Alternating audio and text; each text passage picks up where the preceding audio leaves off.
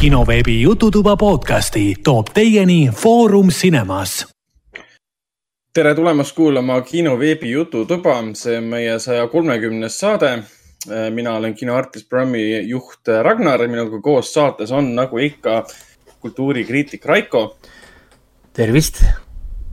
ja äh, Foorum Cinemas programmispetsialist äh, Hendrik äh,, kes ei saa praegu tervist öelda, sest ta tuleb saatesse natukene hiljem. see, see on meil mingi äh, uus, uus mood siin tekkinud viimasel ajal. kõik, kõik, kõik planeerivad oma aega nii kuradi sitasti, et me ei suuda äh, nüüd saadet teha, just öeldi, sest number sada kolmkümmend, selline tunne nagu oleks number kolm saade ja kõik on ehmatanud, et kas meil tuleb äh, podcast, on ju. ja, ja see on see, et kui on, äh, kui ei saa enam nagu elutempo tõttu jääda ühe konkreetse päeva juurde või kellaaja juurde, et äh, kõikidel on omad tegemised, värgid, särgid, aga see ei ole vabandus, need on lihtsalt halvad vabandused, muud midagi. aga. kas aga on, kas on äh, olemas häid vabandusi? tegelikult ei ole. no tegelikult on küll. kui sa oled, kui sa, teatud asjad on.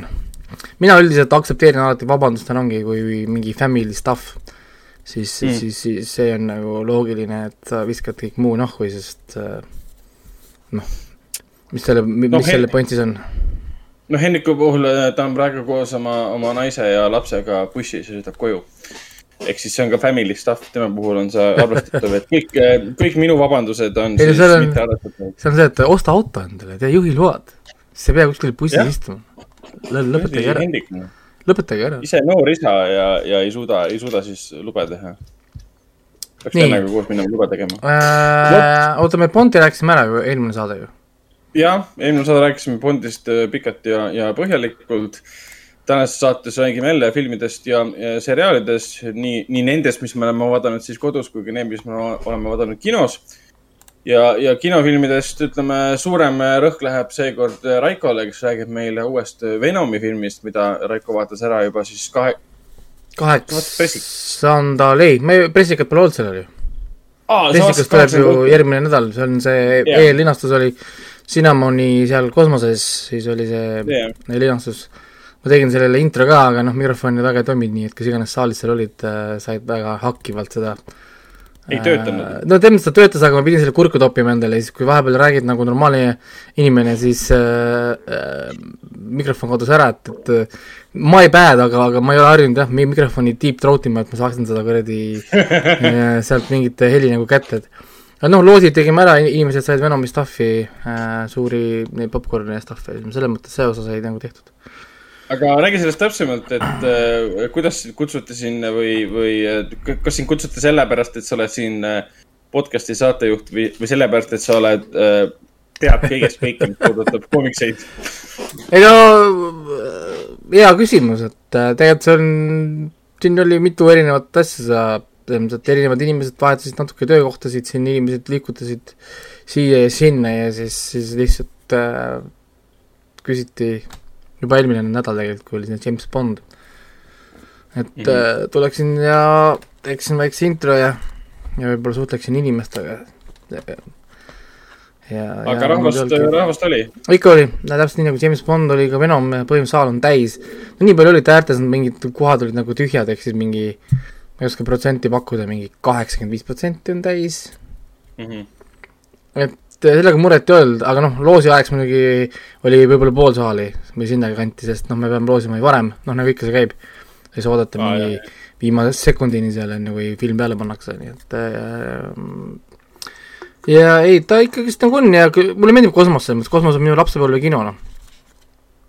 ja, ja, ja, ja noh, mulle nagu meeldib see idee kosmosest. ja, ja nüüd ma siin planeerin siin videomängu event'i võib-olla siis Cinnamoni kinodesse siis Äh, võib-olla siis üle, üle, üle nagu Balti riikidena teha midagi vahepeal, pole ammu teinud. Pole ammu nagu teinud. Äh, väga, väga uhke, väga uhke. ei, ma suurt ei teeks, ma teekski vaikselt ja rahulikult, ma ei viitsiks mingit okay., mingit suurt asja teha. Äh, vaid väga niisuguse nagu sihi-, nagu ütleme, sihitud asjad, pigem ongi näiteks, et tuleb Resident Evil vaata välja, on ju. ma juba mõtlesin selle peale, et tuleb Resident Evil'i välja video, videomängu film ja miks mitte teha midagi mingi midagi Resident Evilite käest ja nii edasi, ja nii edasi, et, et noh, kõik on jälle see, et millal ma võin mõelda küll, aga kui ma vaatan siin oma seda papat siin ees, mis mul siin laua peal on, kõik tegemata asjad mm., järjekorrad on ees, siis mul on see, et äh, võib-olla kaks tuhat kakskümmend viis.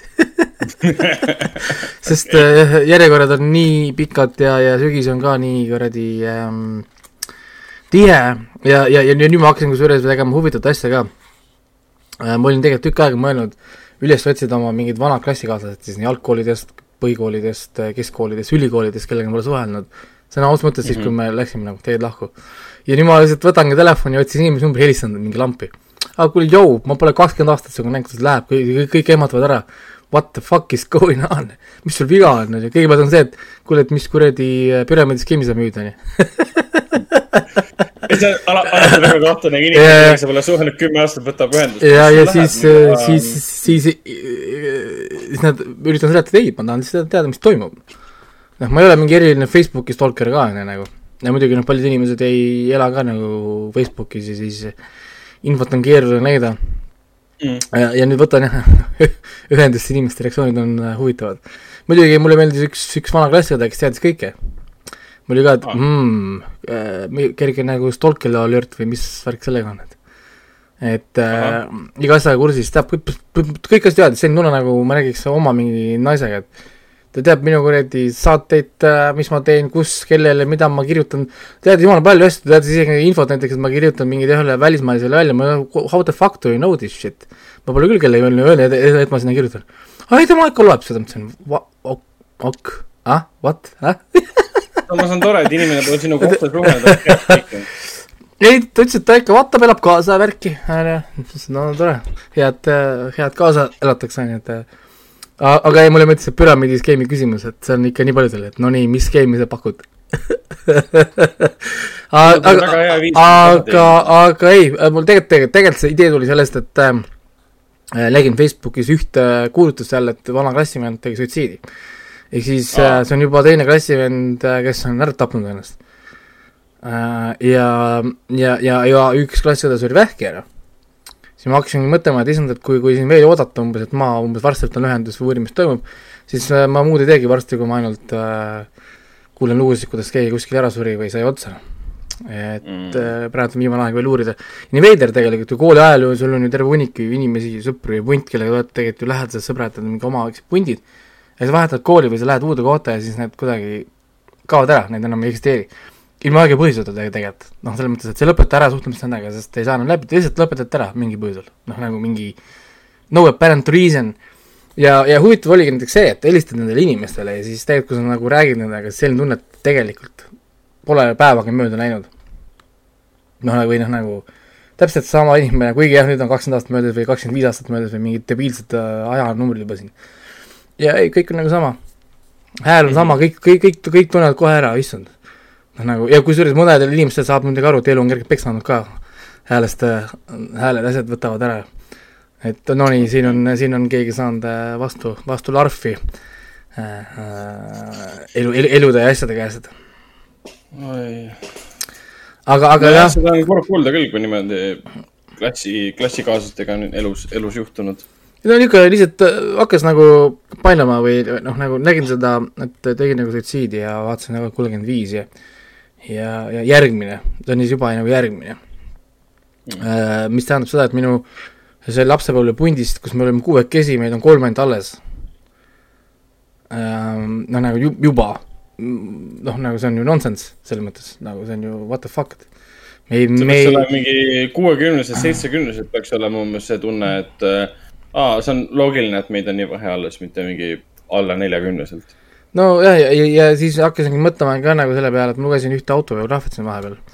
ja, ja seal oli, oli, oli tal ka, et, et kõige mõttetum asi, mis on, sa võid oodata, et keegi sinuga ühendust võtaks, võta ise teistega ühendust. et, et pole vahet, kes esimesena noh, alustab, oluline on see, kes, et keegi seda teeks või noh, nagu selles mõttes mm.. mõtlesin, aga tõesti, no noh, ma, ma olin muidugi valmis, et paljud, sa võid saata mind perse, et kuule, tegele oma, oma, oma asjadega. aga seni on kõik on olnud väga mingi, oo oh, issand, muidugi, ja tore, et ühed ühendust inimesed, inimesed, inimestel on hea meel, et äh, nendega räägiti, nii et siit ka soovitus siis kuulajatele, et kui sul on mingid klassivennad, vanad tuttavad lapsepõlve külades asjades, siis mida sa ootad, et homme, homme on juba keegi kuskil äh, nööri otsas ja võib-olla oled sina, sinu telefonikõne on võib-olla see, mis, mis selle sealt äh, ära siis toob. nii et äh, helistage ja, ja ärge siis kartke, et keegi ütleb teile, et te olete veider või, või see on awkward, las ta olla. see saade läks väga kiiresti väga reaalseks. reaalselt, aga muidugi jah, kusjuures noh, enamus nad teavad ju, sest ma ju vaatasin filme ja videomänge juba ju, kui ma olin ju noh, nii kaua kui ma mäletan. kõik, kõik oli ka, seleta mulle nüüd täpselt ära, mismoodi sina saad raha sellega, et sa vaatad kodus filmi, ma tahan ka see ongi päris hea tegelikult, see tundub alati mingisugune ülim mingi maagia. kuidas sa teenid raha sellega, et sa mängid mänge, nagu räägi mulle palun ära räägi mul nüüd punkt punktilt ära, see on, see on väga pikk story ja, ja see võtab äh, aastate pikkust commitment'i, nii et nii, aga, aga räägime stuff'i äh,. praegu on sügisene aeg, ma mängin videomänge äh, mitu tükki korraga. praegu on ka jälle mingid mängud ees juba ja, ja ei jõua, ei jõua kahjuks. tahaks vaadata igasuguseid asju. Ja mul aegus ka ära, Stillwater aegus ära, ma ei jõudnudki vaadata. ehk siis mm, äh, ma lihtsalt äh, ma ostsin lihtsalt selle niisama, et seda näha selles listis. Ja, ja see, ja, ja, ja see aegus nagu ära. Ja ma, ma teadsin, mul oli tegelikult meeles, et no ma täna vaatan ja siis ma ei vaadanud. Ja ja, ja aegus nagu ära, kahju, kahju, ma noh, muidugi neli üheksakümmend üheksa on iseenesest rahas mõttes äh, pole mingi kadu ja, ja mul tegelikult veel paar seda tasuta filmi koodi, aga noh, muidugi loll oleks nüüd nagu maksta, siis võtta veel tasuta filmi koodi, mitte ikka vaadata nii et yeah., et ma proovin jah, tõesti jõuda, mul on see, et noh, osad filmid veel siin, Demonic ma tahan ära vaadata, kõik, mis ma siin vahepeal kokku ostsin ja tegin ja, ja no ei jõua. aga mis ma olen vaadanud äh,, net ah,, mul on üks asi kirja panemata siin äh,. panen siia kirja ka, mida ma endale pole kirja pannudki veel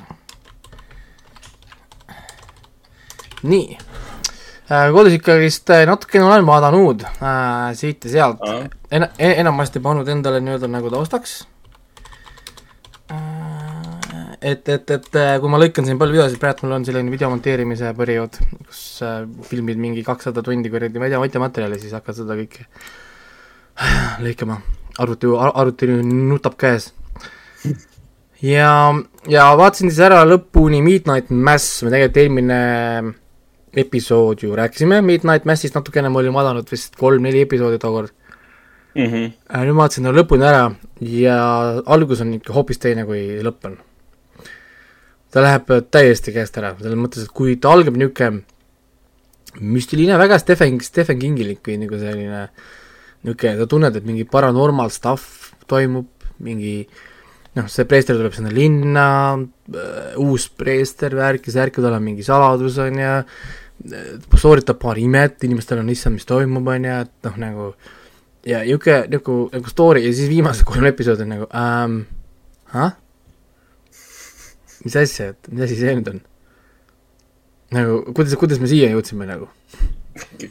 seda on alati rõõm kuulda, kui, kui, kui seriaalid üllatavad siukse, siukse tundega, et kui sa vaatad esimest episoodi ja viimast episoodi, et mis siin vahepeal toimus tegelikult. ja, ja see on selline tunne, kuidas ma saime nagu sellest, et see preester tuli, tegi, sooritas paar imet siia.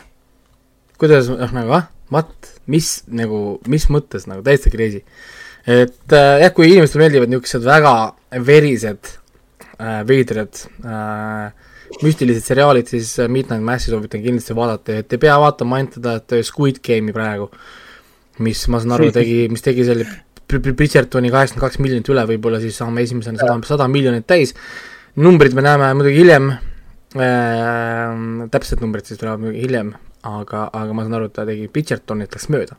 ehk siis tal on vähemalt kaheksakümmend kaks miljonit juba vaatamist täis. nii et äh, igal juhul Netflixi hitt äh, hakkavad seal kindlasti Ameerika remake'e ja asju, mida veel, veel sealt tõmbama kindlasti oi oh,, vältimatu, sest liiga, liiga populaarne, et mitte midagi. ja, ja Youtube ka, ta vist sisse logid mingi viisteist things you missed in Squid Game, how to win every game in Squid Game. ja, ja, ja klassikaline Youtube ja point on selles, kõikidel videodel on mingi üksteist miljonit vaatamist, kaheksateist miljonit vaatamist, need ei ole mingi sadad tuhanded, need on nagu miljoneid vaatamisi, isegi Screen Rant, minu see üks kommentaar see on mingi parkümmend tuhat laiki, ma tegin nalja, vaata, et Screen Rant on muidu ainult selle pitch meeting ute channel, on ju ja siis nad tegid ühe selle mingi video, kus oli mingi kümme asja, mis sa, ühesõnaga mingi detailid, mis sa, mis sa ei märganud selles Squid Game'is, millel oli kolm koma kuus miljonit vaatamist tol, tol hetkel. Ma panin sinna ka kommentaari, et oota, oota, oota, kas Green Rantil on teisi videosid ka peale Bitch Meeting'u, mis saavad vaatamisi et, et ja. väga nagu üllatav et äh, jah, aga jah, Midnight Mass selles mõttes küll, äh, ta tuli muidugi halval ajal välja, äh, Squid Game tõmbas natukene koti pähe, ütleme selle niisuguse nagu tähelepanu siis jagamisega. et, et noh, sellega see, et inimesed vaatavad Squid Game'i, nad räägivad Squid Game'ist ja, ja siis vaene Midnight Mass tegelikult jääb nagu taustale, kuigi ta on tegelikult tugev, ta on veider, ta on niisugune müstiline, et selles mõttes jah, miks mitte. siis ma lõpetasin ära The Head äh,. siis äh, eesti keeles ta nimi on siis Talvitujad millegipärast, ma vaatasin seda Go3 äpist, huvitav on see, et ma hakkasin seda vaatama, esimest episoodi ma vaatasin HBO Maxist äh,. teist osa ma vaatasin Hulu Jaapani versioonist. Ja siis äh, ülejäänud vaatasin ma ära kõik Go3-st. lihtsalt mm -hmm. for, for reasons nagu. et sama, sama, sama asi mul selle The Stand'iga, ma hakkasin vaatama seda Paramount plussis ja nüüd jätkan seda The Standi üldse Go3-s, nii et ähm, noh, jah, äh, kuidagi, kuidagi su-, nagu niimoodi ta läheb. Ja, ja vaatasin ta nüüd lõpuni nagu ära, tal oli kuus episoodi ja äh, ma vist tookord seda rääkisin ära, millest ta rääkis, oli see, kus nad on seal lõunapoolusel siis nii-öelda nagu kahes tiimis on seal nagu uuri-, uurijad kus on suvine tiim, ehk siis kus on see pool aastat valge. Ja siis lugu algab sellega, et noh, need suvine tiim läheb nagu minema ja jäävad ainult kümme inimest siis sinna selleks pikaks kuuekuuliseks talveks. aga, aga ühesõnaga see talv saab nagu, pikk talv saab nagu neil läbi, see timeline on muidugi hästi confusing või nagu hästi segane on see, on see aeg, sest ma ei saagi üldse nagu aru, kuidas see aeg seal toimib, aga noh, see selleks. ühesõnaga, need suvine tiim tuleb tagasi, sest nad pole saanud mitu nädalat kontakti kelle, kellegiga ja siis nad leiavad sealt laibad, seitse laipa on seal ees, ootab neid.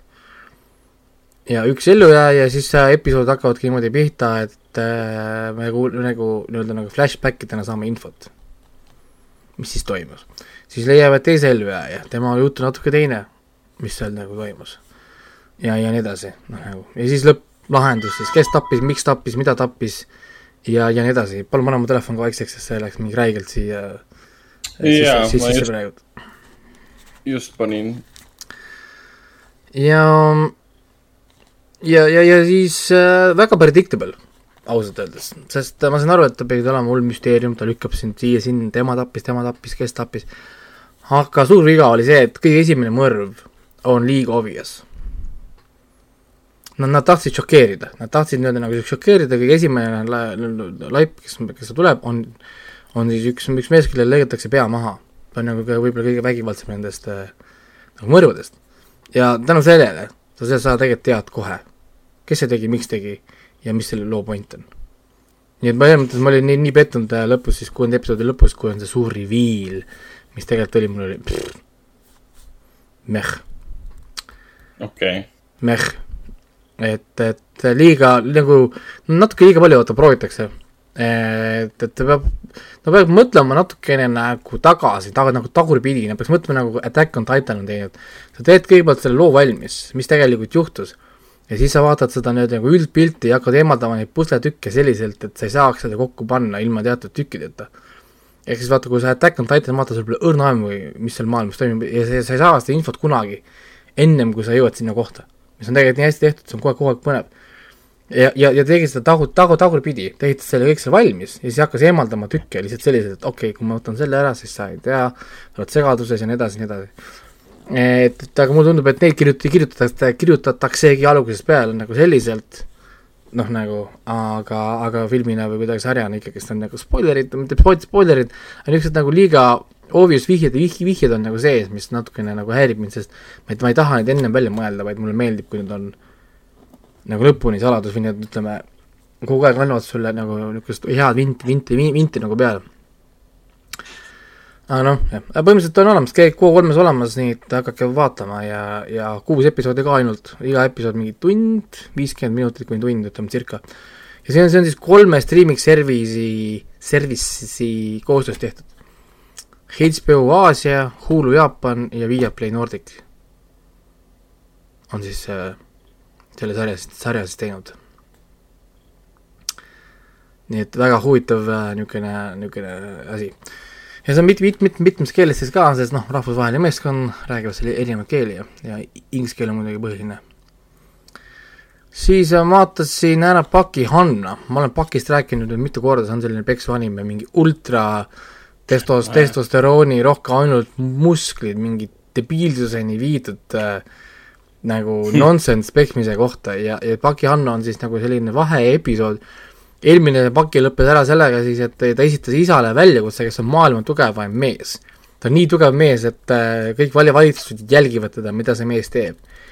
ja, ja kui see mees jooksma hakkab näiteks, siis kõik valitsused lähevad kohe punasele häirele, sest miks ta, miks ta jookseb näiteks. teda vaadatakse, teda va- vaadatakse kakskümmend neli seitse satelliitidest okei, üks mees on nii tugev. ja, ja, ja ta on üksinda ja, aga ta on nii nonsense lihtsalt onju. Ja siis Paki esitas oma isale väljakutse ja ta ise võttis selle vastu, ehk siis see tähendab, et Paki on juba nii tugevaks saanud, et isa arvab tal, et on mõtet tema vastu nagu isegi minna. ja siis see Paki Hanna räägibki sellest, kuidas Paki laseb ennast meelega panna Arizona vanglasse, kus on siis Ameerika kõige tugevam, tugevam mees, Mr Unchained. kes, kes võib vanglast sisse-välja minna, millal ta tahab, sest ta vang, vangla teda niikuinii kinni hoida ei saa ja selle jaoks ta röövib, röövib siis ära Ameerika presidendi, et teda pannakse sinna siis äh, äh,, et teda pannakse sinna siis sinna vanglasse. ja, ja siis kui vanglasse jõudes ta avastab, et seal on üks teine äärmiselt tugev võitleja, kes on peaaegu, peaaegu sama tugev kui Mr Unchained, on äh, see äh,, mis ta oli, issand, see vabadusvõitleja, see G, G Gervais või? mäleta ta nime enam juba ühesõnaga tema, tema, tema on seal, on, on, on, on seal ees ja siis on siin nii nonsense lihtsalt, see on nii loll, kui hea ja kui nagu loll see samal ajal on. ta on nagu nii idiootne, samal ajal ta on nagu nii hea, nad tunnevad nii hästi oma publikut ja kellele, kellele nad seda stuff'i teevad. ja, ja vaatad ja naerad lihtsalt, et, et, et uskumatu. ja Paki lõpeb siis jälle ära sellega, et Paki on jälle natukene tugevam sai natukene sammukene jälle lähemal siis sellele, et lõpuks oma isale molli anda. aga muidugi ma ootan seda isa, isaga kaklust juba mingi mitu aastat, sest nad kogu aeg lükkavad siia vahele mingeid uusi hooaegu, kus need ele- treenivad rohkem kui, kui midagi muud. aga noh, äkki kunagi siis näeme seda lõpuni ka.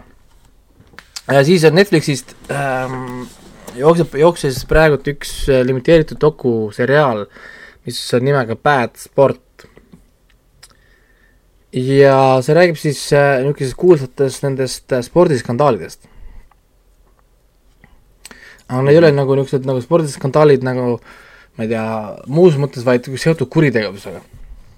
noh, nagu ütleme, kuritegelik äh, asi, näiteks esimene episood räägib äh, USA ülikooli korvpallist, kus kohas siis üks nii-öelda nagu NBA prospekt ähm, hakkab siis ühe mis on siis seal nagu puukiga, kes on neid puuki eesti keeles? kihlvi, kihlveo korraldaja või, või, kihlvee kontor, kihlvee korraldaja, põhimõtteliselt jah. ühesõnaga hakkab, hakkavad temaga tegema sellist, sellist asja, mis on nagu point shaving. see on siis selline asi, kui ini- inimesed pole, ütleme, pettimisega kursis, siis näiteks kui sul on tiim, kes on nagu see võitjatiim ja sul on underdog tiim, sest noh, tavaliselt on ju igas match-up'is või noh, igas sellise äh, paar, võitluspaaris on olemas üks, kes on nii-öelda nagu favoriit ja kes on siis see underdog. ja, ja, ja siis tavaliselt arvutatakse välja erinevate algoritmide ja muude abil, mis on see underdogi niisugune tavaline või ooda, ootuspärane kaotusseis. seda näiteks a la ma ei tea, tiim A mängib tiim B vastu, tiim B on favoriit, tiim A on nõrgem, ehk siis arvutatakse välja näiteks, et, et kui sa paned äh, tiim A miinus kümme, ehk siis nad kaotavad kümne punktiga, on tavaline, standard, saad aru, ehk Mhm. siis, siis, siis on see klassikaline korda kaks raha ainult, ehk siis kui sa paned, et äh, ma ei tea, tiim A kaotab, siis, siis sa aktsep-, aktsepteerid nii-öelda seda, et ta kaotab vähemalt kümne punktiga. kui ta kaotab vähem kui kümne punktiga, siis sa ei saa raha, siis sa pead tegema eraldi beti selle jaoks, sa pead võtma riski. noh, noh saad aru, neil, neil noh, nii et muidu sa lihtsalt valid põhimõtteliselt võitja või, võitja või kaotaja. ja, ja siis point shaving ongi nagu see, et ütleme nagu, ma ei tea äh,, olenevalt rahasummast, mis kokku pannakse, ma üritan seletada seda äh, niimoodi äh,, siis äh, summ, see hakkab liikuma, see skoor, mis on nagu see aktsia-, aktsepteeritav nii-öelda. ehk siis, kui enamus inimesi panevad näiteks raha äh, noh, niisama nagu alguses, alguses noh, nagu ära sinna, aga kui liiga palju inimesi paneb raha, et näiteks äh see tiim A kaotab äh, kümme punkti rohkem, siis see rahasumma hakkab lükkama seda ülespoole. noh, no saad aru, ta hakkab nihutama seda tõenäosust, sest, sest, sest et selle, sellepärast, et liiga palju inimesi paneb ühele poolele nagu pettinguid. et selle jaoks, et nad hakkaks pettima nüüd teisele poole on ju, ja siis hakkame nihutama seda punkti, miinus kaheksa, miinus neli, miinus kolm, kuni lõpuks tiim peab juba võitma, et sa saaksid raha. noh, nagu, ehk siis seda ei tohi vaata, noh nagu, see on selle jaoks, et inimesed liiga palju petiks nagu ühele poole. jah, nii-öelda, no ühesõnaga, ja siis see point shaming ongi siis, ongi siis nii-öelda nagu see, et nad lepivad kokku ühe tiimiga või mängijatega, et saab võida kuue punktiga täpselt mm. -hmm mis annab neile niisuguse nagu väikse nagu cushion'i, nad saavad raha pumbata sinna niimoodi, et, et nad ei lähe nagu üle või nad ei lähe nagu lõhki. ja teenida nagu sellega raha. ja see toimib neil alguses. Nad annavad mängijatele raha, kõik on nagu korras ja see mängija on tegelikult nii hea mängija, ta suudab nagu kontrollida mängu tulemust. mõtle ise, kui hea mängija sa pead olema, et äh, nagu NBA tasemel põhimõtteliselt mängudes kontrollida tulemust.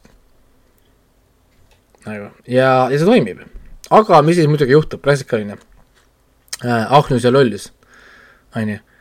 Need äh, ülikooli mängijad raha ei saa, kui inimesed seda ei tea, siis millegipärast Ameerikas ülikoolis mängijad äh,, mängijad raha ei saa.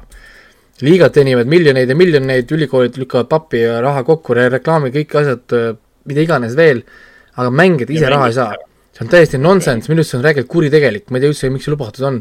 see on orjatöö põhimõtteliselt ju noh, ja siis on see, et aga, aga, aga nad saavad ju seda stipendiumit, aga see ei anna neile söögiraha.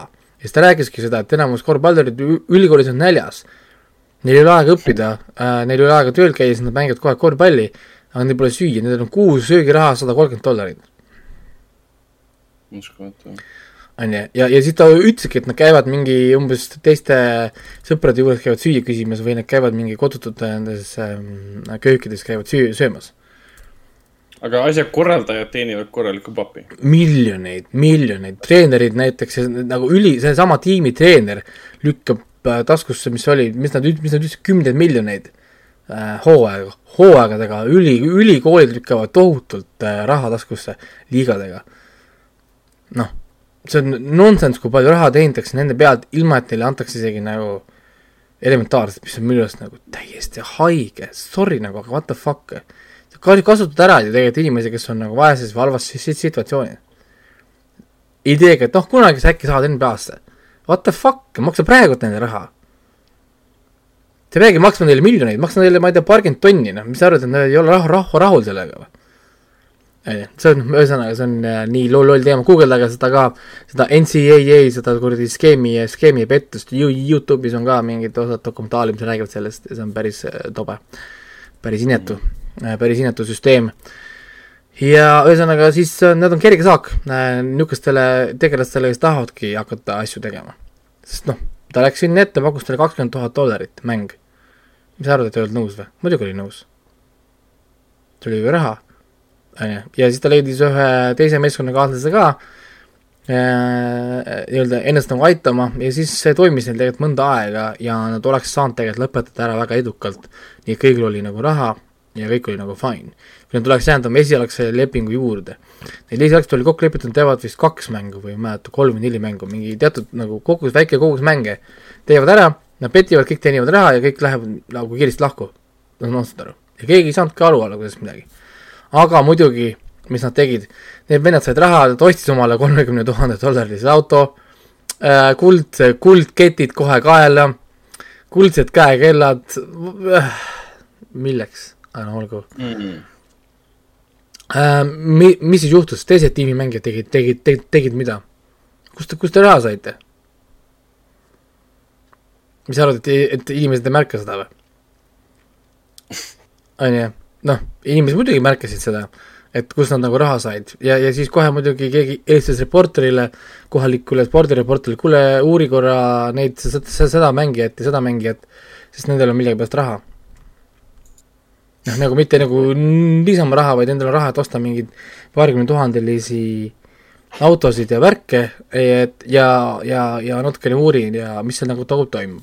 muidugi siis need raiskasid kõik rahad ära, mängijad, ja nad tahtsid veel raha saada. Ja siis nad ise võtsid ühendust uuesti siis nende äh, siis selle book, bookidega. Ja, ja, ja, ja siis see vend, kes siis tegeles sellega ise ka, rääkis ja ta ütles ka, et ta oli juba teeninud viis miljonit dollarit, tal oli viissada tuhat oli tal alguses see eelarve. ja ta duubeldas seda siis viissada tuhat, miljon, miljonist kahe peale, kahest ja, ja, ja, ja nii edasi ja kogu aeg duubeldas seda ja ta oli juba üle viie miljoni teeninud endale ja ta tegelikult ei tahtnudki rohkem, tal ei olnudki rohkem plaanis, vaid ta kasu-, kasu-, kasutas seda raha nüüd nagu börsil ja mujal, et nagu edasi treidida. ta oli tegelikult mingisugune treider kuskil börsil, kahe, ka, ka noor, kahekümnendate alguses. aga ta ütles ikka, et aga noh, tema noor mõistus ja loogika ütles, et aga, aga kümme miljonit on ju nii palju parem kui viis miljonit, mõtles omal peas, on ju. ja, ja, ja, ja.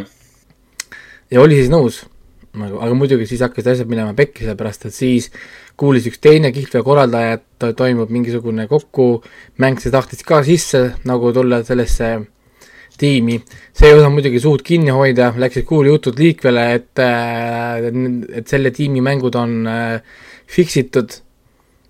ja mis siis juhtus, oligi see, et Las Vegases, kus kohas äh, pette vastu võeti, tuli nelikümmend neli suurt bettingut siis nagu täpselt ühele asjale mis siis kohe pani kõik eh, FBI-d ja asjad kõik liikule, what the fuck.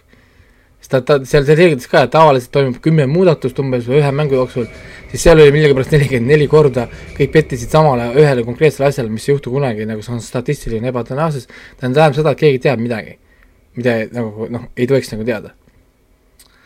noh, ja, ja ühe, ühesõnaga jah, siis FBI sekkus ja tõmmati kõik äh,, kõik siis vahele et see on nagu huvitav, nad räägivad, seal on kõik videod äh,, intervjuud, asjad ja teine osa räägib siis rallisõitjast, kes äh, teeb äh, narkoärit, rahvusvahelist narkoäri ja okei okay. äh,. mis kol... tasemel äh, rallisõitja? ikka, ikka, ikka tuntud, tuntud, tuntud nimed olid. ta ikka võitja, ta ikka võitja ja, ja tegija, nad räägivad nagu tippudest.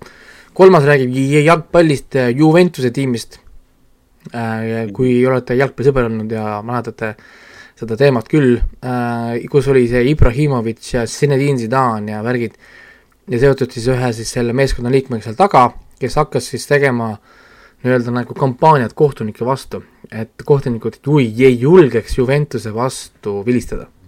nii-öelda nagu nende kahjuks. see on päris scary isegi kohati, mida nad tegid, et kohtunikke välja nagu peilida ja nagu palju võimu tegelikult on mingisugustel jalgpalluritel, nüüd nagu mänedžeridel ja värkidel täiesti scary. nii et vaadake, vaadake neid, ma olen praegu kolm osa vaadanud, kolm on veel. ja päris kihvt on, ta on ikka väga hästi tehtud, väga nagu põnevalt üles ehitatud, nad selgitavad ka kõiki asju. ehk siis ei pea muretsema, et te ei tea midagi spordist või bettingutest, nad selgitavad täpselt, täpselt ära graafikute ja kõigega, kuidas see toimib, kui betid pannakse, kui pannakse, miks see mõjutab, kuidas see toimib kuidas need süsteemid toimivad ja kuidas nad neid erinevaid süsteeme ära kasutavad. ja, ja kuidas see rallisõitja kasutas ära oma positsiooni kui rallisõitja, et rahvusvaheliselt liigelda, et tassida narkootikuma. noh, nagu mingid nonsense'i muidugi ka, et, et muidugi sama, et, et äh, no muidugi see mees, see Cor Baldur ise rääkis ka, et ta keeras oma elu, elu pekki, sest tule, tuli, ta oli NBA prospekt, ta oli üks parimaid mängijaid äh, üli, ülikoolis ja ta oli teel NBA-sse muidu muidugi ta ei saanud sinna, sest noh, sai, ta sai vangiaega ja, ja igasugused muud asjad, on ju. aga kõik tegelikult ainult selle jaoks, et saada paarkümmend tuhat, mis, mis tegelikult NBA-s oleks olnud ju taskuraha, on ju tuletame meelde, et me räägime Netflixi, tähendab, Raiko räägib Netflixi seriaalist. jaa, Bad Sport, jaa, täpselt õige, me peame olema paremad, sest meil on juba öeldud, et äh, tuleb äh, aeg-ajalt mainida, et me tõesti räägime Netflixi Bad Sport äh, siis dokuseriaalist, mis on siis kuus episoodi Netflixis praegu olemas. nii, järgmine asi, Foundation, ma lõpuks andsin kisutusele järgi, hakkasin vaatama Foundationit. mis ma veel tegin, ma ostsin selle audioraamatu endale ka. ahah, okei okay.. ja, ja, ja, ja, ja, ja ma hakkasin nagu, kuulasin seda raamatut mingi pool tundi peale, juba aeglase tempoga on, on ju. Ta nagu liigub kuidagi nagu aeglaselt, ta natuke, minust natukene üle selgitab teatud asju. aga muidugi ta selgitab üle, sest ta räägib matemaatikast ja matemaatikutest, on ju. mis äh, minule väga sobib siis ähm, nagu, nagu, nagu, nagu huvitav, huvitav teema on tegelikult võtnud ja seda on varem nagu ka matemaatikute nagu ringkondades arutatud, aga siin ta, siin ta viib selle muidugi noh, ulmelisele tasemele ja paisutab üle nii-öelda ja nii edasi. Siis ähm,, mis siis, mille, oota, kas me oleme rääkinud sellest ka või, te pole vaadanud seda ju, Foundationit veel ju? ei ole, me ei ole, me oleme rääkinud sellest nii palju, et me oleme, oleme tahtnud vaadata, aga keegi meist pole varem teda vaadanud, sina oled nüüd esimest korda. ja, ja okei okay,, selge, et kaks episoodi vaatasin ära, neli on väljas praegu ähm,. ja see on siis tulevikuühiskond kaugel mingi X ajal, ta tegelikult meile konkreetselt seda paika paneb, põhimõtteliselt nagu Dune, lihtsalt mingi ultra fancy äh, impeerium on seal äh,, kus on siis kõik mingid planeedid äh,, värgid, seal on kõik, ta on ultra sci-fi selle koha pealt nagu äh,. siis äh, meil on seal niisugune matemaatik on üks noor tüdruk, kes võidab mingi intergalaktilise suure matemaatikavõistluse. ikka nagu suur, noh, erinevad äh, kohad ja siis tema planeedilt, mis on siis nagu religioosne planeet, mis ei luba küsida küsimusi ja olla uudishimulik, ehk siis klassikaline religioon ja kui te mõtlete, miks see nii on, siis Isaac Asimov, kes selle kirjutas, ta on nagu sarnaselt nagu minule, ta oli vana matemaatik ja ta vihkas ka religiooni sama põhjusel nagu mina, sest religioon teeb inimesi pimedaks.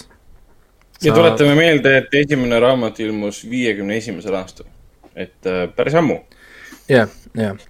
nii et, et jah ähm,, ja siis äh, see tüdruk läheb siis äh, nii-öelda sinna põhilisele planeedile, selline, selle nagu impeeriumi keskel asub, ma juba ei mäleta nime, mingi ter-, Terratum, ter-, ühesõnaga ma ei mäleta juba selle planeedi, planeedi nime, see pole oluline ka ähm,. Läheb sinna planeedi peale, jõuab siis sinna kohta, räägib selle matemaatikuga juttu, matemaatik siis, keda mängib siis see Jared Harris äh,, oli ta nimi vist ju? Jared Harris, jah. jah, ah, okei okay suurepärane Briti näitleja, keda me nägime Terroris ja Tšernobõlis. jah, ta on selle ju selle Charles Harrise poeg vist oli või mis ta nimi oli?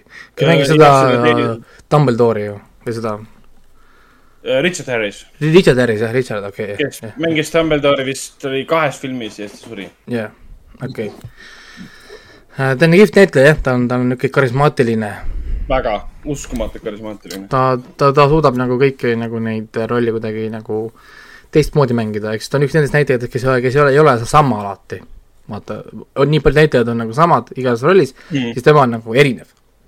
sest ta kuidagi suudab kuidagi selle paika panna. siis, siis sina, siin ta mängib äh, siis nii-öelda universumi parimat matemaatikut siis. mida iganes see tähendab, ta lihtsalt, niisugune tiitel on, ongi talle antud, ilma nagu mingi kontekstita. Ja siis tema tegeleb tõenäosusteooriaga nagu mina, mis on muidugi tore, et äh, nad nii palju asju mulle siia viskavad.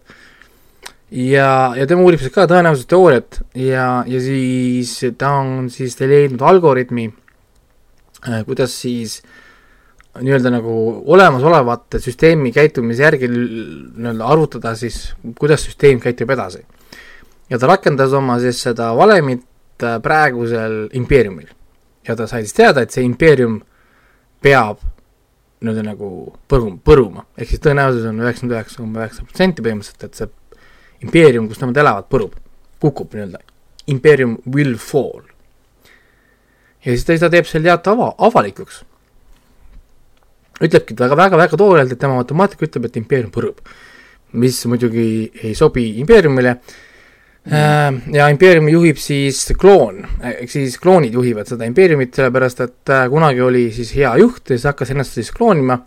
Ja siis nad kloonivad teda iga mingi aja tagant uuesti, ehk siis korraga, jaa, äh, kloon on, on äh, iseenda kloon, kasvatab iseennast, ehk siis. Äh, ta on iseenda isa ja vanaisa samal ajal, ehk siis need praegu on ka nagu kolm versiooni juhivad teda korraga, ehk siis vanamees siis temast äh, nagu äh, nagu, nagu, nagu kolmekümnendates, neljakümnendates versioon ja siis lapsversioon mm. -hmm. ja siis nemad ise koos kasvatavad siis seda lapsversiooni, kes kunagi on siis nagu vanem ja siis tuleb nagu järgmine, ehk siis neil on kogu aeg selline tsükkel, kus kohas nad ise kloonivad iseennast kogu aeg, on ju. ja siis nendel kõikidel on nagu omad vastutused ja omad nagu väga kindlad reeglid ja, ja siis nemad pole sellega nagu rahul ja siis samal ajal, kui nad otsustavad, äh, kas nad siis hukkavad selle matemaatiku ja kaasa arvatud selle uue noore tüdruku, äh, toimub siis üübersuur terrorirünnak äh, siis selle planeedi vastu, nad ründavad seda kosmosesse ula-, ulatuvat torni, mille nimi on Sky Bridge või, või Space Bridge või mis iganes nimi oli, ühesõnaga nad hävitavad selle ära, selle üüber fancy niisuguse inseneriteaduse mingi ime Äh, sada miljonit inimest sureb ära. sada miljonit? sada miljonit, jaa. Äh, nad mm., nad korjavad ku-, kuid, korjavad orbiidilt äh, laipu ära. ja nagu ikka, süüdi on religioon, sest uh, you need religion to make a good man do bad things. ja ja, ja, ja siis nad ot-, otsustavad, et nad hakkavad siis hoopis hävitama relli-, religioosseid planeete oma impeeriumi süsteemis. Lihtsalt võtavad, kustutavad kõik ära, sest äh, nagu ta, nagu, nagu ta ütleb, we don't really need religious people, sorry. There is no use to, use to you anyway. ja hakkavad neid ära, ära kustutama, siis me näeme siin ilusaid stseeni poomistest ja, ja genotsiididest mm. ja, ja muudest asjadest mm ja siis matemaatik saadetakse eksiili koos oma tiimiga, et nad hakkaksid tegema seda ideed, mis ta käis välja, mille, mille nimi on Foundation. Ma räägin praegu esimese e episoodi mingist mõnest esimestest min-, minut-, minutitest praegu siin alles äh,. kus, mille idee siis ongi, et päästa inimkonna teadmised, kui impeerium kukub. ja siis tema saadetakse eksiili impeeriumi ääreala, äärealadesse, et siis tema oma tiimiga paneks kokku selle foundation'i mis on siis nii-öelda kogumik inimkonna teadmised, mida meil on vaja edasi siis järgmistele põlvedele. ja jälle klassikaline lause, keegi ütles, et oota, aga mis me teeme religi-, religiooniga, siis mees ütles, meil pole vaja seda päästa, because men uh,, uh, because weak minds always invent new gods. Mm.. nii et uh, jah uh,, religioon saab siin puid alla uh, tõesti, vasakult Äh, vasakult ja, ja, ja paremalt. aga, aga ta on tõesti hästi kirjutatud äh,, tempo on küll aeglane, ta on väga tuud-, väga tuunilik äh,, tal on hästi ilus muidugi ka, eriefektid on põhjas, oi, kuidas Apple on siia raha visanud. see on äh, ilus. aga äh, ma lugesin ka, et Foundation sai juba teise hoo korralduse ka. said jaa et..., aga ta on ilus, see on nii ilus, suurelt ekraanilt kõrvalt vaadata seda, oh, oh. Hmm. oh ja issand, see unikaalne viis, kuidas nad äh, liiguvad läbi kosmose, on tõesti väga unikaalne, mis ma olen näinud. Äh, Isaac Asimov, kui te, kui te teate, guugeldage, see mees oli, oli oh,, kui tark mees ta oli. ühesõnaga ähm,, nad on reaalselt nagu mootor, mis tekitab enda sisse musta augu.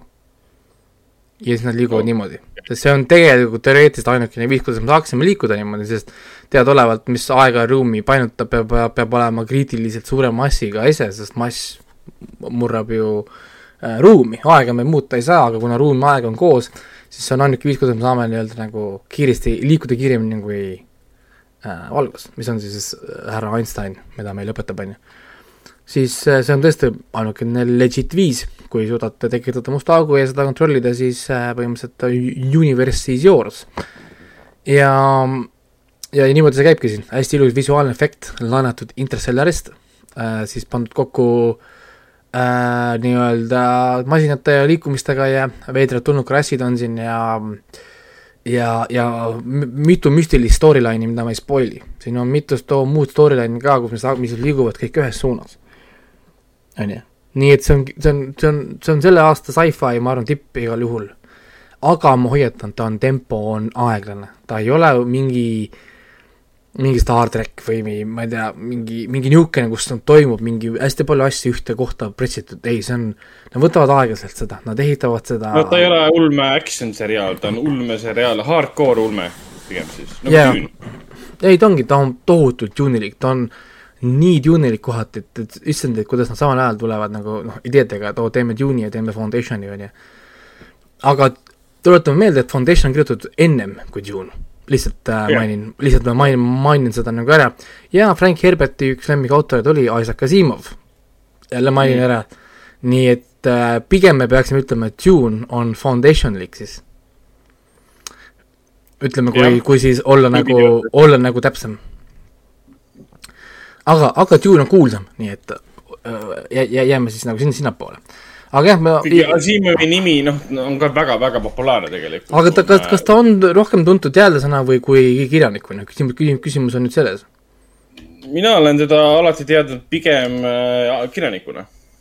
kirjanikuna küll, aga, aga muidugi noh, hiljem oma elus ta tegelikult hakkas ju rohkem äh, tegemagi niisugust kriitilist äh,, critical thinking stuff'i rohkem tegelikult. et ei tea. aga nojah, sest äh, mina olen Asimovi nime kuulnud alates seoses Foundationi, mis on eesti keeles vist oli Asum. oota, mul on see raamat siinsamas. jaa, Asum jah. et alati sellega seoses, ma teiste raamatute kohta üldse ei teagi, et äh, ja Asumi seeria on ka päris pikk jurakas, ma vaatasin, siin on mingi seitse raamatut ja siis on siin mingid lisaseeriad ja sequel'id ja prequel'id ja, ja, ja issand. see on ikka väga palju on siin tehtud seda televisioonis on üritatud teha raadiot, värgid, särgid, no raadiosaated olnud siis sellest ka, et kuna jällegi viiskümmend üks ta alustas. toona oli populaarne see, et raadios esitati raamatuid, noh nagu praegu sina kuulasid sedasama. ja ei, see on mugav, see on äh, nii mugav jah.. ongi, selles mõttes see on lihtsalt nagu mugavuse mõttes ta on nii nagu kihvt jälle. kui ta, ma räägin, et ütleme, see video, video lõikamine on nii nagu automaatne või robotlik töö. noh, nagu niisugune cut, cut, cut, otsid mingeid timestamp'e edasi-tagasi, mingi whatever, paned siin neid layer itesse ja asjadesse, siis see võtab tunde, tunde ja tunde ja tunde, on ju. ja, ja tihtipeale ongi lihtsam kuulata, näiteks ongi näiteks seesama, millest ma kohe räägin, see Dave Chappelle on ja need äh,, lihtsam kuulata kui vaadata, sest mul Fantastical asju ma tahaks nagu vaadata, siis ma pean kogu aeg kiikama, aga ma ei saa vaadata eemale, kui ma lõikan. ma saan vaadata, kui ma panen video renderdama, mis võtab aega forever, siis on nii, siis on hea vaadata. Aga nii kaua, kui ma lõikan, siis sel ajal on parem nagu kuulata. ja selles mõttes on, on täitsa kihvt nagu kuulata. lihtsalt olin nagu üllatunud, kui aeglase tempoga nagu raamat on, ma eeldasin, et raamat on võib-olla nagu kiirem või nagu tihedam. siis tegelikult raamat on ka väga niisugune rahulik, ta võtab oma aega tõesti nagu tal ei ole kuskil kiiret, ütleme, tal, ta nagu sätib midagi ja siin sari tundub ka, et nad sätivad väga konkreetselt midagi. noh, nagu ma tunnen, ütleme, kui hakkate vaatama, saate aru, et okei okay,, et siin on mingi setup. noh, me liigume konkreetselt mingisuguse asja, et me ehitame kuskile poole, ehitame ennast kuskile suunas, ütleme, põhimõtteliselt nagu Dune'i esimene film. või noh mm., Dune, sest noh, see pole ju part one, vaid see on Dune, sest ma ei tea, kas teine osa tuleb ju no praeguseid numbreid vaadates, mis ta on teeninud tundub, tuleb, et ikkagi tuleb tuleb., tuleb, aga noh, eks see näha ole, elu, elu näitab. aga selge, liigume siit edasi, see oli Foundation Apple TV pluss eesti keeles subtiitrid, kõik jutud äh,, saate vaadata, tasub vaadata ka, sorry. 4K ekraan, ärge vaadake kuskilt kuradi arvutist või telefonist, sorry. kui ma kõnnin tänaval ma näen, et keegi vaatab Foundationit telefonis, siis äh, ärge olge üllatunud, kui te saate mu käest vastu pead.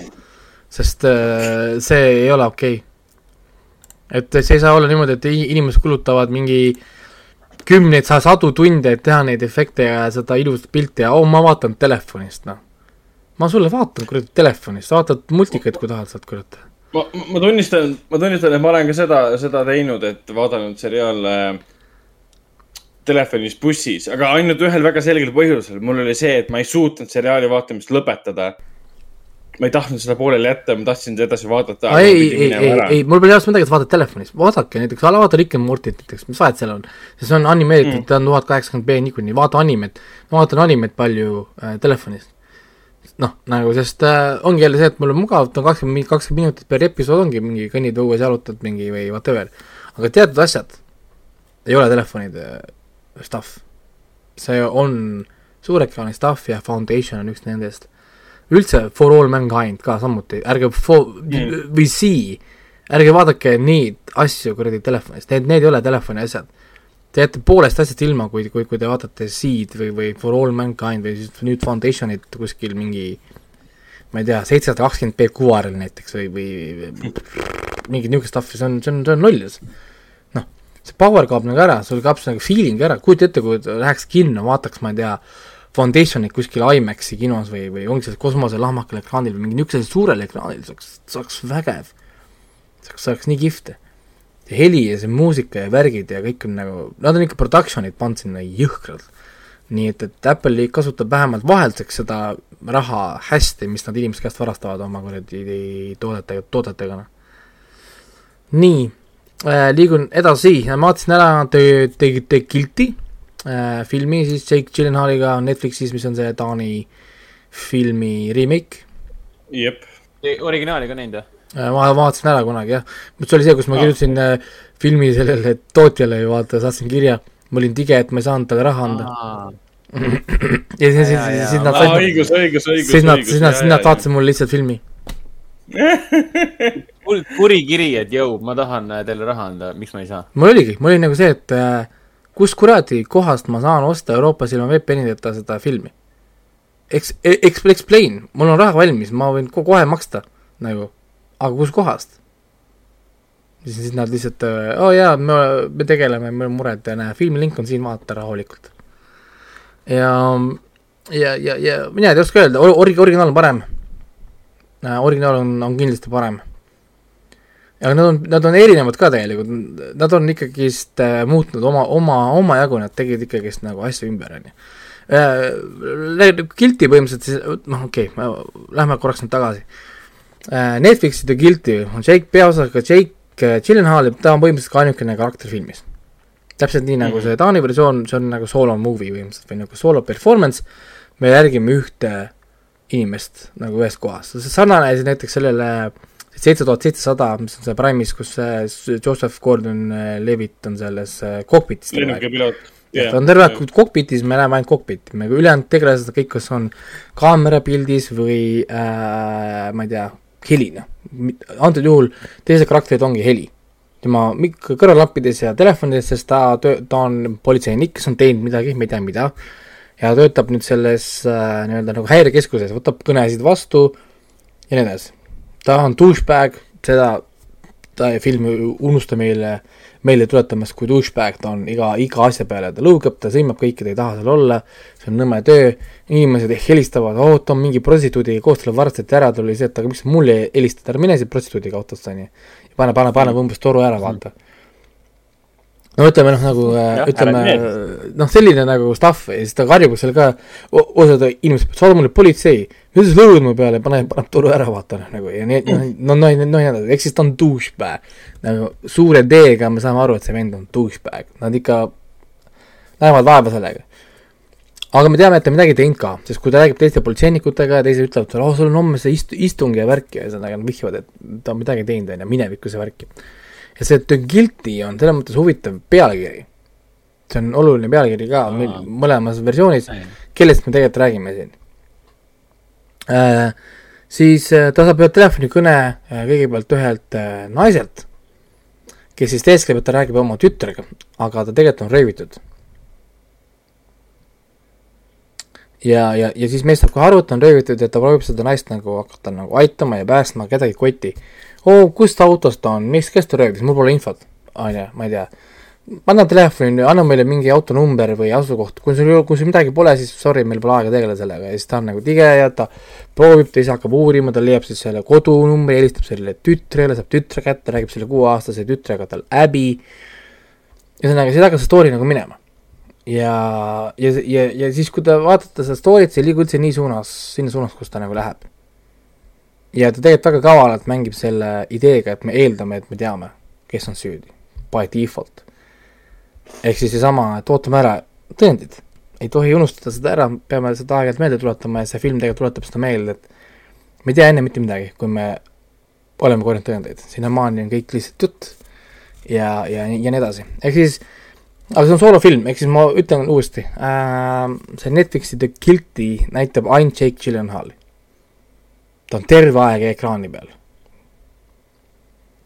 et aeg-ajalt me näeme tema mingi kolleegi liigub tagant läbi, keegi viskab paar sõna võib-olla sisse, aga Jake Gyllenhaal ei lähe ekraanilt ära ahah, kogu see action, mis toimub teisel pool telefoni. meie, meie kuuleme, meie kuuleme seda samuti, kui politsei läheb, kui mingi tulistamine käib, keegi küljeb uksi maha, siis mis toimub, kes on seal, mida sa näed, ütle mulle ka, saad aru, ja meie oleme koos temaga, me ei lähe sealt nagu minema.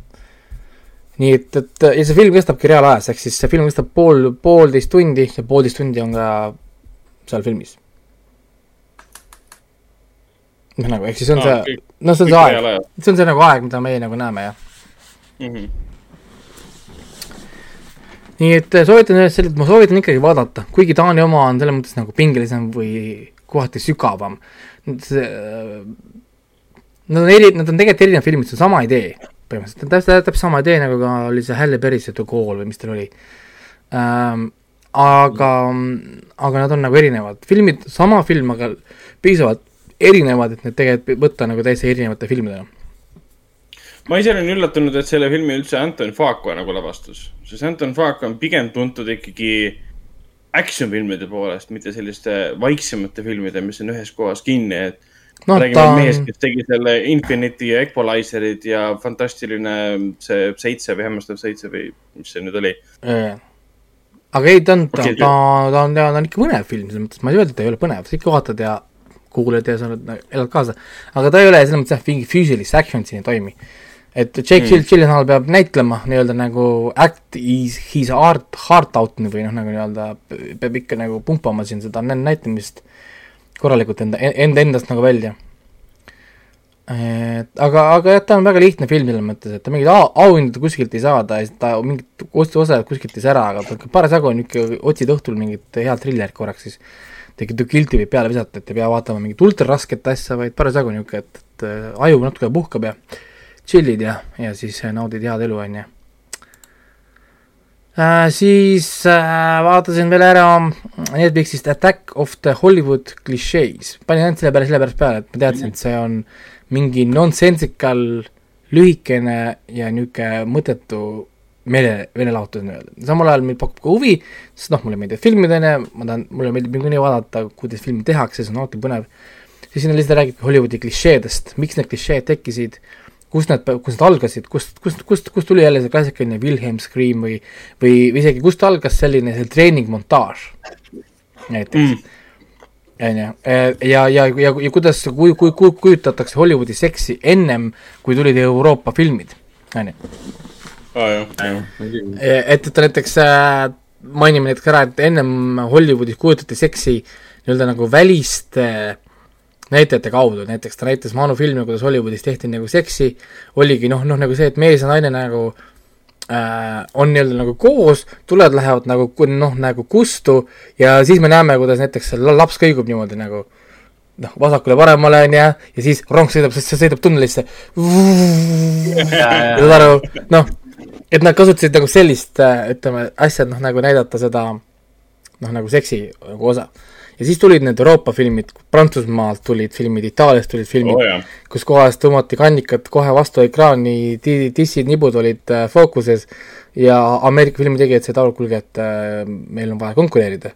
sest äh, niisuguse asjaga meie ei suuda küll dissi ja tagumikku vastu saada, on ju. kes see, kes see, kes see suudaks.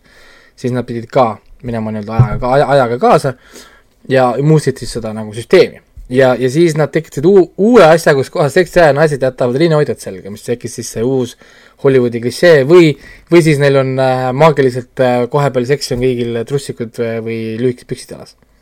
ja, jah, jah. mida, mis, mida need näitajad siis, kes kommenteerisid, ütlesid, et nope, et nad ei ole kunagi nõus tänapäeval enam sellega, et meil on seksitseen.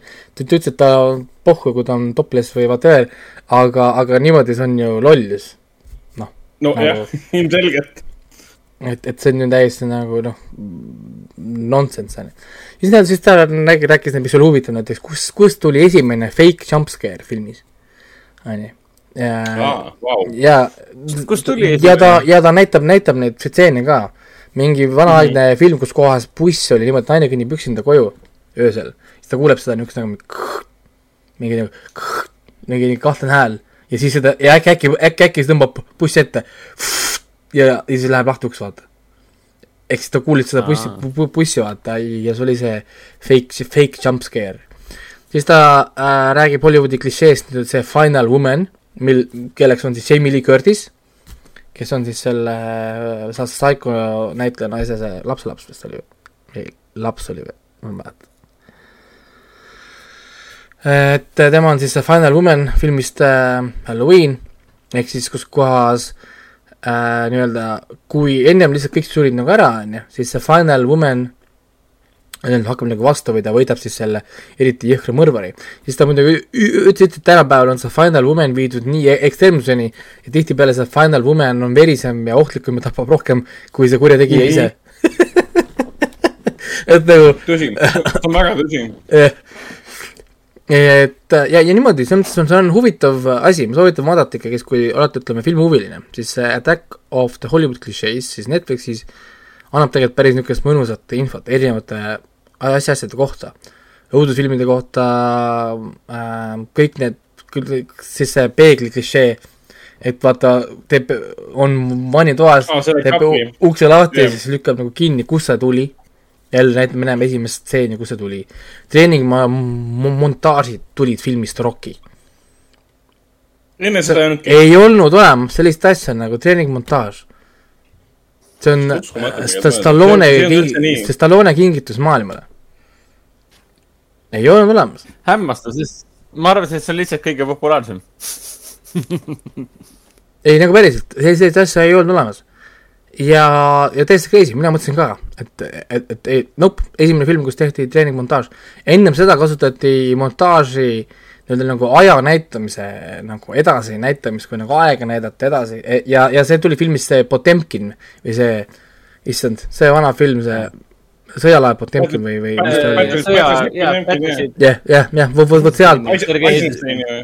ja seal nad kasutasid seda esimesena seda montaaži, et näidata, et aeg on läinud edasi või noh, nagu nii-öelda nagu nagu niisugune väike, väike nagu jump cut imine kiiresti või noh, nagu näidata, et aeg, aeg läks nagu edasi. aga treeningmontaaž tuli sealt ja, ja, ja kes siis tõi äh, nii-öelda nagu sisse siis Hollywoodi klišee, kus kohas nii-öelda nagu suurem nii-öelda kulturistlik mees võtab siis nii-öelda kõik ette üksinda, nii-öelda nagu või näidata, et siis üks inimene suudab võistelda süsteemiga, oli Arnold Schwarzenegger. tema, tema tõi sisse ka siis selle, kus kohas peategelane on vaikne, ta ei räägi mitte midagi ennem, kui ta on vastase ära tapnud. ehk siis need klassikalised one-linerid ja siis kõik ütlesid, et Arnold Schwarzenegger oli master of the craft.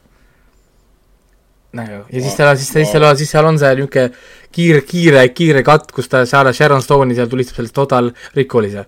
I want a Ah, divorce. jah, nii on. oh et, et nagu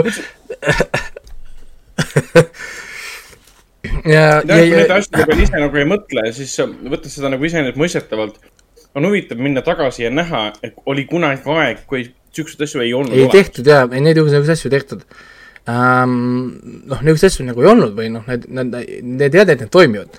samuti näiteks auto tagaajamist rääkis ka, need näiteks esimest auto tagaajamistseeni mingi kahekümne üheksanda aasta filmist vist või midagi.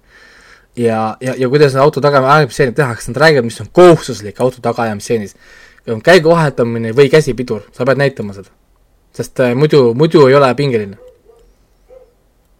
noh, nagu ja, ja erinevad tegijad räägivad, seal on filmi lavastajad, seal on asju, muidugi seal oli ka sellist tüütut pointless äh, seda äh, sotsiaalõiguse crap'i seal, osad äh, mingid eriti woke äh, kriitikud olid seal, kritiseerisid, et oo, mustanahaline see ja äh, see oli point, pointless osa, selle võite, selle võite võite skip ida. see ei ole, ei anna mitte midagi nagu äh, noh, nagu juurde. et pigem jääge selle niisuguse tehnilise stuff'i juurde mis nagu on, on see huvitav, huvitav osa.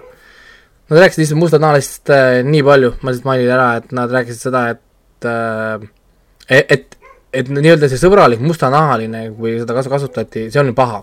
ehk siis ma ei saanudki nagu aru, et iga viis, kuidas mustanahalised ekraani peale pandi, oli paha. kui ta oli sõbralik, siis, siis oli ta magical ne- negro. kui ta oli paha, siis ta oli mingi rassistlik. nii oli rassistlik, iga viis oli rassistlik, ma ole- tahaks küsida nende, nende, nende käest, et aga kuidas ma saan siis panna mustanahalise ekraani peale, nii et sa rahule oleksid? hea küsimus, jah. ükskõik, mida sa teed, siis on rassistlik või? ei no oli, et kui sa paned ta õudusfilmi, siis siis ta saab, saab surma, rassistlik. kui, kui ta paned ta õudusfilmi ja ta ei saa surma, siis ta on ra- rassistlik, sellepärast et sa jätsid telli, sest ta on mustanahaline, seda oli nagu, nokk kinni, saba lahti. kui sa paned teda filmi, oled rassistlik, paned ta filmi, oled rassistlik, ükskõik mida sa teed, sa, mida sa tahad. Or maybe, nagu maybe, sina näed igal pool rassi, sest sina oled rassistlik. You know, maybe that's the issue. nagu noh, ja see väsitab mind ära, ma ei viitsi lihtsalt, ma olen nii kop-, kopp ees sellest kuradi pasast. ja, jah, ja vot see on Hollywoodi klišee, seal peaks olema eraldi seal, et inimesed räägivad kogu aeg kuradi nahavärvist. Nonsense. tuletame, tuletame meelde, et me räägime Netflixi ja ma olen seda Jah. maininud ju, maininud mingi kaheksa korda seda, et see on attack of the Hollywood clichés, Netflix. jah, no ma igaks juhuks lihtsalt, et äkki, äkki meil natukese aja pärast läheb meelest ära jälle. ja, ja siis keegi, keegi tuleb siia, hallo Raiko teeb rassistlikku renti, what see, what else Ja, is ja, new ja, ja., what else is new. siis, Raiko teeb rassistlikku reklaami. see, et paned suvalise momendi podcast'is, ah, Raiko räägib jälle rassist. okei, selge. nii, ja liigume edasi, väga sujuvalt saab see minna tegelikult üle ju kohe David Chappelle The Closer, mis on siis tema viimane stand-up. Ne- viimane. Netflixi stand-up siis. ta ütles, et see on ta viimane hetkel, ehk siis ta ei plaani praegu teha, ta tahab puhata, tahab puhata. aga ta ütles, et okay., et ta tuleb, ta tuleb tagasi okei. ja ma ei tea, päris, päris nagu tore oli, mina naersin, kuigi tema need viimased stand-up'id on rohkem nagu TED lecture'id kui, kui, kui äh, nagu komöödia et- etendused. ta rohkem nii-öelda nagu loeb sõnu peale ühiskonnale või proovib olla see kaine mõistuse hääl, kui midagi nagu muud, kuigi ta teeb ka nagu noh, nagu nalja seal. ja muidugi need äh, transinimesed saavad jälle puid alla korralikult saavad puid alla, aga samas põhjendatult saavad puid alla ja ta selgitab seda ka, see on sama nagu see loogika, et, et see on nonsense, noh. Meil pole enam ju naiste sporti, noh, seal lihtsalt mehed lähevad sinna, mehed panevad kleidi sellega, lähevad naisi peksma ja tahavad selle eest saada auhinda. aga noh, sellega nüüd oligi see, et lihtsalt see Chappelli kommentaarid, need naljad viisid siis selleni, et päris mitmed Netflixi seriaalide produtsendid üt- ütlesid, et nemad enam Netflixiga koostööd ei tee, kui Netflix ei, nagu ei võta põhimõtteliselt ära seda äh, Dave Chappelli äh, spetsialit. Nad Aga- niimoodi konkreetselt välja ei öelnud küll, aga andsid mõista, et see on nende jaoks kohatu, et Netflix lubab, annab platvormi David, Dave Chappellile. aga ärgu tehku siis oma paska viigu see mujale. nagu... no ma saan nende nende, nende, nagu argument on see, et Dave Chappelle teeb küll nalja, aga nendel naljadel on nagu reaalse elu tagajärjed, et nad arva-, leiavad, et Dave Chappelle'i naljad ähm, trans community suhtes äh, viivad äh, reaalse elu vägivallani. jaa, aga, aga kui nad vaatavad selle lõpuni, seal oligi, et see Dave Chappelle ütles, et miks ta on transide peal liige, ongi veel see, tema sõber, see äh,, mis ta nimi oli nüüd seal, The Baby või? ei, ei, oota, issand. ta ütles selle nime ka, ühesõnaga tal on mingi sõber, kes on ka trans, kes käis tema show del ja naeris ja tema arvates olid kõik need transis naljad head tegi enesetapu peale seda, kui sa, ta kaitses äh, Dave Chappelli Twitteris sellega, et ta ütles, et need on naljad, inimesed, saage aru, relax. ja siis kõik tra- trans hakkas, trans community ründas tema sõpra mitu nädalat, kuni ta tegi suitsiidi. aa Fuck., jah. ja siis ta oli ka, et nagu, et noh, nagu what the actual fuck nagu. noh, nagu mida te, mida te tahate nagu saada noh, ja, ja tegelikult ma räägin, et ta teeb siin nagu, nagu mitusada loogilist punkti ja see ongi seesama nagu see, et et sa, sa ei tohi kasutada mitte ühtegi labelit selle jaoks, et äh, panna kinni vestlust. kui sa tahad seda teha, siis tähendab, sul on midagi varjata ja, ja, ja sul on mingi alternatiivne motiiv. kui ma võin sinu tegev-, tegev-, tegevust küsitleda, siis sul on midagi kahtlast. nagu, see on klassikaline asi, if you can't question it, it's an ide-, ideology ehk siis nagu ongi, kui see ei ole normaalne, panna kleit selga, minna naiste sporti ja anda neile peksa ja siis küsida medalit selle eest. selle eest, selle eest minnakse vangi, mitte, mitte sa ei saa po-, po-, poodiumile. noh, nagu ja, ja, ja, ja see on nagu nonsense ja see ongi täiesti nagu nonsense ja ta seletas seda seal mitu korda, et see ei tähenda, et individuaalselt ma sind vihkan või ma tahan sult, ma ei tea, raha käest ära võtta või või whatever. see tähendabki seda, et see on nonsense ja te nullite ära teiste tööd, te nullite ära naiste õiguslaste tööd, te null- nullite ära kõik feministide tööd sellega, et, et äh, oo oh,, ma nüüd olen naine või noh, nagu või, või kus need piirid jooksevad, mille järgi me defineerime. kõik asjad on, need on nagu paigast ära, siin ei ole reegleid enam, saad aru. ja nii kaua, kui pole reegleid, keegi ei saa olla õige või keegi ei saa olla vale, kõik on nagu paigast ära.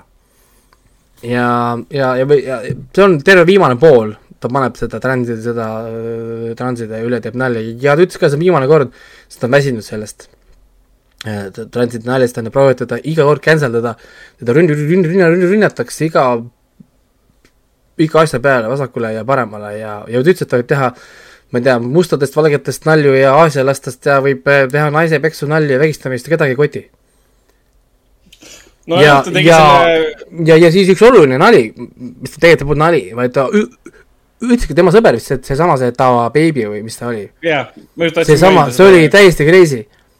Et äh, ta see, ta, ta sai cancel'it, sest ta tegi mingi transnalja või mis ta tegi Twitteris või mis tal seal oli.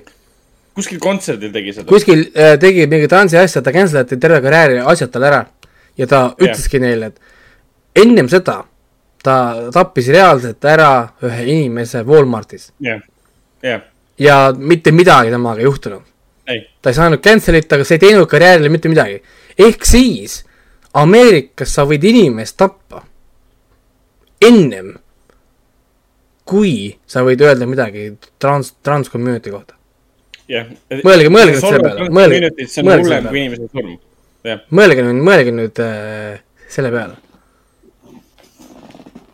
no see on nagu, see on nii nonsense ja, ja see loobki selle situatsiooni, kus kohas inimene, kes tunneb ennast üksinda, tal on vaimselt mingid pro- mured ja probleemid, siis ta näeb seda, et trans community teeb, mis tahab. Fuck it, ma olen trans. Paneb kleidi selga ja automaatselt kõik, kõik näevad teda, kõik märkavad teda ja nüüd ta saab tähelepanu ja nüüd tal on äkki õigused. sest mehel tegelikult, sa ei koti ju mitte kedagi, sa sured ära, jumal pohhu kõik, kõik ilmselt ära aga nüüd sa oled äkki trans ja nüüd sa oled oluline ja nüüd sa oled kuidagi kaasatud teemasse. see on, see on, see on nii tobe ja, ja see on nii nagu loll ja, ja tõesti, ma olen ka väsinud sellest ja ja ma saan aru, see Dave Chappelle, ta hääl on ka nii väsinud ja tunned sellest, et tal on koblakas sellest ees. Aga samal ajal sa näed, et see läheb tal hinge ja ta selle selgitas ka seda oma selle sõbra story'ga, ma guugeldasin seda ka ja see ongi päris story. see öelda, ta ei mõelnud seda välja, oligi selline päris story, jah okei. et, et, et äh, oligi see kaitses teda Twitteris ja siis trans, transid kohe hakkasid ründama siis ühte omadest nii-öelda. ja, ja niigi neil on mingi, ma ei tea, viiskümmend protsenti suicide rate transidel või mingi selline. ja ei muidugi siis kiusame veel nagu noh, omasid veel nagu ah, whatever. niisugune, niisugune nagu tobe, aga, aga noh, ma räägin, ma noh, ütleme nii palju siis ütlen veel selle Dave Chappelli selle The Closer äh, siis see stand-up'i kohta, et äh, ta on naljakas küll, aga ma räägin, et seesama asi, et ta on kohati nagu lecture rohkem kui midagi muud. Ta viskab nalja sisse, aga vahepeal pigem ongi, et ta teeb nagu mingi viis minutit monoloogi, mis on tegelikult põhimõtteliselt nagu lihtsalt mingi monoloog, kus ta õpetab või ta räägib või ta lihtsalt vendib. ja siis ta teeb mingi nali või kaks umbes, et aa, tuletab meelde, et see on äh, stand-up. ja siis, siis ta teeb jälle niisugust nagu venti aga seda vaadata, vaadatakse tõenäoliselt palju, seda tõenäoliselt tsiteeritakse palju ja, ja tal on tegelikult õigus, see on lihtsalt, see on puhtalt nagu, nagu ratsionaalselt lähenedes, see on, tal on õigus ja kui ma ei saa isegi vestlust pidada sellel teemal, siis, siis me ei tohiks seda teemat üldse isegi olla, sest kui sa ei lase mul sellest rääkida, siis äh, see on, sorry, see on rassism, see on rõhumine või mis iganes muu viis, see ei ole okei okay.. noh, nagu ei tohi olla sellised asjad, ma ei tohi küsitleda sinu action'id või asju, sest nii on, ei ole niimoodi, ma tahan teada, miks see nii on ja, ja kui sa pole nõus mulle seletama, siis ma äkki seda ei rakenda, on ju. Et jah äh,, Netflix on tulemas, ta oli päris kõrgel tipus ka, ma vaatasin seal vist teine vist oli või kolmas oli ta praegu seal top kümnes. nii et äh, täiesti Eesti. Eestis, Eestis on ta korraga viiendal kohal äh, nii sarjade kui ka telefilmide hulgas. nii et, nii et jah, ei, loogiline, ta, David Chappelle toob, vaatab ümbert sisse ja värke ja ma saan, saan aru, miks ta ütles, et see on viimane, sest ma arvan, ta on väsinud sellest lihtsalt. ongi, sest mingid inimesed lihtsalt ründavad sind forever and ever ja, ja, ja nagu ta ütleski, et keegi ei tee tegelikult argumente, vaid teda lihtsalt rünnatakse. noh, nagu, et äh, ja, ja, ja ma olen sellega nõus, nii et see, see, see on ka põhjus, miks ma peidan oma pseudonüümi asju, sest kohe kunagi ei tea, millal sa saad cancel, cancel'it sellepärast, et sa kasutasid kandid, kandid, kandid mõistust. on ju. sest kellegi jumal on olu olulisem kui realism ja kellegi fantaasia on olulisem kui, kui meie reaalsus, on ju. me ei tea seda kunagi. Nii et peab olema valmis, sest äh, jah, me ei ela ühiskonnas üksinda. ja, ja ongi kõik, mul rohkem ei ole äh,, ma vaatasin, need vaatasin nagu ära ah,, ma vahetasin vahepeal need ära, selle Scary Movie viie vaatasin ka ära, aga parem sellest ei tasu rääkida. parem ära, ärme nagu räägi, et osa, osad asjad las jäävad mis, mis müsteeriumiks. jaa, see on, see on õige otsus. aga siis äh, ongi Raiko, Raiko, Raiko ähm, kinominutid on. Rentinurk on- renti- saanud. peaks panema mingi Aga-, mingisuguse nime siia, räntinurk, et siis äh, inimesed skip ivad vaata ära, vaata, pane sinna see, et äh, Pane- siin, siin, siin Raiko rendib, skip. jah, skip ime, skip, skip. ei, ei, ei, ei äh,, aitäh sulle taaskord äh, selle väga põhjaliku ülevaate eest äh,. nii, mina olen väga rahul sellega, ma sain targemaks ja tuletas mulle nii mõndagi meelde äh,. pluss ma loodan, et meie kuulajad ka hindavad äh, seda, et sa teed seda kõike nii põhjalikult ja, ja pikalt. aga Hendrik, põhiline, rõõm, pikalt. on aeg rääkida, on, on, on, on aeg rääkida veel põhjalikumalt ja veel pikemalt. mina, mina küll hindan väga, et Raiko vaatab nii palju ja räägib nii palju, sest muidu me ei teaks mitte sitta, mis maailmas toimub. no mul ei tegelikult olnud selles plaanis, mul ei olnud plaanis otseselt seda Chappelle'i Closerit vaadata, aga siis ma hakkasin vaatama mu Facebooki feed'i, ma olen vanakooli inimene, ma vaatan kõike Facebookist. Facebooki feed'i sees küll tulid mmm, kontroverssi, kontroverssi, kontroverssi, mingi okei okay,, nüüd ma pean selle ära vaatama, thanks nagu, thanks for the controversy. Samamoodi oli vist selle Sticks and Stones'i, Stones'iga ka, mis see eelmine või üle-eelmine, mis ta oli. oli jah. samamoodi sealt vist tekkis mingisugune poleemika ja kohe See- mingi. see, seesama, This is speaking my interest nagu see, seesama, see trans teema, aga muidugi no sellega ma olen ka muidugi nõus, et ütleme, see kriitika Dave Chappelli suhtes, see on natukene nagu low fruit ka. ja see on umbes nagu anti-vaxxerite üle nalja teha, on ju, nii fucking easy. see pole, pole isegi nagu pingutamine, aga samal ajal mul on endal alati tunne, et ma nagu peksaksin invaliidi. noh, et, et, et kas ma nagu tohiksin seda teha. sellepärast, et noh, see ei ole fair fight.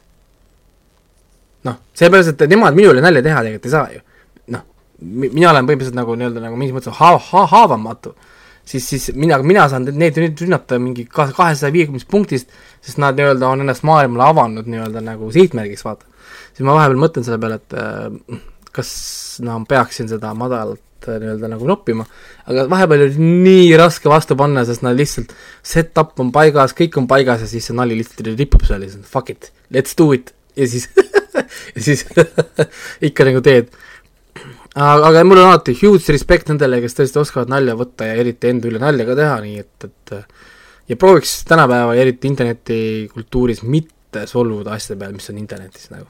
see on jah, niimoodi ei saa elada. Eks meiesugused oleme vist nagu õigel ajal sündinud või, võib vist nii öelda või? et nagu mitte miski meid nagu ei solva või otseselt ei ärrita, ainult rumalus. see on selline väga üldine mõiste ja väga objektiivne ka veel. ei no ikka, ikka ärritab, noh mingid asjad ikka rumalus tasub trigger, alati vist objektiivsena võtta, et noh, mingid asjad ikka trigerdavad, aga pigem see trigerdamine on niisugune nagu ongi valikuline, et kas mul on aega sellega praegu tegeleda või ei ole. aga, aga muidu, muidu ikka, õnneks mul on hea meel, et ma ikkagist äh, mingil määral kasvasin ilma internetita ülesse, et Jah, äh, internet, internet tuli tuli nagu hiljem. et mul lapsed kasutavad internetti ka, aga nad vaatavad sealt enamasti multikaid või, või mängivad mänge, ma ei lase neid tegelikult nagu surfama nii-öelda internetti. Telekonto ja kõik siuksed et asjad. need las tulevad hiljem, las nad siis näevad, mis maailmas tegelikult toimib ja siis ma ostan mingi antidepressante endale mingi paar kilo siia koju valmis, siis kui nad ükskord äh, internetti lähevad. paar kilo, paar kaart. et, et siis ongi, et issi, miks sa, miks sa meid siia maailma tõid? mulle in- Twitteri konto tegid, noh. Aga ma siis räägin kähku ära, mis vaadanud ma ei ole midagi vaadanud, ma mainiks seda ära, et ma siis lõpetasin kaks sarja lõpuks ära. ehk siis nagu ma siin olen paar äh, episoodi podcast'i juba rääkinud, et Final Space'i vaatan ja lõpetasin ka selle Final Space'i kolmanda ja hetkeseisuga viimase hooaja, sest see cancel dati ära. hooaja ära ja mm, mõnamus küll, noh see lõpp, kuidas on võimalik midagi nii head toota nagu Final Space, ma lihtsalt nagu, ma olen nagu täiesti hämmingus. on võimalik kahe, iga episood on mingi kakskümmend minutit, noh, ja kuidas on võimalik, et ühtegi epi-, epi-, ühte ep- episoodi kahekümnest minutisse on võimalik nagu kondenseerida lihtsalt nii palju draamat, nii palju karakteri arendust, nii palju action'it, nii palju fantaasiat, nii palju sci-fi'd ja nii palju äh, seda ekspositsiooni ja nii palju sisemonoloogi, no täiesti crazy, see läks jälle meelest ära, mis selle Final Space'i looja nimi on. Oran Rogers, see Oran Rogers, kes teeb ka Gary Goodspeedi ehk siis peategelase häält, nagu täiesti borderline genius ja mul on, ma arvan täiesti kindel, et see, see ei saa cancel'i, kuna ta niikuinii istus siin poolenisti ka Netflixis, et noh, siis kui ta Warner Brothersi asjades ära jooksis siin, Adult Swim, mis kuulub ka Warner Brothersile, kui ma ei eksi. HBO Max ja Adult Swim ja kus ta siin kõik veel oli, TBS on ka vist äkki Warner Brothersi oma TBS. ja TBS on ta seal para-, on Paramount, peaks olema. tal vist oligi mingi koostöös tehtud, TBS äh, tootis seda, siis ta kolis üle Adult Swimi.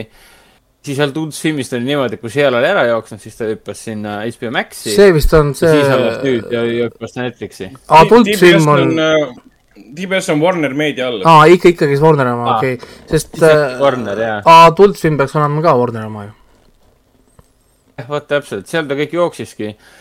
aga no Netflix pidi ikkagi, ostis raske rahaga esimesed kaks hooaega sisse tõenäoliselt siis Warnerilt. et ma loodan, et tuleb varsti uudis, et äh, Netflix läheb äh, Oran Rogersi juurde, et kuule, sa teed, sa teed kulda, seda kulda edasi. et lugu jääb tegelikult pooleli, aga ta saab ülimalt rahulduspakkuva lõpu. aga, aga viimane episood lõpeb nagu cliffhangeriga ära on, on näha, kolmanda hooaja viimane episood, on näha, et Olan Rogersil on väga palju ideid veel. see sari pole kordagi kannatanud ideede vaesuse või, või äh, aurude peal äh, lendamise pe- tõttu. pigem on alati umbes niimoodi, et siin on nii palju ägedaid tegelasi, kogu aeg tuleb mingit uut informatsiooni juurde. üks, üks lahedamaid tegelasi saab vahepeal endale, ma ei taha midagi spoilerdada, aga uue kaaslase kolmandas hooajas.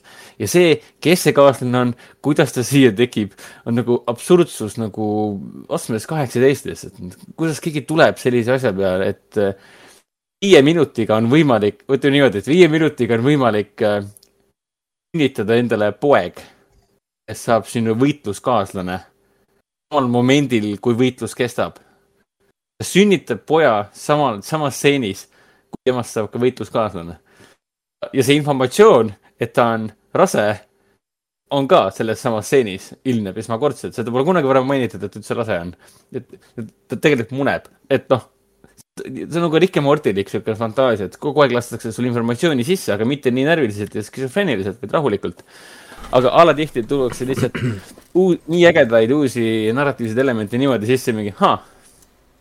Ei selge, see on siis info, täiesti uus informatsioon, mis käib selle tegelasega kaasas, aga ma lepin sellega, vahet pole, et viimased kaks hooaega pole sellest kunagi rääkinudki, et see üldse asi nagu teema on Hmm. Okei. hullult äge asi lihtsalt, ma See- nagu ei suuda ära kiita. see, ma olen mõelnud selle vaadata küll, ma olen sealt paar, paar korda sealt äh, üle hõljunud ja siis mõelnud, okei okay,, Hendrik kiidab kogu aeg, kas ma tahan vaadata, siis on see mingid, mingid tobe klipse, mida ta iga kord näitab, see tundub nii mõttetu, siis ma lähen nagu üle. et nad võiks mingi paremat treilerit sinna panna, vaata, kui sa, noh, jääd seisma vaata, näita mingi klipi.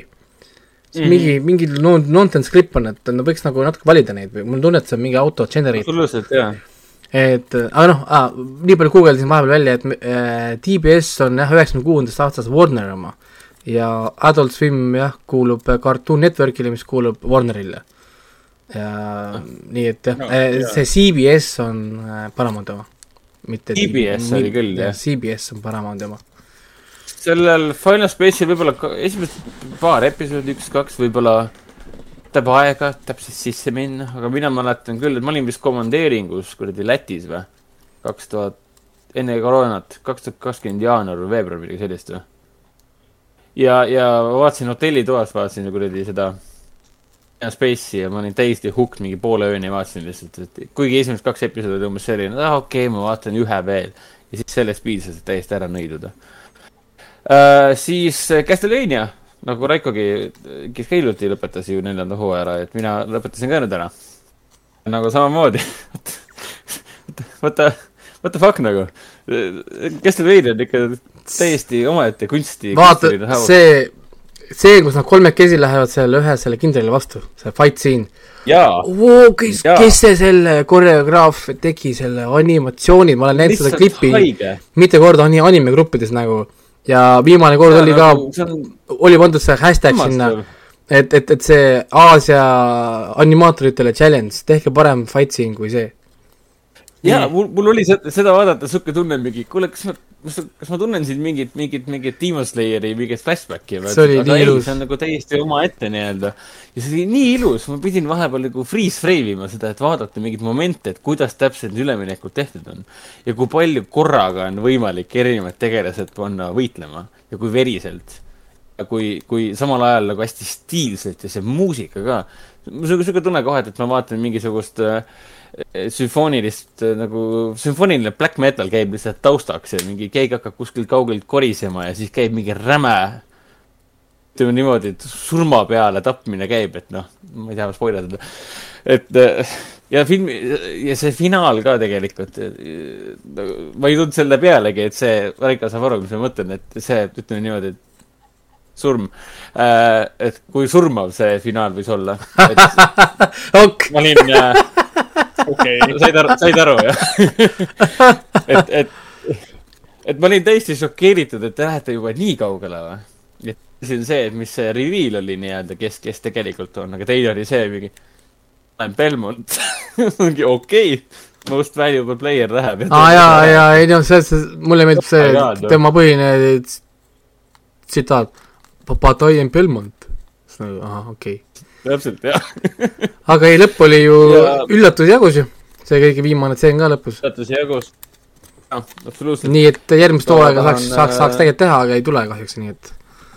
Aga ma saan aru, et see ametlikult ikkagi lõpetati siis äh, ära. jaa, läbi on jah, ta ongi läbi, ta, selles mõttes, ma lugesin mingeid intervjuud ja ta ütleski, tegelikult nad tegid niigi rohkem, kui oli planeeritud, neil oli planeeritud kolm hooaega aga Netflixi siis nagu soovil nad põhimõtteliselt nagu pikendasid seda, kirjutasid sinna vahepeale selle ühe selle kolmanda hooaja arki vaata vahele sinna.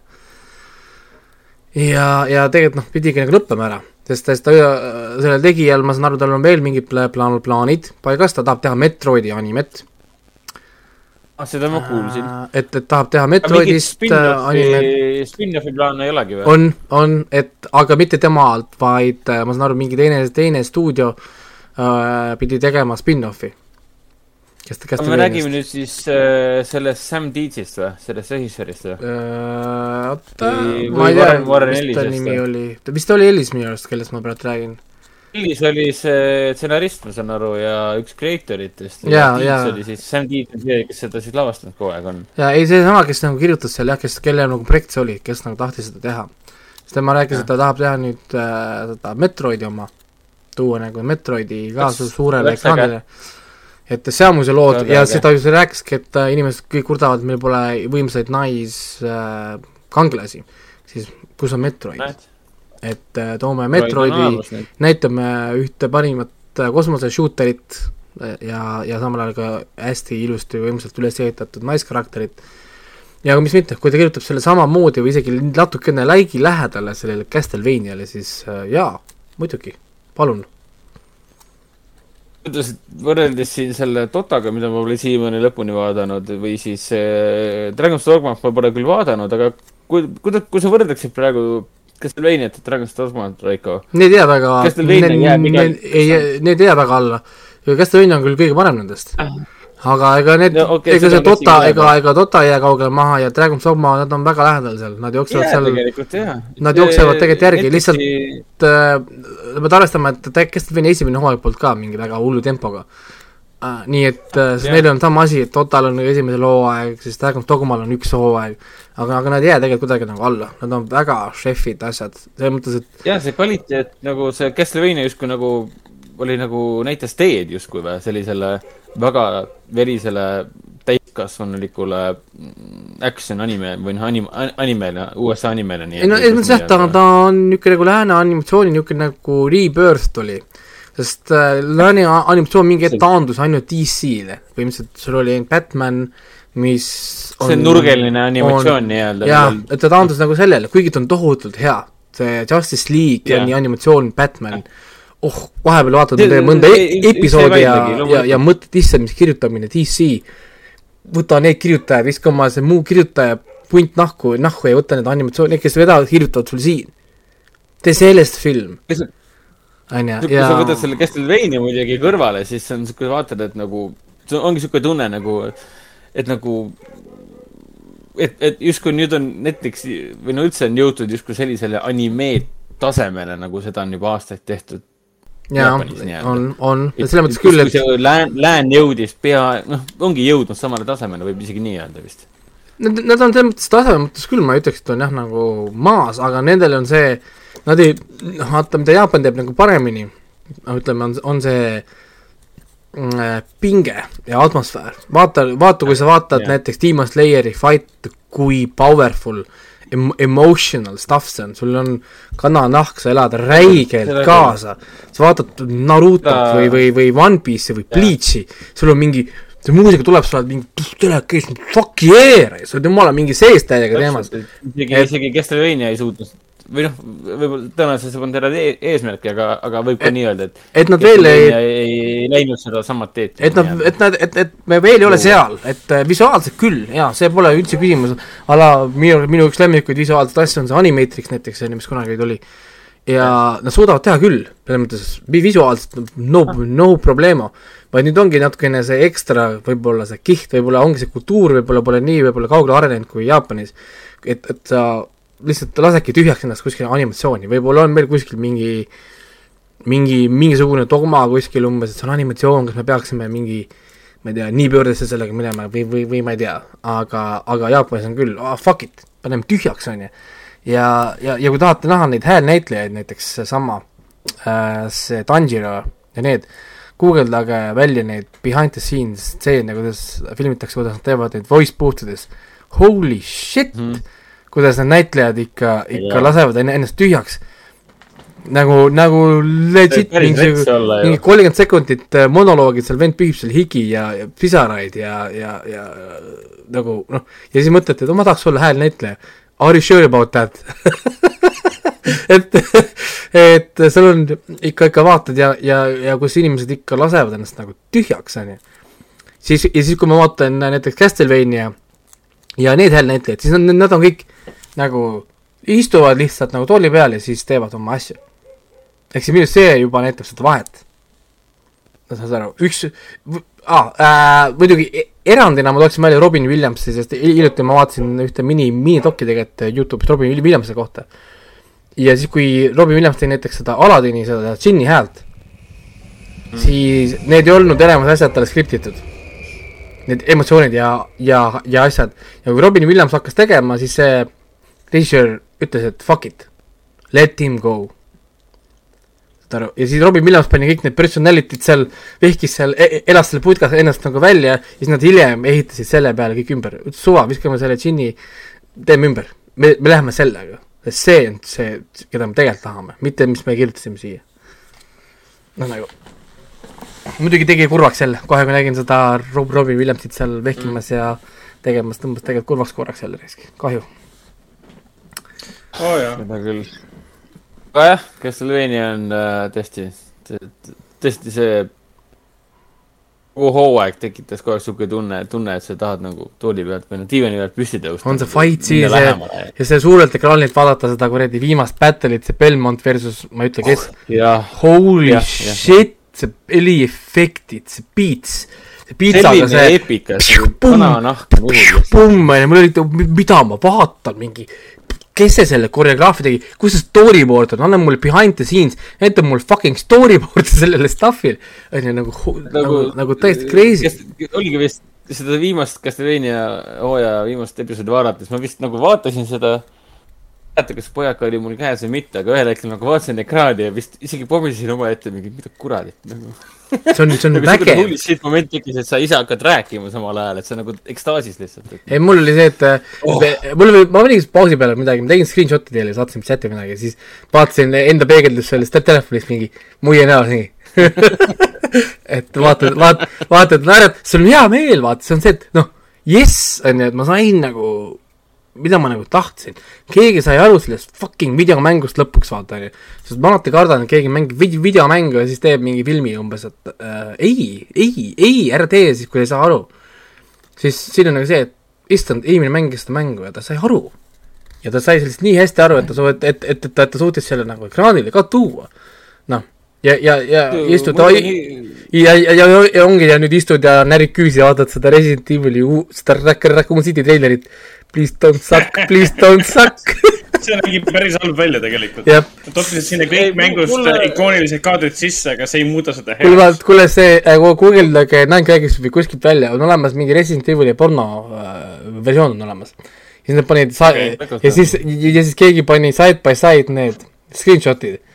see on nagu porno versioon.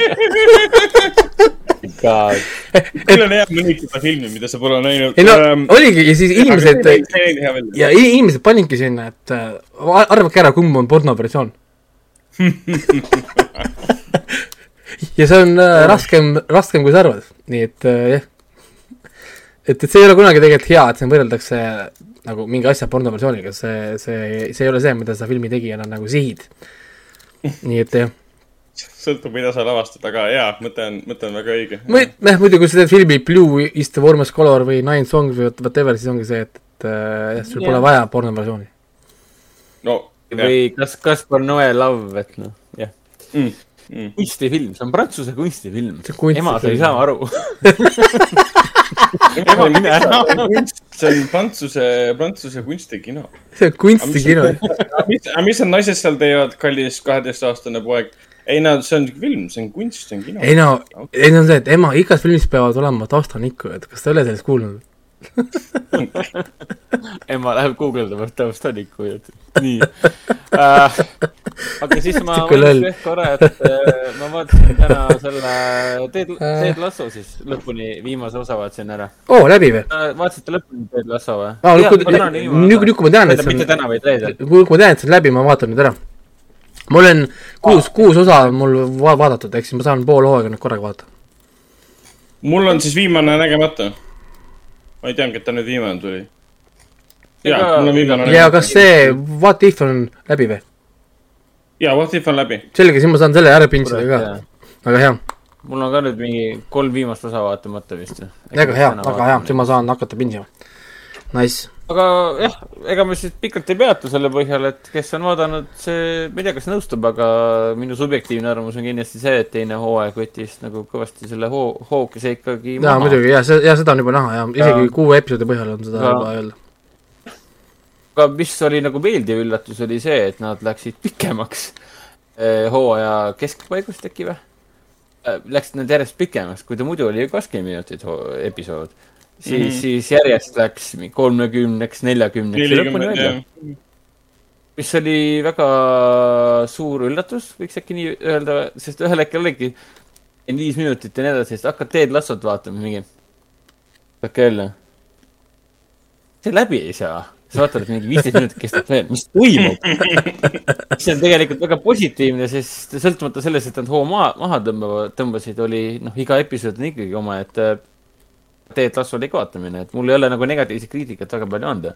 sõltumata sellest, et mulle tegelikult ei väga, otseselt väga ei meeldinud, et ta noh, liiga palju seda hoogu maha tõmbas, aga ma saan aru, miks, sest neil on plaanid mm. -hmm. noh, teine hooaja lõpp ja kolmanda hooaja algus ja nii edasi, et noh, see kõik on, setup on tegelikult viimases osas päris hea.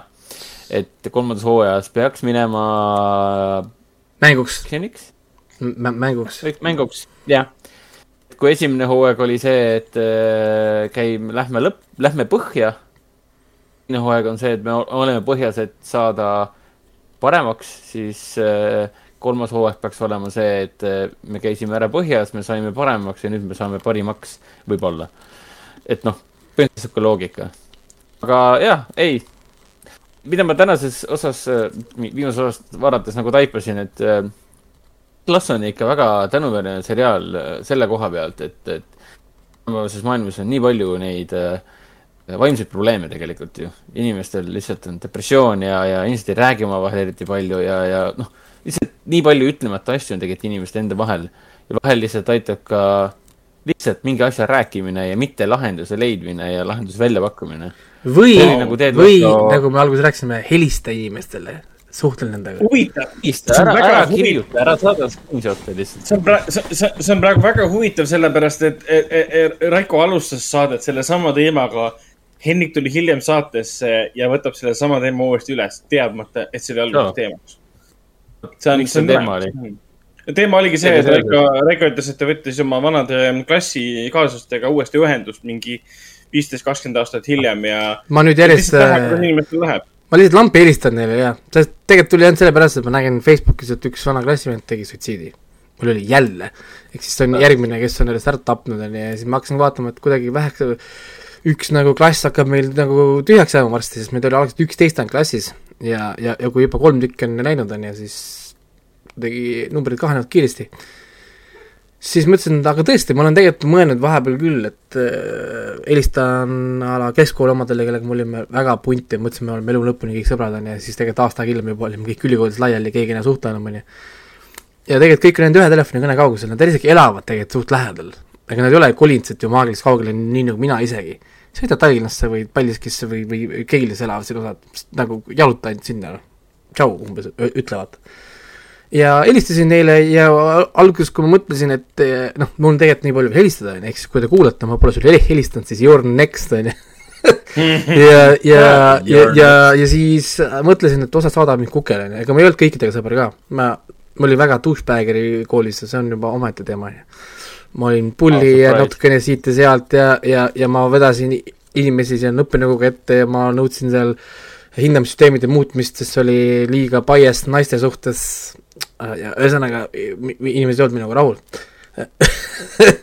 Siis äh, aga nüüd wow., aga, aga nüüd ikkagist, kui äh, kui, kui ikkagi helistasin, kõik olid väga mingi sõbralikud ja kõik tegelikult tahavad suhelda ja, ja rääkida, aga inimestel ongi see, et aga noh, kuna tema pole mulle helistama ja siis ei helista talle mingi ego, egot siia-sinna, mul on jumala poogen, on ju, mul seda muret ei ole mina, mina, mina, mina võin helistada ja kui keegi saad, saadab mind kukele, no why not, noh, proovin ühe korra veel, äkki, äkki järgmine kord saan parema tujuga kätte.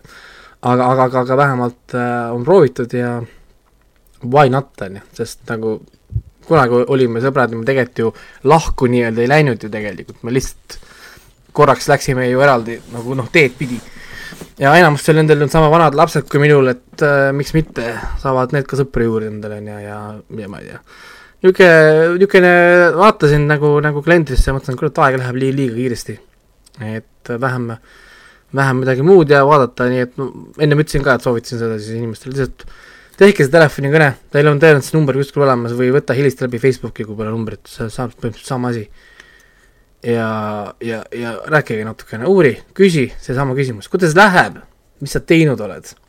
ja siis, äh, kui ta küsib, kuskohast alustad, siis ütle, et alusta algusest selles momendis, kui me viimati koos olime seal aastal kaks tuhat kuradi kuus, kui me lõpetasime kuskil, räägi sealt, mis sa sealt edasi tegid. ja, ja, ja, ja, ja, ja. inimeste vastused enamasti ongi, et kas ma helistan sulle tagasi homme-ülehomme või saame üldse kokku äkki homme-ülehomme, lähme kinno, lähme kuskile ja siis lähete kinno ja lähete rääkida. aga muidugi ennem rääkige naisele ka, et te lähete näiteks mõne vana klassiga või vana girlfriend'iga kinno, sest see pärast, kui ta saab seda teada, siis on võib-olla keerulisem. sest, sest selgitada seda, seda, seda protsessi, on ju, aga ei, soovitan. vana girlfriend paneb check-in ja, ja, ja tag ja, ja siis mingi the what now? aa, nüüd lühidalt, mis ma rääkisin selle hindamissüsteemi kohta koolis kunagi, oli mul see, et äh,. ma olin veendunud, et tüdrukuid hinnatakse kergemalt kui poisse. onju. Äh, ja, ja, ja õp-, õpetajad pidevalt norisid või vingusid minuga, siis ma ei teinud kodutöid, sest ma ütlesin, mul ei ole vaja teha kodutööd. aga see on teadmistest, me oleme koolis, koolis, et saada teadmiseid. True or not? True. testi järgi mul on teadmised olemas. Who gives a fuck, kui ma ei teinud seda kodutööd kas sa õpetad mulle distsipliini või sa õpetad mulle teadmiseid või sa tahad, et ma teeksin mõlemat. aga, aga, aga kui ma teen mõlemat, mul ei ole vaja teha seda distsipliini osa, siis ma raiskan oma aega, ma võiksin teha midagi muud, mis mulle meeldib teha. on ju. oli see minu argument ja siis nad ei tahtnud mulle hindeid nagu panna. ma alguses mõtlesin, et see on seotud sellega. aga noh, olgu, siis oli test lihtne, easy test, ma kopeerisin oma klassiõe äh, viieline õpilane, tema töö üks-ühele. toorelt lihtsalt tegin nagu noh, selle, spikerdasin. temal on viis, minul kolm pluss. midagi, võtsin need mõlemad tööd, viskasin õpetajale laua peale. Explain please hmm. ja läksingi õppenõukogusse, et kuulge, et äh, äkki lõpetaks ära selle crap'i. esiteks, see on ebaaus mitte ainult nagu minu, minu vastu ja, ja, ja no, ja, ja, ja, ja teiste meeste ja poiste vastu, vaid see on ebaaus äh, nende tüdrukute vastu, kes saavad viisi. sest tema peas ta on viite väärt. ja nüüd, ja nüüd ta läheb päris, päris, päris maailma ja nüüd ta saab peksta, ta saab pärast mulli teiste käest seal maa, välja, väljaspool, sest ta ei ole seda viite tegelikult väärt. ta on kolm pluss, see hinne, mis sa mulle panid, on see, mis peab, peab olema temal. sest need vead, mis te leidsite, on õiged vead. ehk siis hindaks inimese õigesti ja, ja siis ma ei olnud muidugi korraks, korraks populaarne, sellepärast et äh, viielised ja, ja teised hakkasid saama äh, kolmed, võib-olla neljad, ei olnud harjumuspärane, aga samal ajal ma usun, et ma tegin teile kõigile teene, sest äh, lihtsam on ikkagist niimoodi, sest, sest, sest äh, sul jääb vale mulje võib-olla maailmast, kui sa lähedki niimoodi noh, nagu sisse. ja samal ajal ma mõistsin õpetajat ka, sest neil ongi palju tööd, neile makstakse palju raha ja nad ei viitsigi kõiki asju kontrollida.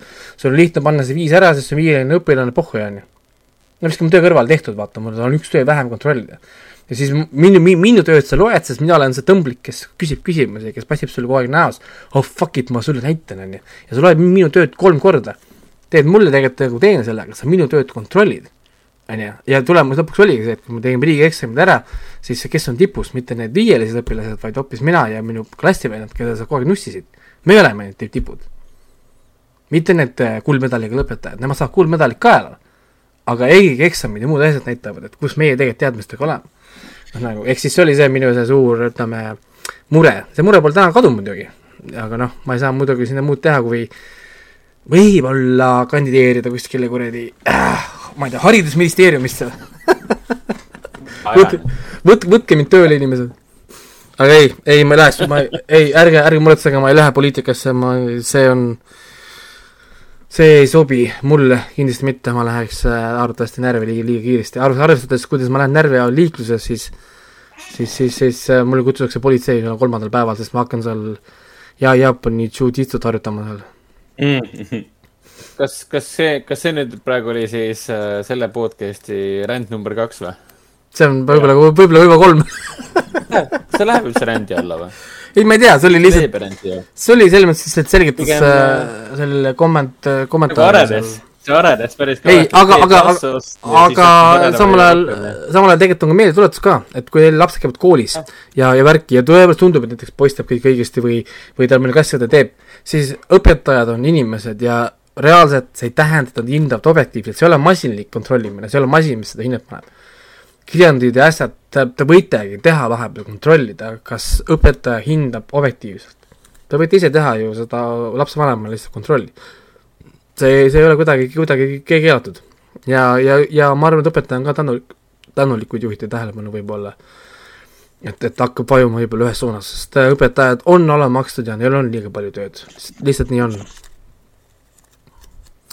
aga, aga räägi paari sõnaga eriti see Midnight Mass esimene episood ära, ma tahan näha, mis sa, mida sa, mida sa arvasid sellest? oota, ma lõpetan selle momendi ära, mis ma tahtsin Lassoga seoses ah. mainida okay.. aga, aga see oli väga ilus, et, et, et, et, et see, need asjad nagu kokku klappisid, et olgu, et ma tulin hilinemisega podcast'ile.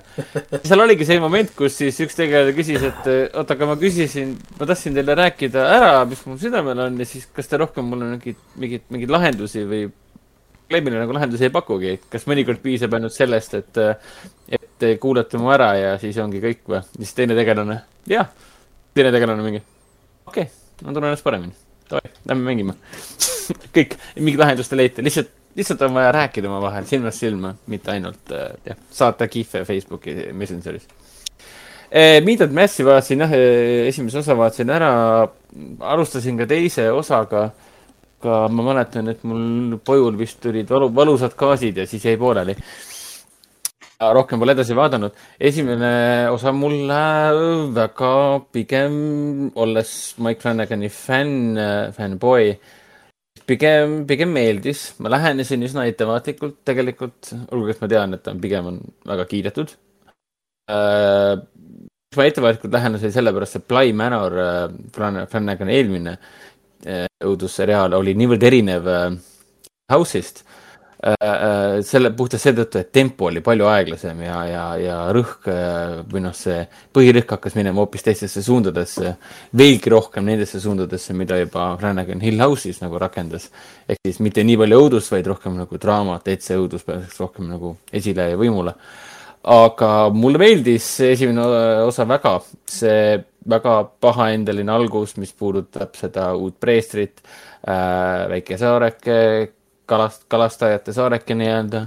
kogu see setting, Meet Massi see setting on väga kõhe ja ma nii ootan, mis seal nagu saama hakkab. natukene ta tuletab mulle meelde seda Stephen Kingi Storm of the Century mingit, mingit feeling ut. samamoodi nagu see, seal kunagi Storm of the Century oli vist samanimeline lugu või romaan. ei, see oli Steven, Stephen King kirjutas äh, kahasse stsenaariumi selle ah,. see ei olnudki tema romaan ega midagi. selle konkreetset romaani kui sellist pole olemas, jah seoses esimese and Mass'i esimese osa nagu Tormi ja Preester ehk siis uus inimene, natuke ma sain seda feeling ut siin ka. aga taaskord ma vaatan, et siin on ähm, väga Flanagan, Flanagan, Flanaganikud, Flanaganlikud teemad on sees ehk siis vaevatud peategelane, sõna otseses mõttes teda vaevab üks kindel asi, mis on kuradi creepy. et kui ta peategelane, ütleme niimoodi, et Raiko teab, mis ma räägin, vend pole vist vaadanud veel või? ei ole. vanglas, vanglas magama läks äh, ja siis äh, niimoodi see, mis teda vaevab, ennast ilmutas, siis äh, ma, siis ma, siis ma nagu vaatasin, et selge see, et järgmised kogu hooaja igas episoodis on kindlasti see stseen olemas ja ma arvan, et I m not wrong, sest kogu esimese osa jooksul oli seda nope, see, see läheb päris tihti täiesti teise suuna. hullemaks, jah. see pole õrna aimu teise suuna või? see läheb täiesti, see läheb nii valesti, et sa ei esimene ma... osa pole kuidagi seotud sellega, mis viimases episoodis. sul on nagu seda ma, seda on väga hea kuulda, sest mulle Need karakterid, keda sa näed, ära ära, ära üldse mõtle selle peale, lihtsalt vaata, see on nii, nii, see on nii nonsense. sest mul oli natukene esimese osa põhjal nagu tunne, et siin tuleb järgmine Bly Manor, ehk siis ta on pigem aeglane karakteritest juhindatud, juhinduv draama ja, ja asi läheb religioosseks, väga religioosseks ära, sest no esimene osa on umbes niimoodi, et nagu ei hakka kas või risti ette lööma, et paremini sisse minna siia, et noh. Ma ei hakka ise piiblit läbi lugema. aga mulle meeldis see, mida see Raiko mainis ka, kui ta vaatas Mess ära, siis see peategelane ütles ka, et kui ta vangla, kui ta vanglas istus, siis äh,, no keegi on siin vanglas käinud kui ta vanglas istus, siis ta luges äh, kõikide erinevate, kas just kõikide, aga enamike suurimate religioonide nii-öelda, nii-öelda piiblit läbi, võime vist niimoodi öelda. Ja läksin sisse, läksin vanglasse um, usklikuna, tulin välja ateistina, et noh, pärast seda, kui sa kõik läbi lugenud, siis on pilt selge nii-öelda. mulle see väga meeldis ja ei no see oli see, me ennem rääkisime ka muidugi religioonist selle, sest me rääkisime Isaac Asimovist ja Foundationist, mis viskab puid okay. alla, alla religioonile, siis siis see, sellega tuli ka üks, üks, üks hea klassikaline, kas oli äkki see Isamaa või enda tsitaat vist oli, et et äh, uskli, usklik äh,, ei, ta küsib uskliku käest, et miks sa jumalasse usud, ma lugesin piiblit. siis, et aga, aga miks sina jumalasse ei usu?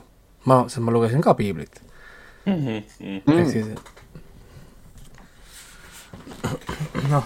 nõus, nõus mõlemaga nii et selles mõttes, ei no ma enne rääkisin seda, et Foundationis ta viskab tohutult äh, varju erinevatele religi-, noh, erinevatele religioonidele. Sest, sest talle ei meeldi üldse religioon ja noh, for obvious reasons, nii et jah, ma kiitsin seda Foundationit, aga noh, hoiatasin, et see oli aeg, aeglane siis. lihtsalt niisugune short nii-öelda nagu flashback. Jah, omadega täitsa hädas, ma pole Foundationini siiamaani jõudnud, ma olen nii pettunud endas ja mul on uus C ka vaatamata. aga Midnight Massiga ma olen äh, väga rahul, sest ta on väga Mike Flanagan, et kui keegi kardab, et äh, äkki Flanagan on kaotanud oma touch'i, siis esimese osa põhjal võib öelda küll, et kas siin läheb kõik väga-väga valesti või siis, äh, või siis läheb veel rohkem valesti, kui sa arvad. see on Mike Flanagan. esimesed kolm, kolm see, episoodi on hoopis teine seriaal kui ülejäänud viis. jah mulle väga meeldib see, et ta otsustas seekord minna nagu täiesti uude kohta, et nagu justkui laiendada seda karakterite valikut, äh, minna saarele, vahetada täiesti seda setting ut, enam ei ole lihtsalt noh, kütusmaja nii-öelda, House on the Haunted Hill ja kõiksugused asjad. no nüüd, nüüd tal tuleb mingi kolm seriaali järjest, mis leiavad aset kindlasti kuskil saarel. sest ta enne tegi, vaata no, ta... kaks hooaega tegi seda Haunting on Hill House ja siis Blind Mirror, mis oli mingis majades nüüd tulevad järjest seriaalid, mis on siis saartel ja siis varsti on kolmas teema mingi õhus kuskil. aga mees teeb kulda, nii et äh, las ta teeb siis. et äh, ja mina olen väga rahul ja võib-olla täna ma jõuan juba teise osa ka ära vaadata. et äh, jah, ootan väga, aga rohkem ma ei olegi midagi ah,. Superstory mainiks, et ma olen täiesti, Netflixis on Superstory ehk siis, mis ma eelmises saates ka mainisin.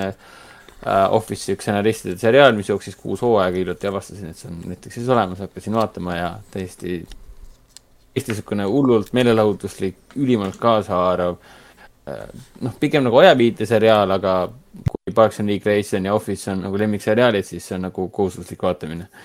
ja iga episood on nagu nii, nii, nii oodatud nii-öelda, et sa paned selle episoodi tööle ainult selleks, et näha, et millega need, milliste jaburustega need tegelased nüüd hakkama saavad, et kes, kes hetkel ei vaata mõnda lühikest äh, sitcomi või noh, mitte sitcomi, vaid äh, komöödiaseriaali, workplace comedy't, siis äh, Superstore pange kohe käima ja armuta ära. aga jah, rohkem ma ei ole midagi vaadanud, et Mikker on sinu, Ragnar. ma mainin nii palju etteruttavalt, et What If'i siis mina olen lõpuni vaadanud, aga ma ei saagi What If'i kohta tegelikult midagi pikemalt rääkida, sest esiteks Raiko pole üldse vaadanud. oli vist nii? ei, ma ühe, ühe osa vaatasin, selle Kapten. Ameerika selle vaatasin okei, ära. ja Hendrik on, ei ole vaadanud viimast kolme-nelja episoodi, ehk siis ma pigem ei ütle midagi peale selle, et et ta läheb väga heaks. et kui alguses äh, ta oli hea ja ma mäletan meil Hendriku siin negatiivset äh, kriitikat ka, et äh, noh, kriitika iseenesest ongi negatiivne, igatahes Hendriku kriitikat. et, et ei olnud nii huvitav ega põnev, siis, siis see ikka, ikka pöörab päris kõvasti laua, laua natukene ümber. et okay. ma, ma rohkem ei tahagi nagu öelda, et ja ta muutub nagu, narratiiv muutub äh, väga selgeks ja selle all ma pean silmas, et siin on väga, peale selle ühe konkreetse narratiivi, siin on üks narratiiv veel jooksmas. mis See- tobe, et Ninecag natuke spoilis ka mulle, ta näitas mulle seda Ultroni mingi stseene, kus ta ja, ja asju, asju ja värke ja siis ma olin nii pettunud, et kuradi raipid ei hoiata, vaata, kui sa scroll'id seal yeah. Ninecagis ja ja Aga- Aga..., ja siis no pealkiri oli ka, ma juba jõudsin lugeda seda pealkirja ja siis oli mm., ma juba nägin. ja selles mõttes ma olen nagu saanud natuke spoilitud, sest äh, noh, ma ootan muidugi liiga kaua ka, et noh, hooaeg korraga ära vaadata, et äh, kahjuks nii juhtub. Ei noh, see, see läheb väga-väga põnevaks ja, ja ma nii väga ootan nüüd seda Doctor Strange kahte, mida siis Sam Raimi lavastab. sest see peab arvesse võtma kõik, mis on nagu What If'is toimunud, sest What If on ka canon mõnes mõttes. kuigi seal on alternatiivsed versioonid niikuinii, ehk siis see on canon ja mitte canon sama, samaaegselt. pluss siis Lokis toimumine, kõik siuksed asjad, et. No Way Home on vahepeal veel. Ja no jah, siin tuleb veel sada asja veel välja vahepeal ka. tundub, et tundub, et kui- Disney näeb kurja vaeva, et oma erinevate mm, Jah. animate ja seriaalide ja filmidega siis äh, nagu veenda valmistada publik ette, et kuulge, multiversum tuleb. tegelikult nad on väga kõvasti vaeva näinud läbi What If'i ja Loki, et inimesi ette valmistada selleks, et järgmises Spider-man'i filmis ongi kõik Spider- Spider-man'i varasemad näitlejad. Kui kõik näitlejad väidavad, et millest te räägite, mind ei ole seal. Relvaga, jää vait, jää vait. ja, jah, ei ole, ei ole need isegi see Corridor, Corridor Crew'd ju tegi eraldi video sellest, et tõestada, kas Andrew see on Garfieldi päris- set-video on päris või mitte. see on päris video. tõestasid, et see on päris. aga, aga, aga, aga nad on surma ähvardusel, nad näitlejad peavad ütlema kaamera ees. Ei noh, ma juba vaatasin seda ju Redditis, seesama häkker, kes selle Twitch'i huina viskas välja need Pandora paberid Jaa.. see võttis selle välja, kus kohas see serverid, kus, kus see tuli, see on otse Disney käest tuli ise. ehk siis nad ise, ise on legitanud selle meelega, ehk siis neil pole mõtet anda välja promopilti, mis ei saa elu sees nii palju äh, kaja, kui, aa meil lekkis video. jah, jah. Tänapäeval lekitad, mis tänapäeval, see on kogu aeg niimoodi olnud, sa lekitad midagi, et tekitada kõmu ja ütled, ah, me ei teadnud, kes selle tegi, me otsime taga ja me, me otsime taga kõik, otsime seda pätti taga või siis me eitame, et see ei ole päris leke, vaata. ja siis vaatad vaatad, kuidas kõik sinu eest teevad videosid tohutult Jaa. ja näitavad, et see on päris äh, asi ja siis, Ja siis-. Ja sul on see, et oo oh,, free publicity, ma ei pea maksmagi teile.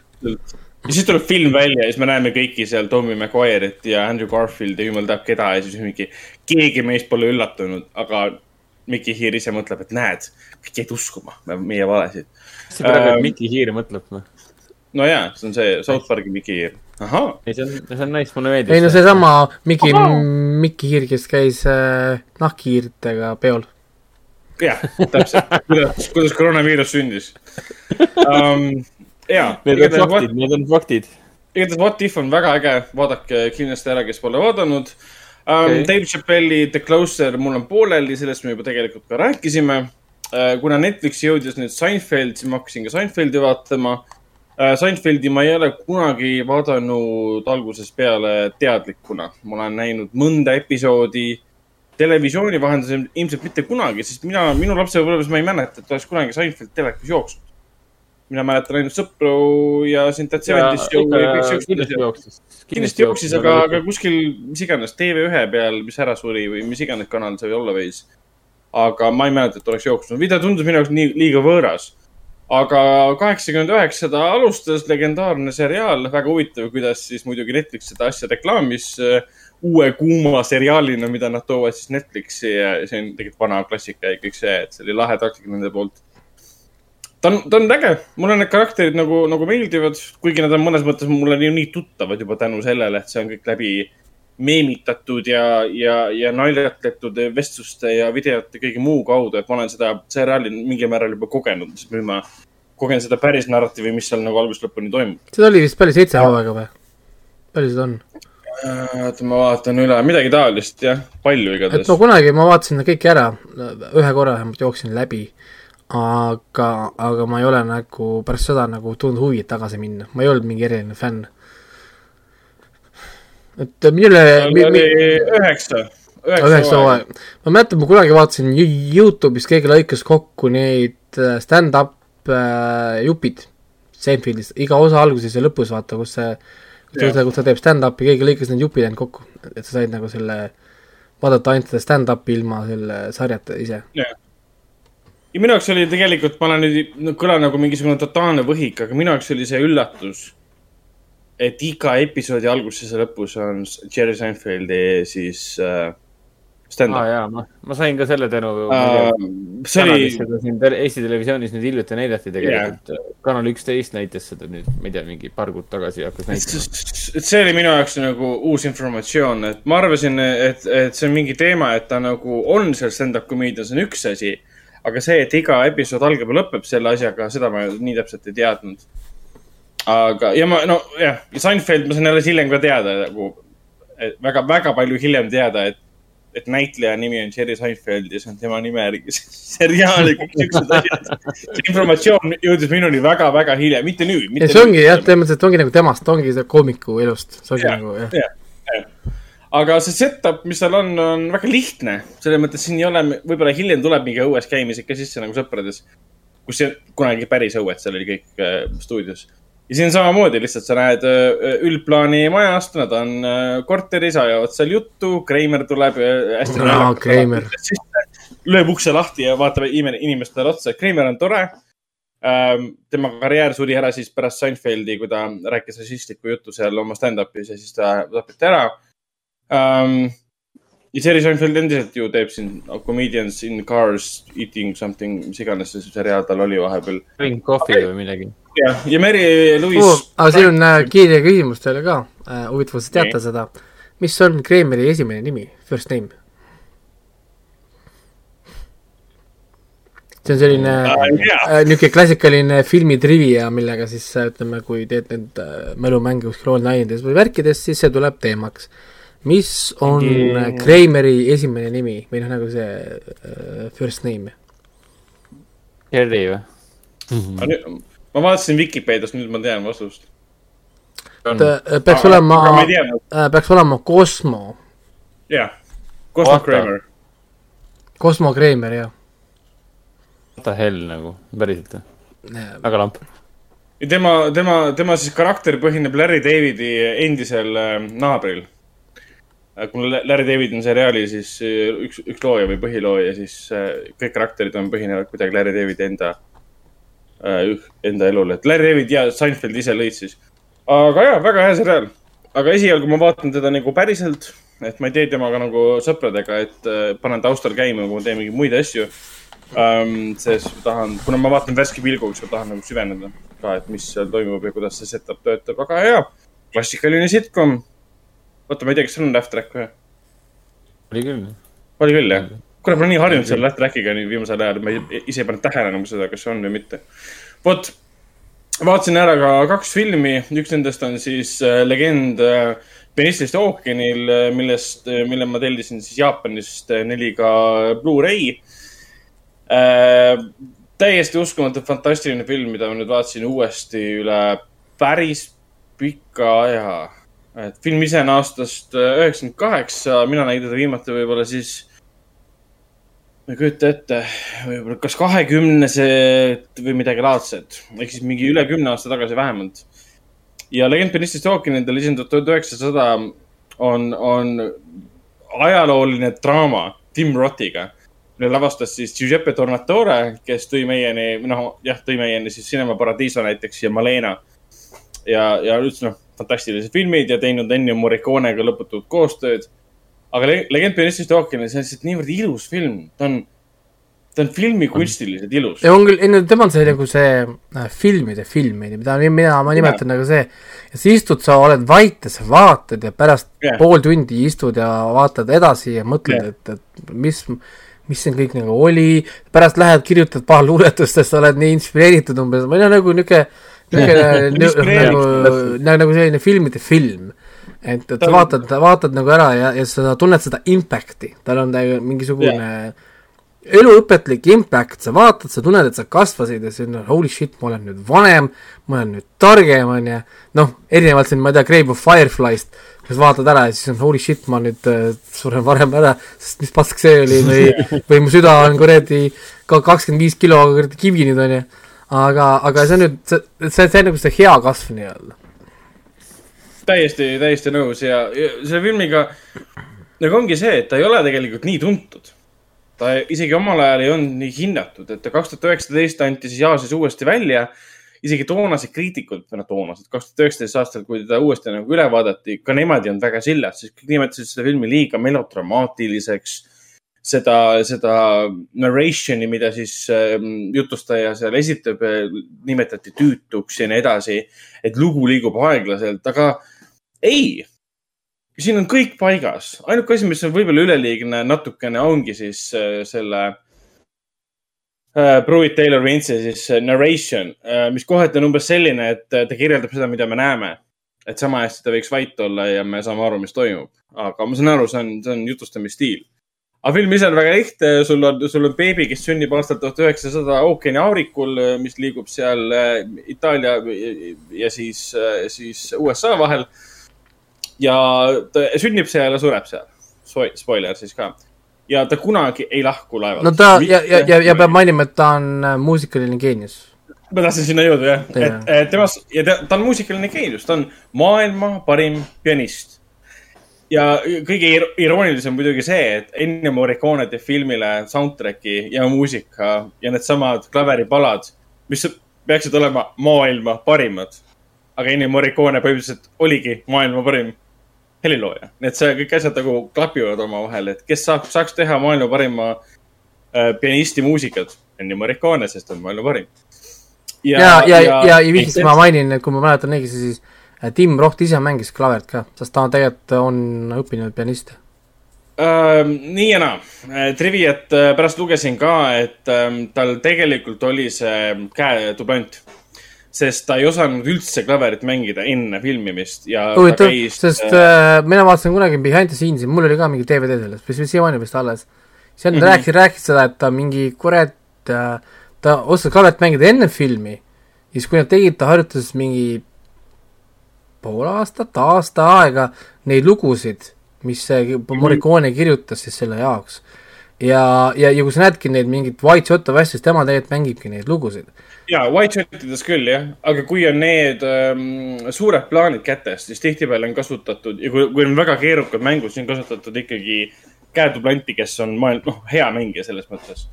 Aga ja ta harjutas ja kõik see, aga kuskilt Triviat. Tim Roth siis ei ole nii, ei olnud siis tollal nii hea, et No olla no ehk siis eh, eh, suures plaanis ta nagu, üldplaanis ta nagu töötas, sest sul on noh, üldine mõte sellest, aga lähiplaanis on lihtsalt see, et ilmselgelt sa ei saa kasutada inimese käsi, kes ei ole maailma parim.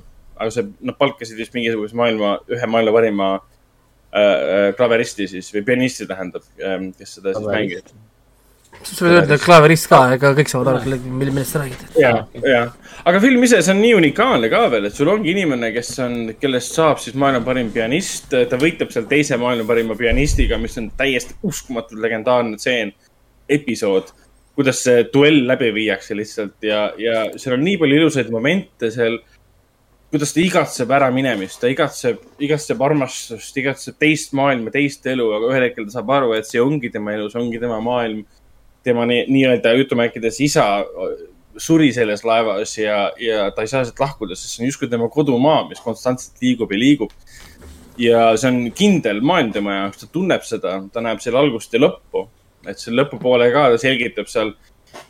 sõber läheb siis laeva, mis on, mis on hävitamisele mõeldud, rääkima talle, et tule ära ja siis ta ütleb, ma ei saa, sest maailm on lõputu, ma ei näe selle lõppu, ma ei saa seal hakkama et isegi ma, ah, oli jaa, seal oli vist mingi see linna teema vist, et äh, Tell me, Tell me where the city ends või mingi ja. või ja äh, niimoodi, kui sa niimoodi mainid, siis mul küll tuleb midagi meelde, umbes seal oli see, et, et äh, mingi see tal-, salve ja talve, suve, suve teema oli umbes, et suvel tahad talve ja talvel sa tahad suve, aga siin ja. on kogu aeg sama. või mm., või mingi niisugune, ma, seal oli, ühesõnaga midagi ma nagu mäletan, aga mul on ka tegelikult mäletan, mäletan, see oli pikk film, mäletan, see oli mingi kolm tundi vist või midagi ja. on kaks versiooni, üks on sada kuuskümmend viis minutit ja teine on sada kakskümmend viis minutit. okei okay., et noh, ma, ma olin kunagi väga vaimustatud sellest, ma kirjutasin mingi essee sellest veel äh, kooli, sellest filmist, ma mäletan, ma panin sinna mingi tsitaadi ka, paningi pealkirjaks vist, et fuck jazz ja, ja, ja oli vist, minu arust kuskil ütles seda ka, mingi fuck jazz või midagi ja siis, siis äh, ma olin nii vaimustatud, ma proovisin äh, inimesi seda vaatama panna, oma, oma tol-, oma tolleajast girlfriend'i panin filmi ette, ta siplis mingi iga viis minuti tagant ka, mõtlesin, et fuck it, vaatame midagi muud, vaatame Scream'i, on ju. et, et see ei toiminud. et ma sain aru, et, et ei olnud valmis selliste filmide jaoks, ja, ja no nüüd tekitad jälle isu endale, kurat, et ähm.... no jaa, ma võin sulle, võin sulle oma, oma Blu-ray'd laenata, et äh, ta on siin mujal ka saadaval nendes Amazon Prime videos. aga need vist ei ole. Ja see. Need pole vist jah 4K-s, kui nad müüvad 4K Blu-ray'd samal ajal, siis nad ei pane seda 4K striimi jah, siis minu versioonis on tegelikult ongi nüüd see, et seal on alguses pikk tekst ka, kus siis öeldakse, et Tornatoriga koostöös äh, see versioon siis töödeldi ümber, käidi uuesti üle kõik sellised asjad et näidata, kui täpse see on. aga mind natuke häirib see, et miks ta anti välja ainult Aasias, miks teda ei ole mujal välja antud, et sa ei saagi osta versiooni sellest, mis ei ole Hiina või Jaapani ähm, keelse kirjeldusega. regiooni värk jälle, nagu ikka, see on no, see sama see geoblokeeringute hunnia, vaata. nojah, täpselt. aga mis ma tahtsin filmi kohta veel öelda, et äh, see, et ta kaks tuhat üheksateist uuesti välja anti, ta anti kinos ka välja Aasia kinodes ja ta teenis, äh, oli vist Hiinas anti välja, ta oli hitt seal teenis kakskümmend miljonit kaks, kaks tuhat üheksateist aastal. ja omal ajal, üheksakümne kaheksandal aastal ta teenis kakssada viiskümmend üheksa tuhat. ta oli flop. ta oli omal ajal USA kinodes täielik flop ja nüüd ta tuleb kaks tuhat üheksateist Hiinas välja ja teenis kakskümmend miljonit. tagantjärgi produtsentidele. Hiinas, jah. Hiinas. jah, need on, äh, need igasugused osavad produtsendid suudavad ikka kuidagi lõpuks oma filmid rahaks pöörata, isegi kui mingid kinotuurid ei lähe, siis ikka on, kõik, ikka suudavad kuidagi välja mõelda mingeid viise või, või trikke, kuidas, kuidas seda teha rahaks, nii et aga jaa, soovitan ette võtta, kui kuskilt leiate või laenan, et see on tõesti ilus film, see on ilus isegi armastusfilm sõprusest, see on maailmast, see on elu mõttest, see on puhtalt juba filmikunstis ka, sa vaatad, kuidas kaamera liigub. ja siis seesama see stseen, kus see laev kõigub ja see oma klaveriga seal ringi paneb, oh my god. täiesti mind blowing, nii yeah. lihtne lahendus, sul on, võtad, võtad laeva, mis liigub keset tormi ja võtad klaveri, mis on lahtine hakkad mängima, see on poeesia, see on et kui see film ei tekita äh, armastust kinokunsti vastu, ma ei tea, mis film seda peab siis tekitama.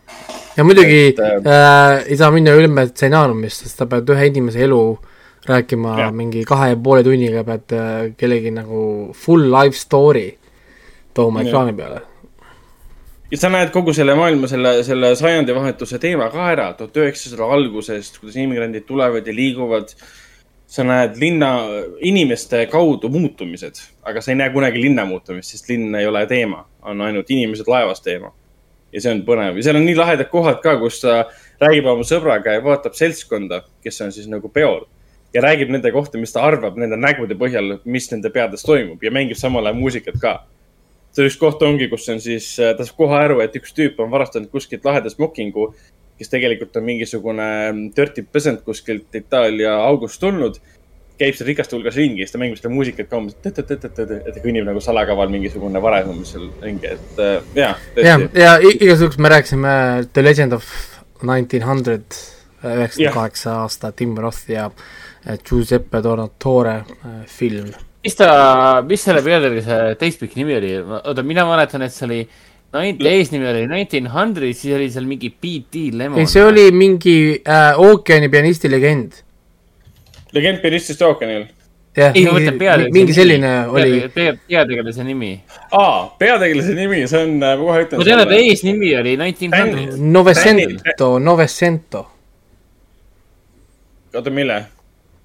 ei, peategelase nimi tegelase nimi on Danny Budman, TD Lemon ah., Nineteen Hundred.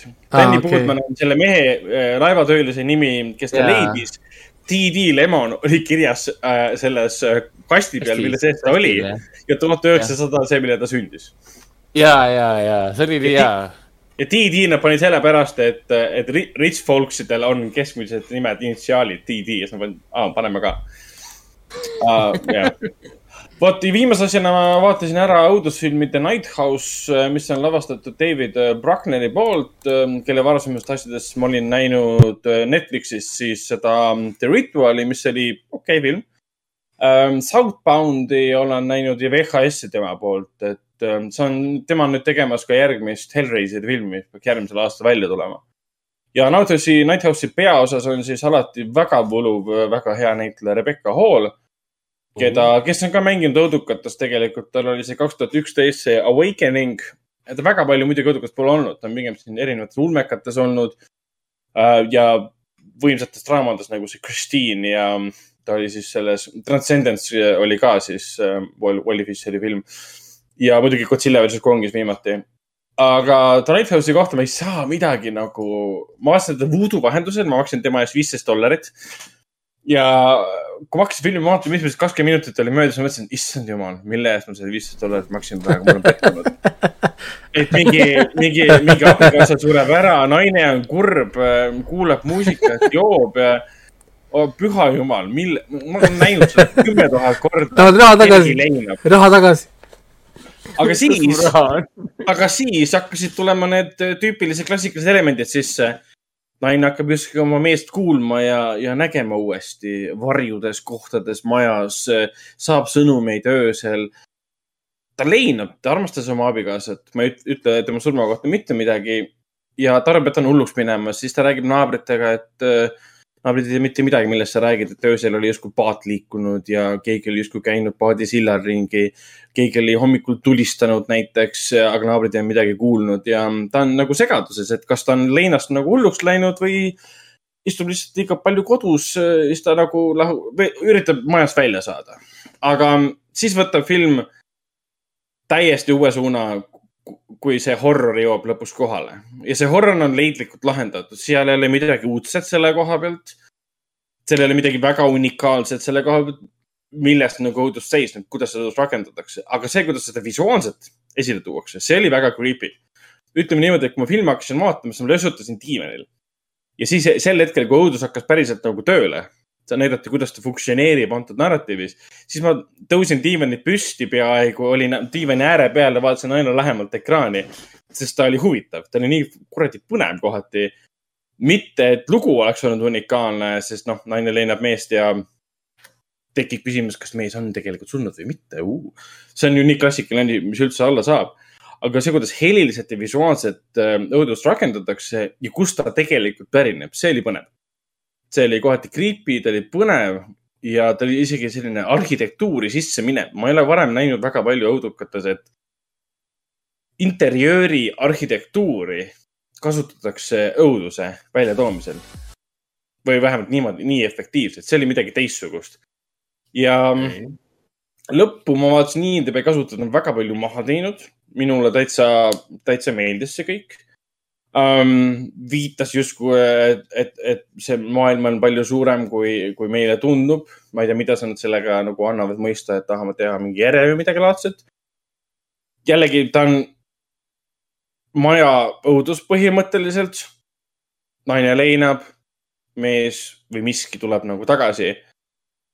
ja siis me saame selle tausta nagu teada. ma ei hakka, me midagi ei saa spoil itada, aga kui me jupp jupi all saame nagu tausta teada kes on see kurjus, mis see on, see kohati mõjus sama peapööritavalt nagu Malignati vaadates.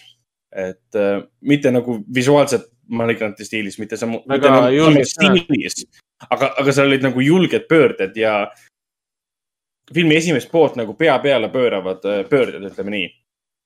aga ta ei ole sama vibe'iga kui Malignant, mitte mingil juhul, see Malignant on pöörane ja sõge film. see film on pigem turvaline, õudukas um,. seal ei ole, ta ei ürita sulle nagu vaipa alt ära tõmmata. aga, aga talle tuleb anda andeks see, et algus on aeglane, algus teeb kõike väga klassikaliselt, aga õnneks Rebecca Hall kannab kogu filmi ja Rebecca Hall on väga äge. minu arust see inimene pole aastast kaks tuhat üksteist kordagi vananenud ja ta on kolmkümmend üheksa. ma arvasin, et, ma arvasin, et ta on mingi palju vanem inimene, aga ta on lihtsalt kolmkümmend üheksa minust mingi mõned aastad vanem. Okei okay,, aga mul tegelikult saab aeg otsa, et ma tahaks rääkida kiiresti äh, Venomistest äh,, väiksed äh, jupid ootavad äh,. nii äh,. oota, oota, mainime, mainime ennem ära, et äh, siin kaheksandast oktoobrist siis äh, Foorum Cinemas kinodes alustaski, alustas ka Adamsite suguvõsa kaks, libaandid meie seas ja igal kolmapäeval saab näha kinoklassika raames ka Romeot ja Juliet kinosartes alustas kaheksandast oktoobrist siis Margrethe Põhjamaade kuninganna Trine Tülhumiga peaosas. Ja mainin kiiresti ära ka, et siis kuna täna, kümnendal oktoobril saab Artis äh,, sai Artis siis kaheteistkümne aastaseks, siis me äh, loosime välja kümnendast oktoobrist kuni kolmekümne esimese oktoobrini nende inimeste vahel, kes ostavad endale pileti, olles registreeritud kasutajad. loosime välja siis äh, tasuta pääsme Artisesse kaheteistkümneks kuuks see on siis meie sünnipäevakingitus uh,. kaksteist meie... kuud, peab see ikka ja. lahkelt lahmiti, siis ma vaatan. No aga miks mitte, meil on väga ustavad kliendid äh,. loosime nende vahel ühe, ühel inimesel võimaluse käia kogu aeg meie kinos kõiki filme vaatamas. et äh, see on meie kingitus teile, tulge Artisesse aga jah, pluss kaksteist on hea, ilus vanus ka. vot, aga räägimegi siis, äh, räägimegi siis kinofilmidest ehk siis Venom kahest ähm, mis see eesti keele peale aga mis mõttes? Carnage alustab. jah. kuidas, kuidas Veiko juba selle ära nägi? Ma nägin eellinastust äh,, eellinastust äh,, ma ennem rääkisin sellest tegelikult juba äh, al alguses. Okay,. et meil oli eellinastus seal äh, Cinnamonis, siis vaatasime suurelt ekraanilt seda ilusti äh,. natukene jagasime Nenni ka, Venomi fänni stuff'i, mul on ka üks Venomi koomiksil siin, siin ja keegi kinkis mulle Venomi kuju, kuju ka siin koos maskiga hmm.. huvitav, huvitav, kes see oli, Hendrik? Nii et äh, aga põhimõtteliselt noh, review on tegelikult kinoveebis üleval ka, võite minna lugeda äh,, pealkiri on väga selgelt äh, pandud mul, et äh, Venom, Let there be carnage muudab Marveli kinouniversumit igaveseks. ma meele, meelega su arvustust ei lugenud, sest mul oli see, et spoilerid. ma ei tea mitte midagi, mis seal filmis toimub. ei, see ei ole spoiler, selles mõttes, et ma, ma, ma olin äh, väga spoileri äh, free review on see, et Äh, no põhimõtteliselt äh, ma rääkisingi seda, et esiteks see teine osa on otsene järg. Esimesele, see läheb edasi sellega, kus kohas äh, siis äh, see Cletus, Cletus Cassidy äh, nii-öelda noh, see, vaata, esimene film lõppes ju sellega, see post-credit scene oli, kus me nägime Woody Harrelsoni kui Cletus Cassidy, kes on natukene lugenud DC koomikseid, teab täpselt, et Cletus Cassidy on kõige kuulsam Carnage'i host, on ju ähm,. Äh, Eddie Brock ei ole ju ainukene Venomi host, need on terve hunnik, lihtsalt on kõige, kõige nii-öelda kõige tuntum võib-olla või kõige esimene siis tegelikult, ma ei, võib-olla isegi mitte kõige tuntum, on ju. siis äh, Clitus Cassidy on sama asjaga nüüd nagu Carnage'ile, küsimus on, kes on Carnage? hea küsimus, film, film ei räägi sellest nagu üldse. Carnage on tegelikult äh, nii-öelda nagu freak accident äh,. me ei hakka seletama, kuidas need sümbioodid sünnivad, neil on suur hive mind, nad elavad üle universumi, nad on ultra äh, vastupidavad äh, niisugused nagu organismid, aga nad ei saa elada üksinda või nad ei saa elada ilma teisteta, on ju äh,. siis nendel on omaette sünniprotsess, nende värvid tähendavad asju äh,. esimeses filmis võib-olla nad korraks mainisid seda, et miks see Riot oli tugevam kui, kui, kui Venom on ju, siis siin filmis on ainult üks stseen, kus kohas Venom näeb seda Carnage'it, ütleb holy fuck.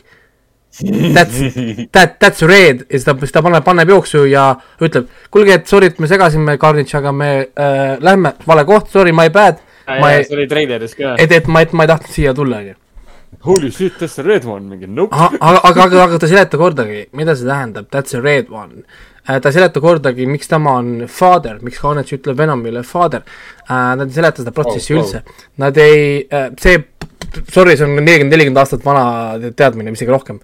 kuule, kuule, kuule, kuule, aga Siis- mina ei tea. siis äh, Carnage on, on muidu. ainukene äh, female võib-olla sümbioot ka, aga seda ka ei puudutata filmis. see, see, see, neid ei puuduta filmis üldse, film ignoreerib kogu kõike seda, mis ma praegu nagu räägin, mis peaks tegelikult olema. film lihtsalt äh, väga kiiresti käsitleb seda teemat ja, ja minu suur kriitika oligi nagu see, et film on põhimõtteliselt äh, Eddie ja siis selle sümbioodi niisugune nagu pikering, nad on nagu vana abielupaar, nad lihtsalt lasevad üksteise suunas ja, ja, ja nagu nad proovivad omavahel nagu elu elada. ja, ja siis nad lähevad, no natukene aega nagu omavahel lahus, siis nad on jälle koos, niisugune nagu niisugune, niisugune lõputu pikering ja huumor, see naerab palju, see on, see on, see on päris hea huumoriga film, täpselt nagu esimene oli. siis see et Cletus Cassidy roll jääb natukene kahjuks nagu nõrgaks minu, minu jaoks nagu see, et ma, mitte see, et umbes Woody teeb halba tööd, nope, ta on väga hea, selles mõttes nagu serial killer, ehk siis ta ei ole füüsiliselt ohtlik, umbes ei ole umbes see, et ma tunneks, et on füüsiliselt ohtlik, nope, tal on see creepy. tal on see creepy, creepilisuse tase on piisavalt kõrge, et sa tunned kogu aeg, kogu aeg, et midagi on valesti või see vend hõõrub nagu valesti. on ju. samad probleemid, mis esimeses on ja Eddie Brock on pointless äh, aja, ajakirjanik, ta ikka käib oma selle pisikese kuradi mätmikuga ringi kogu see crap on samuti, nad nad ei seleta, miks äh,, miks Cletus Cassidy kutsub just Eddie Brocki nii-öelda oma hukkamisele, et temaga rääkida, onju, ühesõnaga siin on, plot hole on siin sita kanti nagu onju, aga see ei ole see, miks ma seda filmi vaatan või miks Venomi fännid seda filmi vaatama lähevad, onju, see on, see on, see on äh, see on äh, ikkagist äh, superhero movie, onju. Siis üks asi, mida nad tegelikult tegid, tegid nagu õigesti, mida ma nagu vaatasin, ma juba spoilin, mis asi see on. esimeses filmis oli, see oli siin filmis ka, see on seotud Venomi sünnilooga, väga oluline detail on puudu siit filmist siiamaani olnud Venomis, sest Venom ei ole tegelikult Eddie Brocki oma. tuletame meelde, et Venom on Spider-man'i oma. Right, aga, Venomi film skip'is selle, sest Spider-man ei eksisteeri ju. selles mõttes, et ta läks otse ju Eddie, Eddie, Eddie Brockile nii-öelda. aga, aga põhjus, miks Venom üldse saab inimestega tegelikult üldse nagu kokku minna, ongi tänu sellele, et ta esimesena puutus kokku Spider-maniga. ma lihtsalt räägin, kuidas see Venomi sünni, sünni, sünnilugu nagu oli ja siis see, mis ta Spider-mani käest õppis ja sai, andis talle tegelikult võime ka inimestega ühilduda, tegelikult sümbioodid naljalt teha ei saa siis äh, nad on kahes filmis tegelikult hoidnud ühte väga huvitavat nagu joont äh, ja ma ootan nagu lahendust sellele, kas siis tulevikufilmides või whatever filmides on ju, nad on näha, kuhu nad sellega nagu lähevad, mis sellest fenomenist siis nagu saab. aga, aga ei äh,, mis ma siis äh, ütleme, tugevad punktid, kiiresti räägid ära, ma kiirustan sellepärast, mul tegelikult on kiire, sellepärast tund- ma panen siin praegu niisugune pool pläbering äh,. teine oli siis äh,, kaks punkti on siin tugevad, esimene tugev punkt on see, et ta on hästi ajastatud emotsionaalne film. mida see tähendab, tähendab seda, et naljad on perfecto õigel ajal äh,. siin on emotsionaalseid stseene ka, kurvad stseenid väga õigel ajal, nad kõik asjad saavad nagu ajaliselt nagu väga hästi nagu paika. see film on ainult üheksakümmend minutit, see on ainult üheksakümmend minutit. ehk siis äh, ta on superhero filmi kohta ju nii lühikene film. Võiks ju mõelda, et mingi, mingi, mingi kaks tundi peale on tava, tavaline standard juba, nope, see on üheksakümmend minutit koos tiitrite ja kõigega, ehk siis see on väga nagu tihe tegelikult, nad, nad nagu väga palju asju lahmivad sulle korraga, noh, nagu nii-öelda. siis teine nagu tugev asi ongi see final battle, Venom versus Carnage, see suur CGI porno, aga see on hästi tehtud porno. jälle, ärme otsi siit loogika loogikat umbes, et aga miks ta tegi seda, sellepärast, et nad on tulnukad. That's, that, that's your fucking answer. lihtsalt, nii on nagu ja, ja, ja noh, see ei ole see film, kus me otsime seda mingit stsenaariumi sügavust siin, kindlasti mitte. see ei ole ja, ja mina jään ikkagi selle juurde, et, et Tom Hardy on ideaalne Eddie Brock, sorry, kui te olete lugenud seda mis iganes komiksid, siis Eddie Brock on jumala pointless ajakirjanik, ta on sama pointless kui Peter Parker on fotograafina, lihtsalt ja, ja, ja, ja, ja kui, ja kui sa proovid kaitsta Peter Parkerit fotograafina, siis nagu sorry nagu, vaat, vaata, noh nagu ei, ei, nad, nad see on mingi alter egode hunniaan, nad on lihtsalt kõrval, see on taust lihtsalt. see pole üldse oluline. ja, ja mina nautisin seda kinos oldud aega väga, kuigi seda vahepeal naeratas, see on kohati nii loll, skip ivad nii palju, nad proovivad isegi seda Cletus Cassidit ri, nagu ri-, redeem ida kui karakterit, mul oli ka, et äh, nope, nope, nope, nope, nope, selle jaoks sul peab olema mingi character development, aga, aga, aga, aga you forgot about that. ja siis hiljem muidugi ma läksin, vaatasin kohe Youtube'is oli Screen Ranti äh, Venom kaks bitch meeting, mis äh, oli lihtsalt puhas huumor. oota, mida, juba väljas või? no Am- Ameerikas on film kinodes olnud juba kaks nädalat, nii et äh, jah, okei ja, ja, make sense. nii et ähm, ma ei saa, ma tahaks öelda paar asja, aga ma ei saa öelda, sest äh, see spoiler filmile nagu konkreetselt spoiler ja kindlasti vaadake ära fucking end credit siin. see on game changer stuff mind, mind, mind blowing või? see on, tead, ta, ta oli nagu mind blowing, kui sa natukene mõtled, aga sa pead selle peale mõtlema, kui sa selle peale ei mõtle, siis on see nagu holy shit. osad inimesed plaksutasid saalis, sest kõigil oli nagu what the fuck is going on.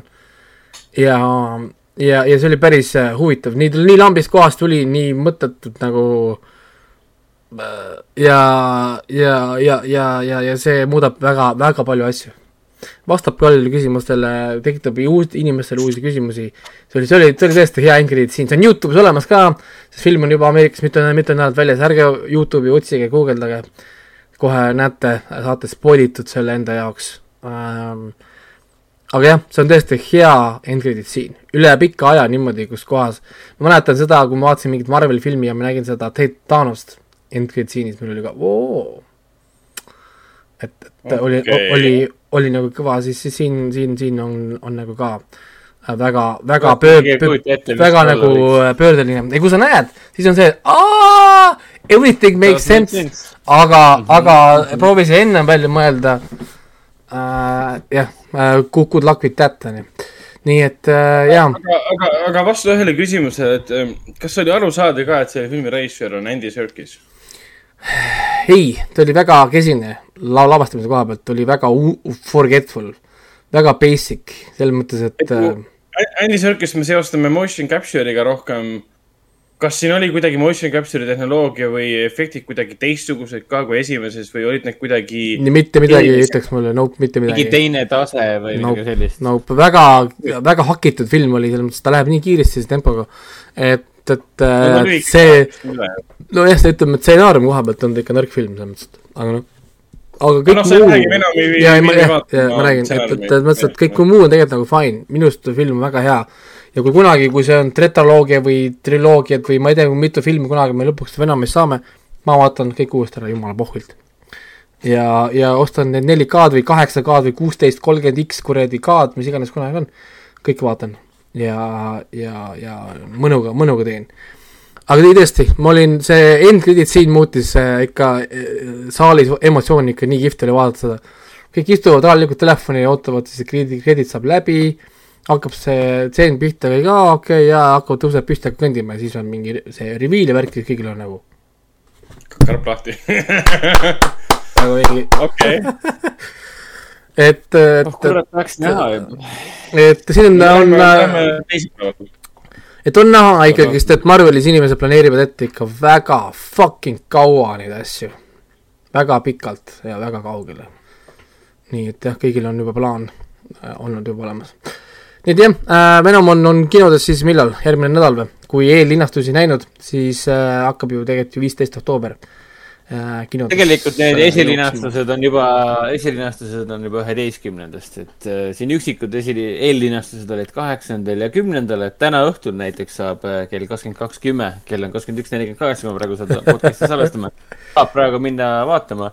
Ja just vaatasin ka, palju siin äh, pool saali on praegu läinud igatahes, pühapäeval kell äh, õhtul kell kümme jah, kell kakskümmend kaks kümme, jah. päris hea. ei, tasub, ta tasub selles mõttes äh, vaadata igal. juhul, aga lihtsalt ongi, et, et te peate nagu nii-öelda nagu oma ootuseid sättima, see ei ole endgame, see ei ole mingi ma ei tea, mingi Doctor Strange'id või, või, või mingi š- niisugused nagu need suured tugevad, vaata Marvel filmid, ta on omaette niisugune mõnus story, ta on oma kangelane, minu jaoks kuigi on all good, esimene, osa oli suurepärane. kuigi nad nagu väga palju, väga lõdvalt defineerivad seda Venomit, vaata, see Venom oli tegelikult ju põhiline Spider-man'i anti see villan või noh, Spider-man'i villan väga kaua aega, on ju.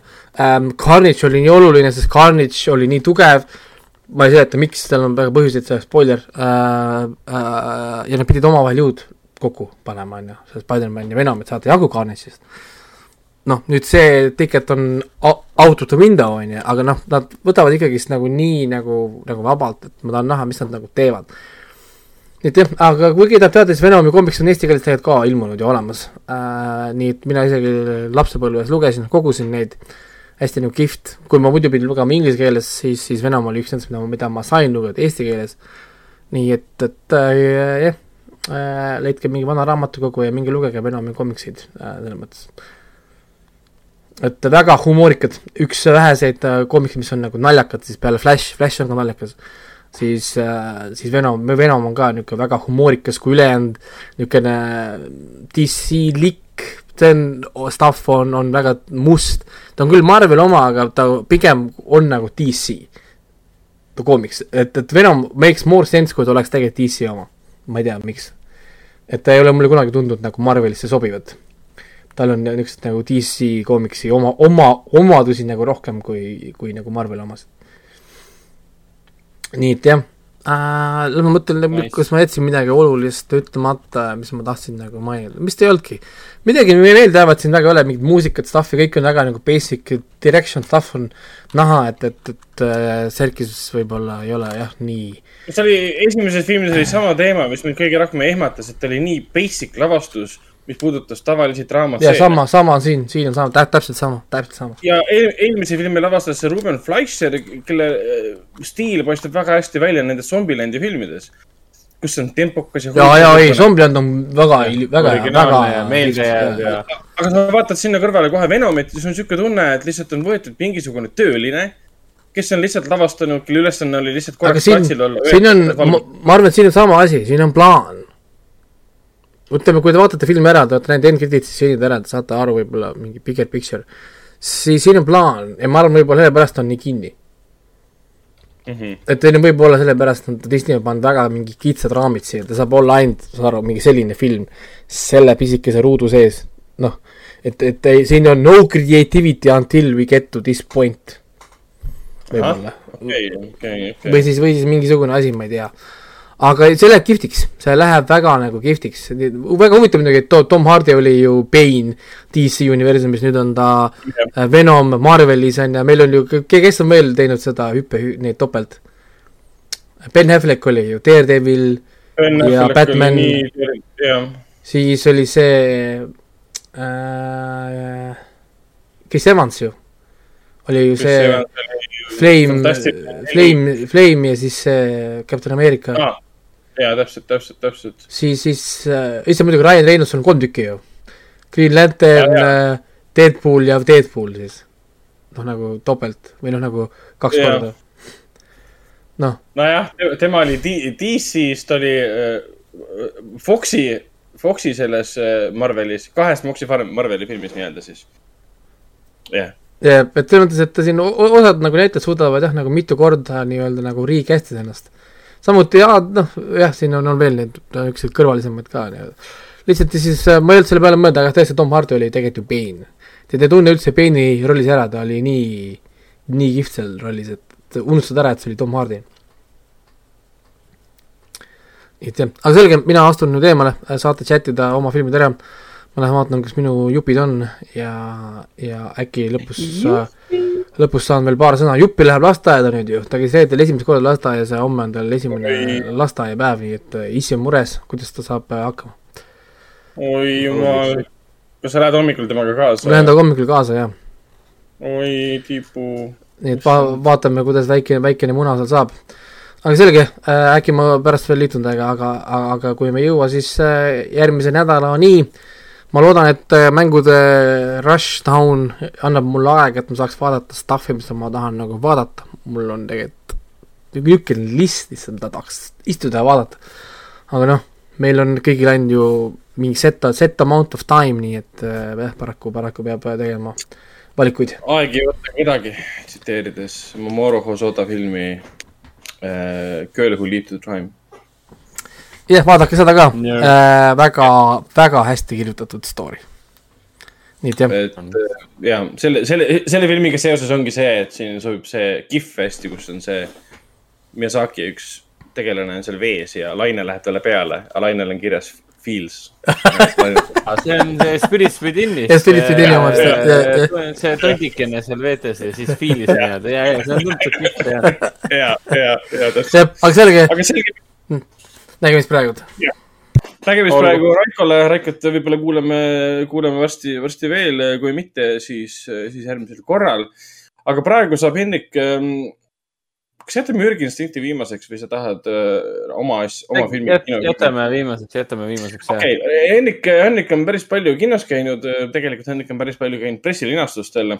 Hendrik vaatas ära koduaresti, mis alustas äh, kinos Artis, kas Plaza's oli ka koduarest või? ei, ei olnud, vaat Artises on koduarest, Aleksei German juuniori uus, uusim film, sama reisijal, kes tegi siis ähm, Dovlatovi näiteks. ja, ja lisaks vaatas Hendrik ära ka Hea paha võmm, Joe Carnahani uus, uusim film. Carnahan on praegu mm -hmm. on the roll, lavastab järjest ähm, action'it, viimati oli tal siis see boss, boss level ähm, Frank Grilloga. ja vaatas ära siis ka Ubisofti kõige tundmatumal mängul, VR-mängul põhineva kaudselt siis VR-mängul, tegelikult sellest on ju siis mingi muu mäng ka, see, ei, see oli see lauamäng või midagi, midagi laadset äh,. libahundid meie seas. kaardi, kaardimäng vist oli ikka või? jah, aga Hendrik, millest sa, millest sa alustada tahad? ma räägiks alguses siis Carnahanist ja Joss Ru-, Joss Rubeni uuest filmist, et Carnahan jah, siin hiljuti tegi ju, alles sellel aastal, äkki kevadel või suvel oli see Boss Level, kus oli siis peaosas Frank Grillo, Naomi Watts ja, ja Mel Gibson ka. ja, ja Carnahan on tõesti on roll, et ja juba ta tegi siis Gerard Butleri ja taaskord Frank Grilloga tegi siis siukse filmi nimega Cop Shop ehk siis eesti keeles Hea paha võmm. Ja siin selles Cop Shopis mängib ka üks väga äge naisnäitleja, keda ma ei ole kunagi varem kuskil näinud äh, ja kelle nimi oli Alexis, Alexis Lauder, kes on põhimõtteliselt selle filmi, põhimõtteliselt Cop Shopi peategelane tegelikult mm. -hmm. aga hämmastav, mis filmograafia sellel kuradi Joe Conahanil ikka on, et ta jaksab siin teha mingi eriti tõsiseid krimkasid, nagu see Ray Liotta ja Ray Liottaga oli see Narc. Narc ja kes seal veel mängis seal kõrval, ma ei mäleta enam. Narkil oli see ep epiline avatseen, kus ta seal ringi jookseb ühe kaadriga ja hästi vegi, verine ja vägivaldne avatseen. pea, peaosas oli seal mitte Liotta, vaid see, mis Isaacs ta nüüd on? ta oli, Pet-. ma ei mäleta praegu selle näitleja nime, aga ta on, minu arust oli ka perekonnanimi Isaacs, ma ajan nüüd Jasoneid. Jason, Jason Patrick. Jason Patrick, ja, ja. ja, ja siis Conahan tegi siin ju vahepeal selle A-rühma äh,, Charlotte Copley, Liam Neesoni äh, ja Bradley Cooperiga, mida peaks uuesti vaatama, sest äkki ta ei olnudki nii halb, kui ma mäletan. ma mäletan, et ta oli halb, aga Kanahan lavastas ka Liam Neesoniga The Grey, mis mina. jaa. koos Nordiga tema, tema parimaid filme. läbi aegade üks mu lemmikumaid filme on äh, film nimega The Grey, kus on siis Liam, Liam Neeson siis peaosas, mis on ääret-, nii, niivõrd, niivõrd, niivõrd hea draamafilm, et, et see liigutas mind südamepõhjani ja, ja ma nädalaid ja kuid kuulasin selle filmi soundtrack'i mis on nagu väga ilus ja poeetiline film. et soovitan kõigile vaadata, et kui just ei ole huntide vastu midagi, siis tasub kindlasti vaadata ja siis nüüd ta tegi post-leveli, post-leveliga ta, ta tuletas mulle meelde, et Frank Grillo on tegelikult äh, väga äge näitleja, mitte lihtsalt mingi teisejärguline B ja C ja F filmide näitleja. Ja et post-levelis oli ta lausa peategelane ja ta toimis seal väga hästi. ja, ja Cop Shopis ehk siis, mis on praegu Foorum Cinemas kinodes, Hea paha võmm, ta on koos Gerard Butteriga, kes saavad täiesti võrdselt äh, ekraaniaega ja nad on äh,, Cop Shopi sisu seisneb siis selles, et äh, pätt laseb ennast äh, kõrbe, kõrbementidel põhimõtteliselt kinni võtta ja pannakse kuskile kõrbe pärapõrgusse pokrisse. Väga lihtsa asja eest. noh, ja talle järgneb äh, Pätt ehk siis Frank Grillo ja talle järgneb äh, Gerard Butler kes samamoodi teeskleb, et ta on äh, lihtne pätt ja ta pannakse vangi. ja loomulikult asi läheb käest ära, sellepärast et Gerard Butler on tegelikult palgamõrsukas, kes on kõrgemate võimude poolt saadetud, sest Frank Grillo tegelane on äh, päti varas ja reetud ja ta tuleb maha lüüa. nii et meil on siis kaks kongi kaks meest, mõlemad on eraldi kongis ja üks neist tahab hirmsasti teise juurde saada, et ta maha lüüa. ja dialoog on väga hea äh,. kogu nende Grillo ja selle Grillo versus äh, Butleri olemus töötab tegelikult väga hästi. ja kui siia keskele panna ka see noor võmm äh, Alexis Lauder äh,, mustanahaline naisnäitleja, kes näeb väga cool, väga stiilne välja äh,, kellel on väga hea roll ka siin filmis. kus ta veel on? Ei ole teda, ta oli seal uh, Tomorrow Waris, aga ma ei ole Tomorrow Wari siiamaani näinud.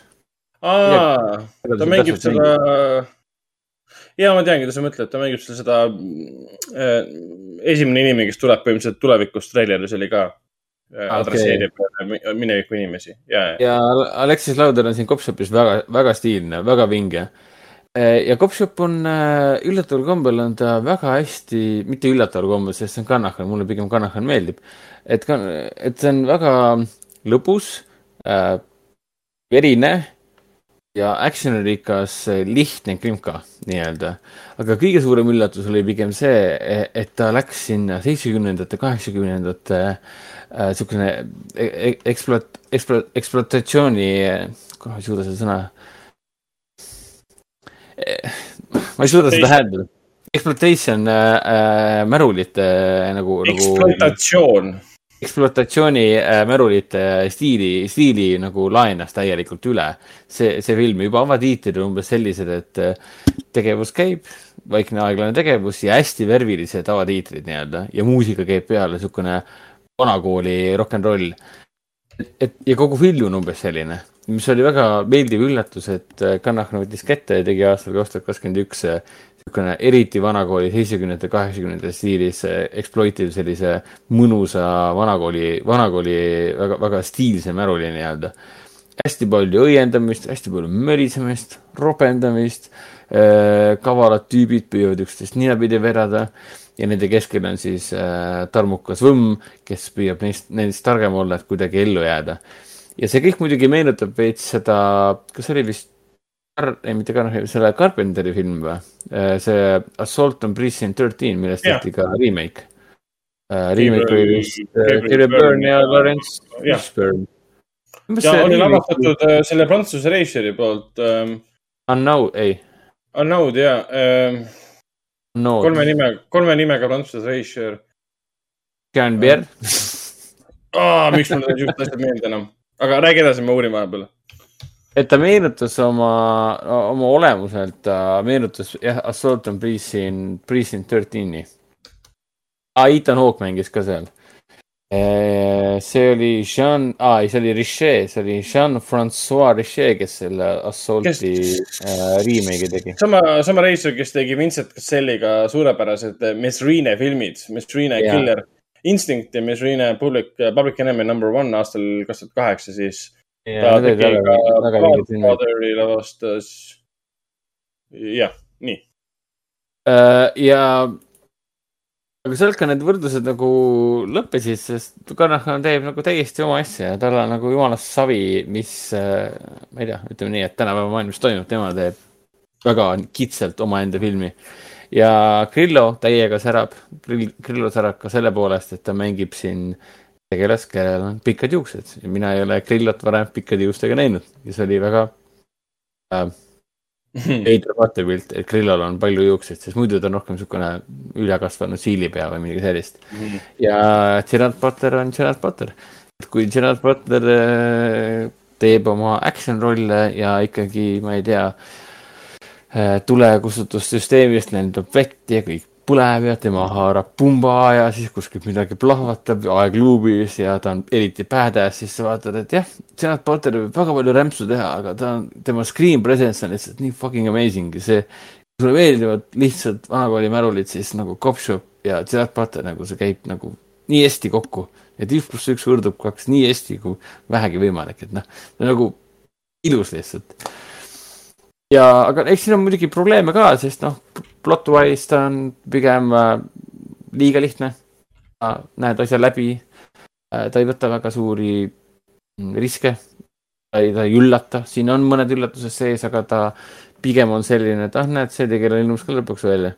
sa nagu ootad, ta on pigem ta vastab ootustele selles, selles alles, et kui sa oled selliseid filme varem näinud piisavalt palju, siis sa enam-vähem tead, mis toimuma hakkab mm. -hmm. aga õnneks Kanahani stiil ja näitlejate valik eh, tagab selle, et see on, meelelahutus on garanteeritud Uh, samamoodi saan öelda ka siis uh, Joss Rubeni uue filmi Werewolves Within'i uh, ehk siis libahundid meie seas kohta uh,, mis siis nüüd alustatakse, alustatakse kaheksandal oktoobril uh, tegemist on siis nagu enne mainitud äh, Ubisofti samanimelise äh, VR virtuaalreaalsus videomängu põhjal tehtud. mõned aastad tagasi tuli, kui ma ei eksi, Oculus VR-i peale ehk siis PC, PC VR kogemuse peale. ja, ja selle filmi äh, tootjaks äh, ongi sõna otseses mõttes äh, Ubisoft Studios äh,. seal on vist mingi filmstuudios või mis iganes eraldi asi on loodud.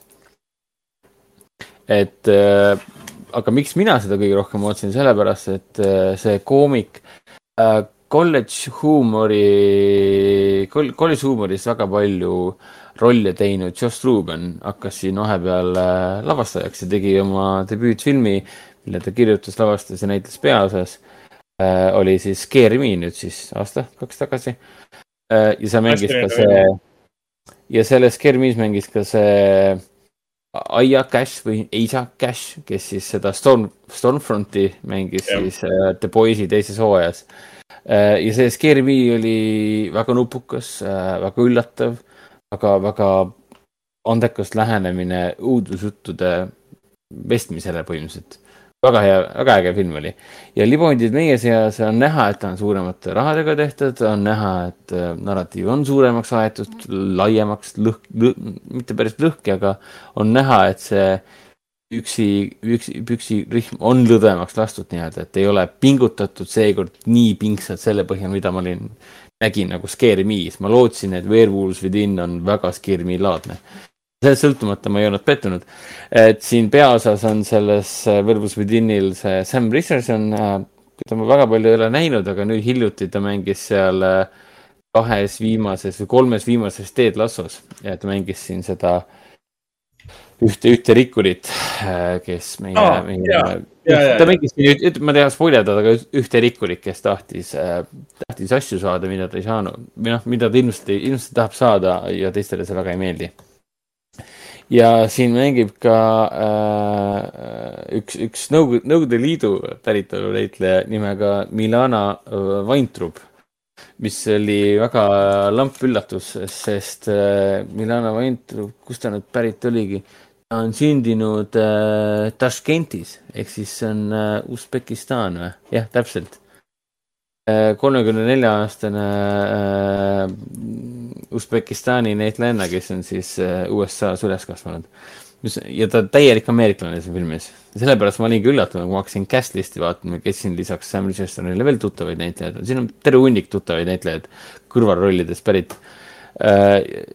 ja Verus Ufedini sisu räägib siis sellest, et väike äh, mägilinnakene, kus on väga palju veidrad tegelased. film keskendubki sellele, et tegemist on õuduskomöödiaga.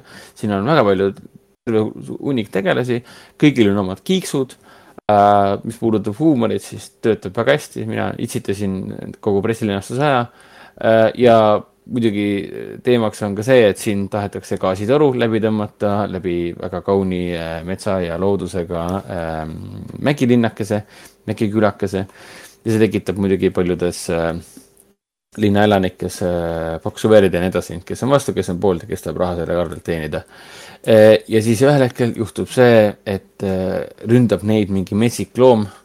Nad on kõik sunnitud jääma ühte majja kinni varjama ennast seal, kuniks nad avastavad, et, et, et miskipärast see loom saab sisse kogu aeg nende juurde, et neid rünnata ja nad on täiesti kindlad, et üks nende seas, nagu ka filmi pealkiri viitab äh, libahund meie seast, et üks nende seast on libahund.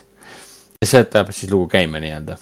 ehk siis äh, kordan veel, et äh, see on, tegemist on filmiga nimega Libahundid meie seas, Werewolves within väga mõnus mõnu, väga mõnusa huumoriga õuduskomöödia. kus on väga vinged tegelased, Sam Richardson ja see Milana Weintraub on väga lahe, väga, väga hea keemiaga dünaamiline duo äh,. Nende, nende omavahelised momendid on nagu selle filmi ühed kõrghetked, võib vist nii öelda äh,. Josh Rubeni lavastus on, ma ei tea, niisugune väga vahetu, väga mõnus, väga niisugune kiire, niisugune väga laadna, et sa nagu tunned ennast nagu kodus, et nagu selline, kui vaataks mingit seriaali E-, esimest osa või pilooti näiteks või. see on väga hea piloot, sa tahaksid veel vaadata seda. Et noh, lõpplahendus filmil võis olla natuke liiga ootuspärane või lihtne, aga selleks ajaks, kui me oleme lõpuni jõudnud, on see film oma sarmiga sind juba nii ära põlunud, et sa annad talle kõik andeks. et noh, Scare Me, Joss Rubeni debüütfilm meeldis mulle rohkem, sest oli lihtsalt nutikam Äh, oma, oma, oma indie-filmilikkuses nii-öelda, võib vist nii öelda. aga ma loodan küll, et Joss Rubenist äh, saab veel äh, palju, palju oodata. Et loodan, et ta saab veel palju võimalusi, et oma, oma andeid aina rohkem kasutada. igal juhul, kes tahab vaadata mõnusat, väga, tegelikult väga naljakat ja absurd, absoluutselt õuduskomöödiat, siis Libahundi meie seas on kindel soovitus Äh, ja siis ma vaatasin jah, nagu Ragnar mainis, vaatasin ära koduaresti Aleksei German juuniori, juuniori, juuniori äh, filmi äh,. tema seda, Ragnar on ka seda näinud vist või? jah. Et mina vaatasin selle mm, Dovlatovit ma olen ka näinud, kusjuures äh, selle German juuniori eelmist filmi, mis oli ka väga hea. tegelikult tõesti, ma Dovlatovist midagi Dovlatovist midagi eriti ei teadnud, aga mul elukaaslane väga hästi teadis ja on lugenud ka ja seda oli väga hea komöödia kusjuures, sõltumata raskest teemast ja nii edasi. aga noh, koduarest on ka üllatavalt naljakas. Aga millest ta siis räägib, ta räägib äh, sellest äh, Peterburi, ilmselt ei äh,, ilmselt räägib õppejõust äh,, kes äh, kohaliku linnapeaga läheb tülli, sest äh, õppejõud väidab, et linnapea on varastanud linnaraha. Äh, ja loomulikult äh, läheb asi absurdseks ja, ja süü, ei hakata süüdistama mitte linnapead, vaid süüdistama hakatakse hoopis süüdista-, süüdistajat, siis õppejõudu. ehk siis, kui ja. sina oled väike haritlane ja tuled siin võimupositsioonil olevat inimest süüdistama. tuleb korruptsioonile äh, näpuga näitama jah, täpselt korruptsiooni näpuga näitama, see tähendab seda, et tegelikult oled sina kõiges süüdi, sina oled väärdias. kõik asjad käivad nii, nagu nad peavad käima ja sina pole, sina väike inimene ei tule kuskile midagi ütlema, et see on vale. sina pead oma suu kinni pidama ja edasi teenima. ehk siis see on see kogu filmi idee. Ja nagu pealkiri viitab, koduarest äh, räägibki sellest, kuidas äh, see õppejõud on siis pandud see monitor on jala külge pandud ja tal kästakse põhimõtteliselt kodus olla seniks, kuni siis toimub see kohtuprotsess ära. ja sellega kaasneb muidugi linnapea, linnapea poolt äh, tekitatud ahistamine, kohale tellitud, võib öelda nii, et droonid, äh, nagu tänapäeval on kombeks saanud. Äh, ja siin sellega kaasneb ka väga palju huumorit tegelikult et mul üks parim moment siin filmis on see, et see on väga äge näitleja, kes seda peaosas mängib, ma ei tea, mis ta, mis see peaosatäitja nimi olla võib? kohe ütlen sulle. et väga äge näitleja, väga tuntud vene näitlejad käis siin läbi, keda ma nimepidi küll ei tea, aga ma Peak, nagu. peaks olema Merab äh, Ninitse. vot, väga äge näitleja, kes seda õnnetut ähm, õppejõudu mängis ja film muidugi arutab äh, väga pikalt sel teemal, et äh, mida tähendab elada äh, põhimõtteliselt riigis, kus kõik on korruptandid ja, ja ühel hetkel sul viskab üle ja sa mainid lihtsalt põhimõtteliselt sotsiaalmeedias süüdistad ja siis sa sotsiaalmeedias mõnitad ka sest sa tead, et sul on õigus ja tulemuseks saad sina hoopis süüdistuse. sina süüdistad linnapead selles, et tema varastas viis miljonit rubla. Sina saad süüdistada selles, et sina varastasid kolmkümmend neli tooli kuskilt äh, oma, oma ülikoolist, ülikoolist. kõik peavad, äh, kõik peavad saama karistatud, nii korruptandid kui ka korruptantide peale koputajad jah, sest koputada ei tohi. täpselt, aga see on hea, et sa seda tegid, siis me saame süüdistada inimest, kes on süüdi. aga me karistame sind, et sa koputasid. ja, et sel teemal arutatakse väga palju. minu meelest oli see küllaltki, küllaltki lihtne. selle koha pealt see arutlus ise. Et ei midagi, see ei ole kunstilises mõttes, ta ei ole midagi väga rasket vaatamist, ta on mõnus äh, muhe vaatamine, mis selgitab sulle väga lihtsas keeles lahti, mis tegelikult toimub, miks inimesel toimub ja kui absurdne on see absurdsus. eriti veel see, et see ei ole ainult filmi absurdsus, vaid see on, see on ka reaalsus nii-öelda meie ümber äh, ja, ja väidetavalt see Aleksei German Junior ikkagi oli inspireeritud Kirill Serebrennikovist, vene lavastajast, kellel hetkel on ka ju film kinos. Petrovi Kripi küsis. jah, ta ise, ise küll väidab, et. filmi ja Kirill Serebrennikov lavastas ju Petrovi Kripi küsis, olles koduarestis praegu ta on seal juba olnud äh, päris mitu aastat jah, ja tal on samamoodi, et teatriga seoses äh, rahapesusüüdistus. kuigi ja, Aleksei German juunior ei ole ise kord kunagi välja öelnud, et see põhineb temal tõenäoliselt kui... ta ei taha seda välja öelda, sest muidu tal tekivad jamad. ja kui Kirilli käest seda küsiti, siis Kirill ütles, et ei, mina ei tea, kas see ikka minul põhineb. ehk siis nad teevad kõik kollektiivselt, et see põhineb temal, aga keegi seda kunagi välja ei ütle, sest see tekitaks kohe tagajärje. see on nagu absurdne niisugune nagu metatasand tekib, sest noh, filmis julgetakse välja öelda ja räägitakse sel teemal, et mm. niikaua kui keegi midagi ei julge välja öelda, nii kaua ei muutu ka aga siis jälle öeldakse, aga kui ma hakkan võitlema siin korruptantidega, see tähendab seda, et ma kaotan kohe, et mul pole mõtet võideldagi ähm,. aga jaa, väga äge film, mulle, mulle väga meeldis, tõesti läks nagu hinge ja, ja filmi lõpp oli ka umbes nii, et äh, vala või pisarat, et noh. ja, ma kujutan ette, et on, on raske teha filmi absurd, absurd, absurdi täis filmi absurdist, aga, aga German Junioril õnnestus see väga-väga hästi. jah absoluutselt. Äh, ja äh, tahakski lõpetada selle kõige, minu meelest kõige säravama momendiga, et kui see õppejõud on rahulikult kodus, jälle saabuvad need droonid ehk siis kohale tellitud äh, protestijad tulevad ja karjuvad seal hästi monotoonselt ja masinlikult põhimõtteliselt neile ette antud teksti.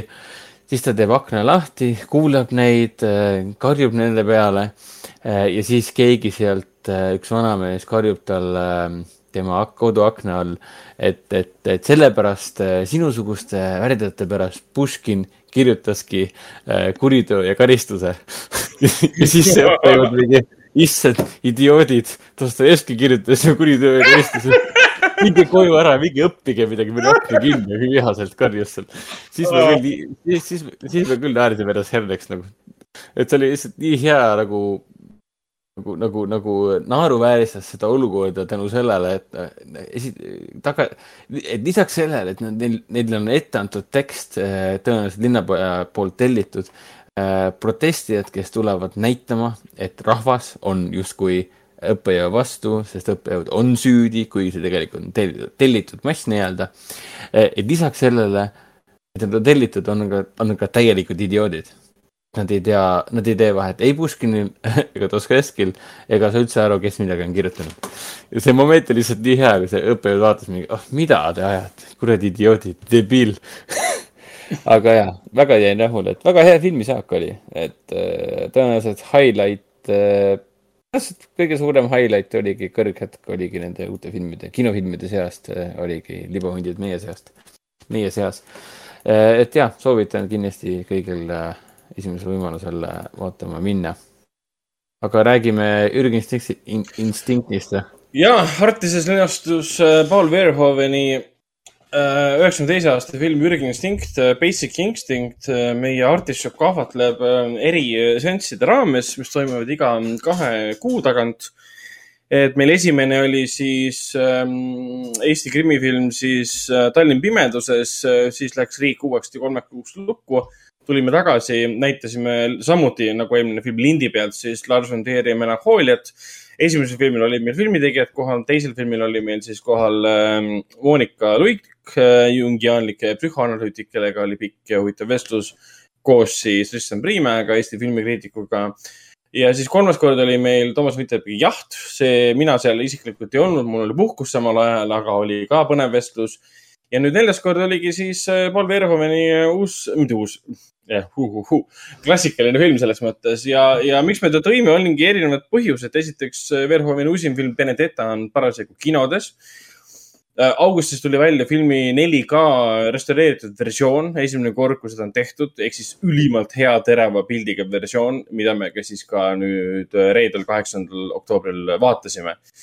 tõesti ilus pilt. Ja, ja teine põhjus muidugi on, või kolmas põhjus ongi, miks me näitasime, selle ümber sai teha huvitava vestluse. Ja meile tuligi psühhoanalüütik Endel Talvik rääkima, noh, mina temaga rääkisin seal publiku ees. Ja tundus, et inimestele meeldis, inimesed küsisid küsimusi ja eh, Endel suutis avada filmi hoopis teise nurga alt. Eh, võib-olla aitas ka paremini filmi mõista, et ta ei ole ainult mingisugune šlokk triller, kus on palju seksi ilusad inimesed nagu Michael Douglas ja, ja Sharon Stone, vaid see on ikkagi psühholoogiliselt hästi lavastatud. ta on psühholoogiliselt ülimalt hästi läbimõeldud, kõik planting ud ja, ja payoff'id kaadri liikumised on ka psühholoogiliselt meelestatud, simuleeritud või, või kuidas sa, kuidas sa sõnastad seda, mida ma tahan sellega öelda, ongi see, psühholoogiliselt on kõik paigas. Nii karakterite motivatsioonid kui ka kaamera liikumine. võtame kasvõi filmi lõpu, noh, see on nii ja. legendaarne lõpp lihtsalt. ja, ja kes ei tea, mis asi on ürginstinkt, siis see on film sellest, kuidas Catherine Trammell, keda mängib siis Sharon Stone teda süüdistatakse äh,, mis ta nüüd oli, poksija või? ei, räppar või, muusik, endine, endine rokker. endine rokker, endine rokker. Johnny, Johnny Boosi, Boosi mõrvas äh,. Vähemalt esialgu teda ei süüdistata, esialgu teda lihtsalt kahtlustatakse ja hakkavad siis uurima Johnny Boosi mõrva, kelle mõrva me filmi alguses näeme, aga me ei näe, kes mõrva sooritab, tal on juuksed näo ees aga, aga meile vihjatakse, et näed, see on seesama Catherine Tremel, sest ta on sama kehaehitusega, samad juuksed ja kõik siuksed asjad. ehk siis meie kui vaataja arvame juba, et me teame, et ta on mõrvar. nüüd tekib küsimus, kas ta jääb vahele või mitte. Ja... ega, ega meie ka täpselt ei tea. no, no täpselt. Ja see on, see on, see ongi selle filmi, see on selle režissööri, esiteks Paul Verhoeven on lege vend äh, võtame tema filmid juba, Robocop, millest sündis lõpp, lõpp, lõpmatu seeria um,. Total Recall Arnold Schwarzeneggeri ja Sharon Stone'iga uh,. Stone mängis seal ka mm. -hmm ja Starship Troopers, millele lõputult järgesid um,. Hello Man, mis on tegelikult alahinnatud väga hea film. Kevin Baconi ja noore Josh Broliniga, L, Benedetta, Black, Black Book ja kõik need ja, ja kogu filmi põhimõte esialgu tundubki nagu seisnenud siis selles, et sul on uurijad, kes vaatlevad siis Catherine Tremelli äh, tahtes teada, kas ta tappis või mitte. ja siis see muutub mänguks, kus siis äh, Michael Douglase karakter, see, mis ta nüüd nimi oli, Curran äh,, justkui armub temasse ära ja hakkavad siuksed, siuksed seksuaalsed mängud, et on temasse armunud. Ta on veendunud, et ta ei ole killer, siis meil tekitatakse, tekitatakse mulje, et ikkagi on killer ja ma arvan, et võime seda filmi nüüd spoilerdada ka, aga mulle nii, ma, ma olen seda filmi varem näinud no,. nii vana film, et seda võib kõike spoilerdada tõenäoliselt. mingi kolmeteistaastasena võib-olla nägime, aga ta on nii huvitav, sest kogu film tegelikult. mina ei mäleta mitte, ma mäletasin ainult seda ühte stseeni, mille, mille järgi kõik inimesed seda filmi teavad. no ja see leg crossing stseen um,. aga, aga kogu film tegelikult räägib sellest, kuidas Catherine Tramell kirjutab uut raamatut ja tal on vaja inspiratsiooni selleks ta tapab hunniku inimesi, tõmbab oma mängudesse hunniku inimesi, tapab seal hunniku inimesi, et saada oma raamatut kirjutatud. vaata kui geniaalne, et kirjutada raamatut, sul on vaja päriselu sündmuseid, millest sul puuduvad teadmised. sa ümbritsed ennast inimestega, kellel on teadmised, õpid neid tundma, nendega näiteks seksides, neid tappes, mis iganes manipuleerides ja ta saigi filmi lõpuks raamatu valmis ja sai oma tahtmise. Mida ta muidugi. kurikaval, äh, kuratlikult kurikaval äh, ja. naine, kes põhimõtteliselt isiklikult elab läbi teatavad momendid äh, oma elus, et, et kirjutada selle momendi põhjal yeah, raamat yeah.. kuigi noh, selle Johnny Boosi puhul oli teistmoodi, et raamat oli juba ilmunud, kus oli Johnny Boosi tapmine, tapmine sees. aga, ja mida ta nagu süžeeliselt, mida ta ette ei, aimanud, on see, et ta armub äh, siis Currani karakterisse. tal oli plaan ta ära tappa, ta ütles seda mitu korda filmi jooksul, et minu raamatus äh, uurija sureb. ja me ootasime seda hetke ja see hetk lõpus, seda ei tulnud, aga me teame, et ta tuleb ühel hetkel. aga see hetk, kui nad vaatavad üksteisele voodis otsa ja me näeme Catherine'i kätt kuskil äh, voodi all. me teame, et ta võtab sealt noa ja tapab ta ära. aga selles mõttes ei võta seda nuga, hoopis kallistab teda eriti dramaatilise kaamera whip'iga, eriti võimsa Jerry Goldsmiti muusikaga. See on niisugune tunne, et nüüd lööb, aga ei löönud ja see jäi nagu tulemata, aga me teame, et see kunagi tuleb. ehk siis see film on täielik üheksakümnendate klassika see on lõputult analüüsitav, ta on, ta on selles mõttes klassika ka, et ta on tõeline tükk filmikunsti. kuidas valgustada, kuidas ehitada dramaatilist pinget, kuidas, mis iganes seksitseenid filmida, mis olid kohati täiesti jaburad selle koha pealt, et nagu. ja, sa mõtlesid, et Oliver Hoven on ikka. Sõge vanamees, kes on viiskümmend aastat olnud õnnelikus abielus ja teeb siukseid filme. ja ta on alati nii andekas olnud selle koha pealt, et ta justkui nagu Starship Troopers näiteks, et nagu sa olid täielik mingi hurraa patriotistlik äh, kuradi Ameerika sõdurite film nii-öelda. aga ja. samal ajal ta teeb nagu eriti räiget kommentaari just sellesama teema pihta. ja siin Basic Instinctis on samamoodi, mingi räme seksiseen on ja siis see ma ei tea, kas see oli tahtluslik või mitte tegelikult, aga siis äh, Sharon Stone tõmbleb, nagu ta oleks teemonist seestatud ja selg läheks kohe katki nagu katkine robot. siis me mõtlesime küll pärast filmi, et nagu, mis siin tegelikult toimub et miks see nii imelik ja miks see sihuke paroodia vormis kohati on. ja nii hästi lavastatud ka need kuradi action stseenid autodega. mul on nagu meelest ära läinud, et ja, ja olid ajad, kui autod füüsiliselt sõitsid ringi Äh, välja valitud maanteel ja, ja ohumoment oli tänu sellele, et need kõik on nagu päris tegelikult. seda, mida filmitakse, on nii-öelda päris yeah.. et see ohumoment on tänu sellele nagu palju suurem vaataja jaoks, et tänapäeval on see, et noh, let's throw in, throw in some CGI ja tehtud nii-öelda, et noh, või green screen ja. et noh, seda ma küll mainima, et ma ei ole kunagi leidnud, et äh, Michael Douglas oleks väga, ma ei tea stabiilne või šarmantne, et ma ei tea, minu jaoks ei ole. kui ma mõtlen mingi erootilise trilleri peale, siis nagu Michael Douglas on küll viimane inimene, keda ma sinna peaossa oleksin cast inud. ei no sa mäletad teda võib-olla vanema näitena. ka. ei, ma mäletan teda nooremana ka, sest ma ikka noorest peast ikka nägin kõik need, mis oli see Falling Down, oli vist Falling Down või?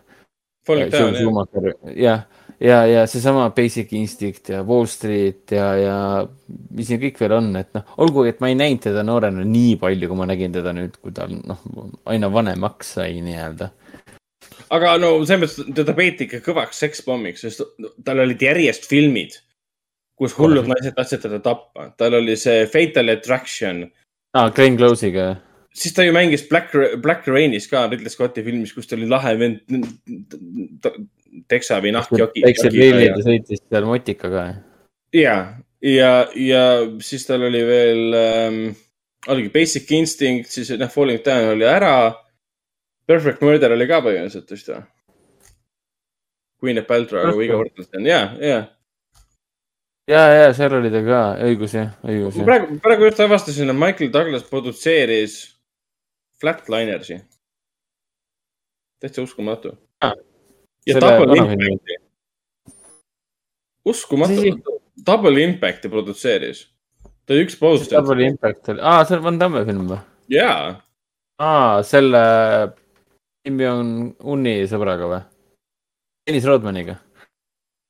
ei, seal ei olnud Dennis Rodmani. kas Double Impactis ei olnud Dennis Rodman ühes peaosas või?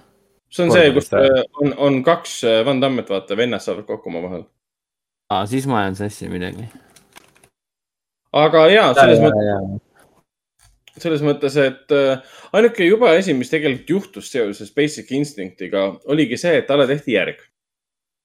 talle tehti järg. see oli double team, see oli double team. ja, ja, et Basic Instinct tehti järg. aastal kaks tuhat kuus tuli see siis välja, neliteist aastat hiljem. oli pikalt olnud siis ka development äh, nagu limbos ja nagu ilge rämps, noh, ma, minu, minu arvamus, et on ilge rämps, põhineb sellel, eh, ma ei ole teda näinud, ma sihilikult olen sellest filmist hoidunud. sellele, et ähm, kõik seda ütlevad, ta kukkus igas võimalikus võtmes läbi, samal ajal kui eelmises filmis sai kultuslegend. ja äh, Michael Douglas ilmselgelt tagasi ei tulnud, aga Sharon Stone tuli. ja Michael Captain Jones lavastas selle filmi, kes tegelikult on hea režissöör ta tegi näiteks äh, The Jackal'i, mis on alahinnatud, Rob Roy, mis on päris hea ja jah, ega ta vahepeal väga häid filme rohkem midagi teinud. Anyway okay. Äh, aga, aga teises osas jah, siis äh, seal hakkab teda siis, Catherine Tramelli hakkab uurima pärast mingit mõrvel ähm, siis üks see David Morrissey, kes on siis psühhoanalüütik, hakkab teda uurima.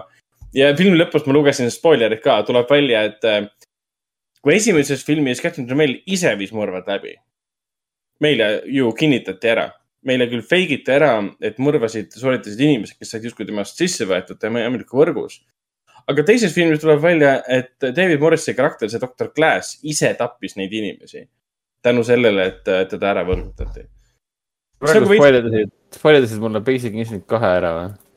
no ilgelt kurb, jah. Never mind, jah, okei okay aga ja, igatepidi võimas film. järgmine artišoki mm, ahvatleb on meil siis äh, Ameliga, äh, kahe tuhande esimese aasta film, Jean-Pierre Jeunet lavastatud. From the director of äh, Alien Resurrection. jah, täpselt niimoodi ja, ja mm, Audrey Tautou mängib seal. aprillis anti filmist, filmist välja siis restaureeritud versioon, sest kakskümmend aastat sai läbi mööda, kahekümne aasta siis aastapäeva puhul anti digitaalse restaureeritud versioon välja ja seda me näitame siis kümnendal ähm, detsembril.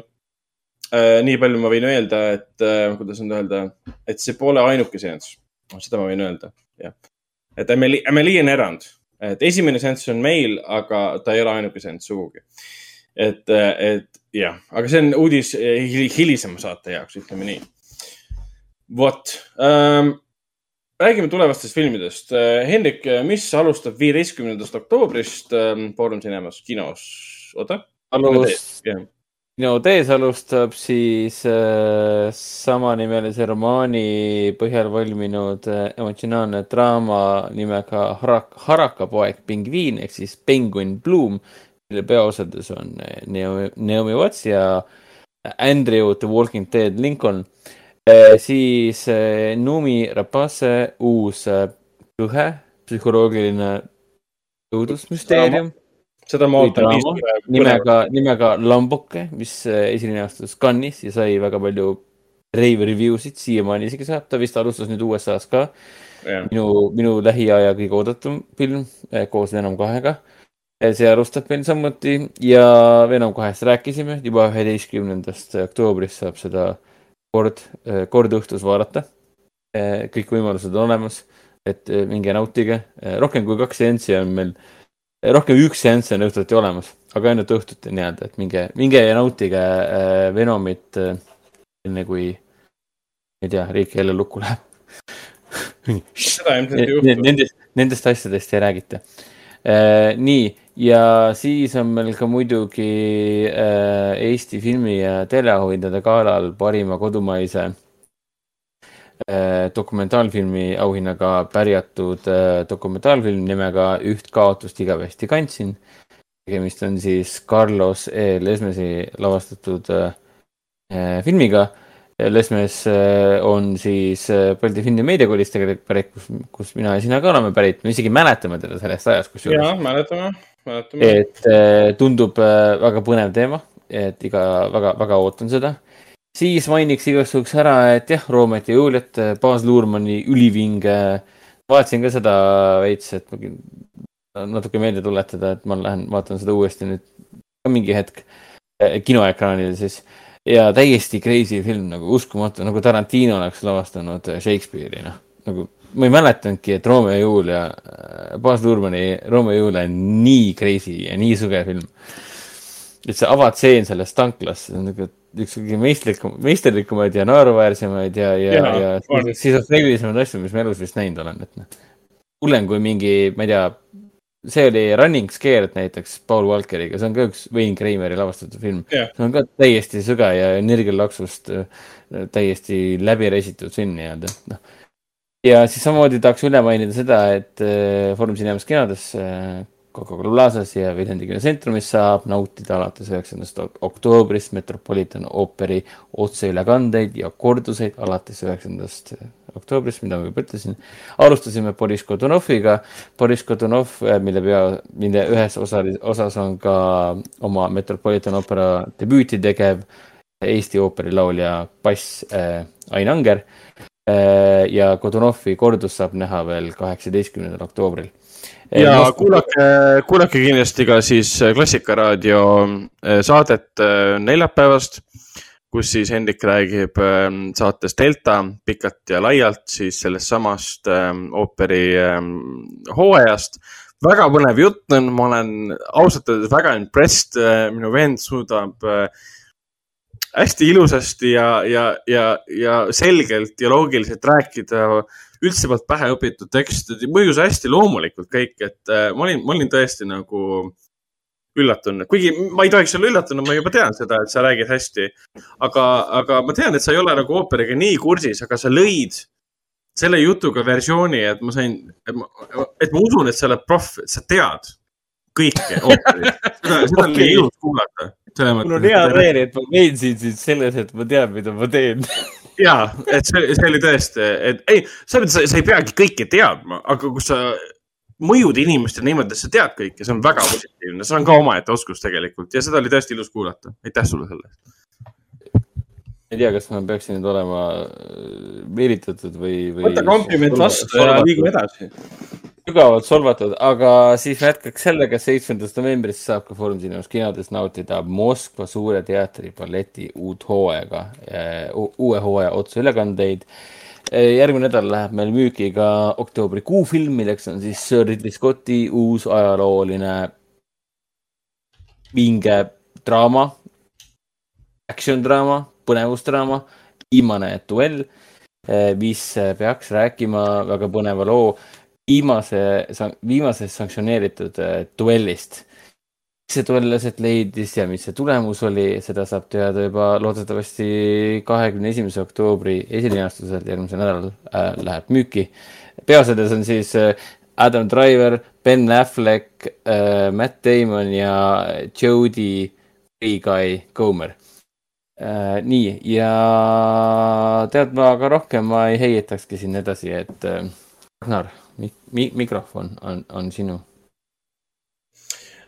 Mina mainiksin nii palju, et Artis alustab samamoodi, siis Carlos Jeel esimese film Nüüd kaotust igavesti äh, kandsin äh, väga karmil jubedal teemal. samamoodi alustab meil siis ka Lambuk Lämb, mis, mida ma ootan väga, et inimesed näeksid, sest Noomirappas on äge ja nagu, mis sisu sellel filmil on lihtsalt, see läheb ikka nii käest ära, kui üldse olla saab. Ja siis samamoodi jõuab meie kinodesse ka Harakpoeg äh, Pingviin äh, ja ainuke film, mida siis teistes kinodes ilmselt väga ei näe, on äh, Viimased ja Esimesed inimesed. ma vaatan jah. olen väga üllatunud, et see teil kavas on ja see on ilmselt, tulevad, ütleme sellised eriseansid, loetud seansid sellele filmile ta on natuke üle tunni aja pikk, tund üksteist. Ta on Johan Johansoni lavastatud. Johan Johanson suri mõned aastad äh, tagasi. Johan Johanson oli mees, kes tegi muusika näiteks siin Denis Villeneuve filmidele Prisoners, ähm, Enemy. Arrival. Ta pidi tegema muusika ka Blade Runnerile, aga tema muusika ponnistusest Postendid loobusid ja Sicario tegi ka muusika fantastiline inimene oli, aga käivad jutud ja, et. Ähm, seda me ei tea, kusjuures seda me ei tea, kas ta oli fantastiline inimene, aga ta tegi fantastilist muusikat. jah, seda küll, aga käivad jutud, et ähm, ta läks sügavasse depressiooni ähm, pärast seda, kui Aa. tal päris mitu projekti, kus ta tegi siis äh, muusikat, ära langesid. sellepärast, et oligi, üks nendest oligi siis, äh, mis need nüüd olid, äh, oligi siis äh, Blade Runner ja Mother. mõlema filmi puhul tema muusikast loobuti, kuigi ta oli enam-vähem valmis selle saanud. aga okay., aga noh, Mandile tegi muusika, Mary Magdalenele, Arrival ja nii edasi. ja ta olevat olnud depressioonis, et kuskil on käinud läbi vihjed, et tema surm ei olnud sugugi mingi haigus, ütleme nii. sellest erinevates kuluaarides nagu räägitakse, et äh, olevat äh,, olevat ka enesetapu teinud aga ma ei tea, kas asi seisis nagu selles, et ta ei saanud Hollywoodiga läbi. Ähm, aga kurb on ta igal juhul. Äh, enne surma ta jõudis äh, lavastada filmi äh, nimega siis Last and First Man, mis põhineb kolmekümnenda aasta siis ähm, romaanil, samanimelisel romaanil ähm, mis on hästi-hästi veider film. see siis Johansoni esimeseks ja viimaseks filmiks. see on, see on film, mis leiab aset tulevikus, kahe miljardi aasta pärast on äh, tuleviku inimkond väljasuremise äärel. maailma pole alles jäänud midagi muud peale üksildaste sürreaalsete monumentide, mis edastavad oma sõnumit tühermaale. ja see on ülimalt kunstiline, eksperimentaalne kogemus, kuhu loeb peale siis, see on jah, kunstiline dokumentaalfilm võib isegi öelda, loeb peale, peale Tilda Swinton. see film koosnebki Johanni Johnsoni muusikast, mustvalgetest kaadritest, geograafiast, eriti just arhitektuurist, kahe miljardi aasta kauguses tulevikus Äh, loob versiooni sellest, et see ei ole kindlasti tavaline film narratiiviga, teda on kohati raske vaadata, aga ta on ilus ja mõtlema panev. niisugune väga teistsugune elamus, ütleme nii. Äh, lisaks on meil olemas veel siin ka hõimupäevade mm, seansid. Äh, kolm seanssi on veel toimumas. Üks oli juba ära, seitse. Mm, issand jumal, oota. seitse laulutundra, püha jumal, jaa järsku ma, ma, aju plankis. ja nüüd siin ähm, esmaspäeval, äh, üheteistkümnendal saab näha Nerka elu hingus ja siis kaheteistkümnendal on ka seitse laulu tundrast uuesti, need on õpetajate seansid. Äh, õpetajad äh, saavad siis sinna võtta ähm, tasuta piletid tunnistuse alusel. Ja siis neljateistkümnendal saab näha veel siis Anerka eluhingust uuesti. hõimupäevade raames linastus meil ka Ivanna elu, mis on väga hea võimas dokumentaalfilm, mida on raske kohati dokumentaalfilmiks nimetada, sest teatud kaadrid tunduvad nii kunstilised. aga see pigem näitab operaatori, kogu produktsioonimeeskonna ja reisijari oskust. see, see tundus väga crazy film treileri põhjal. on, on küll, jah. Ja siis on meil nüüd kuueteistkümnendast algab ka lastefilmide festival Lapsed ja loodus, kus meil on kuus erinevat filmi jooksmas, meil on kinogrupid, kooligrupid on juba hunniku seansse ära broneerinud, meil on siis toimumas ka äh, äh, animatsioonistuudiate töötoad äh,. Animakooli töötuba näiteks, A-film viib läbi animatsioonistuudio töötoa juba kaks korda meil ja väga palju, no selles mõttes inimesi on tulemas, mis on tore. Et inimesed, mitte inimesed, noh, lapsed, lapsed on ka inimesed, okei okay., aga filmid on toredad, kõik on peale loetud, kõige populaarsem film on meil Loomalapsed. Nature's Nurseries, ähm, kus meil on saalis otse pealelugemine ilgelt nunnu film loomalastest, see on püha jumal lihtsalt, et sa vaatad seda filmi ja mõtled, et tahaks ka endale mingit väikest, ma ei tea, rebast näiteks, kuigi see on halb mõte, see on, see on, see on valatu mõte, et ühtegi metsikut looma ei tohiks kunagi koju viia lemmikloomana. ja siis üheksateist kuni kakskümmend kolm oktoober linastuvad meil ka siis ähm, Belmondo, Belmondo filmid äh, Ähm, Jean, äh, Jean-Paul Belmondo, kes meie hulgast äh, siin üsna, millal see nüüd oli, hiljuti lahkus. tuletan korraks meelde. kuu aega tagasi äkki. kuuendal, kuuendal septembril, et tema filmidest tulevad näitama selle siis Mees Riiast, äh, De Broca film Hull Pierrot, mis on Godardi film aastast kuuskümmend viis, eelmine film oli aastast kuuskümmend neli siis tuleb veel Preester Leon Morin, mis on siis Jean-Pierre Melvilli film ja viimasena siis Nuhk, mis on samamoodi äh, Jean-Pierre Melvilli oma aastast kuuskümmend üks. selline ilus, ilus kava mälestamaks äh, legendi, keda kõik teavad, kes vähegi austavad Prantsuse filmi ajalugu. ja lisaks on tulemas ka Jahv äh,. esmaspäevast äh, loodetavasti lähevad siis piletid müügi, kava tuleb äh, avalikuks Jaffi kava on natukene, kuidas nüüd öelda, ei ole nii kirju kui vanasti arusaadavatel põhjustel. Siin erinevad filmid on ära langenud, liikunud erinevatele kuupäevadele, sündmuste peale.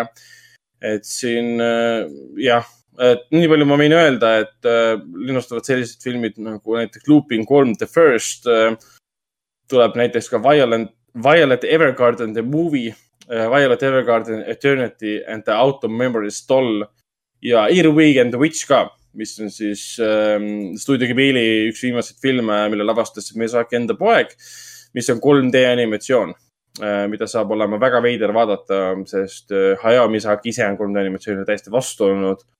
Ma ei teagi täpselt, kuidas ta ise, ise nagu äh, suhtub sellesse, et tema stuudio tegi sellise filmi äh, ja on kavas ka erinevad eri, eriprogrammid nagu näiteks Jaapan võõraste silmade läbi. näitame Aleksandr Sakurovi Päikest, mille kohta Peeter Simm ütles, et äh, iga inimene, kes suudab selle filmi lõpuni vaadata, on julge ja võimas inimene. siis tuleb oh. ka Moskva minu arm, Hiroshima minu arv ja Kiarostamit näitame ka ühte filmi. Ja siis, äh, siis viimasena nojah, ma panin oma dokumendi nüüd kinni. Äh, viimasena, viimasena on siis, äh, on siis daamide valikul ähm, linustamas meil Jochen Trieri uusim film. Jochen Trier on siis mees, kes tõi meieni sellesama ähm, äh, naise nimega filmi, mida me vaatasime Raiko juures. Selma.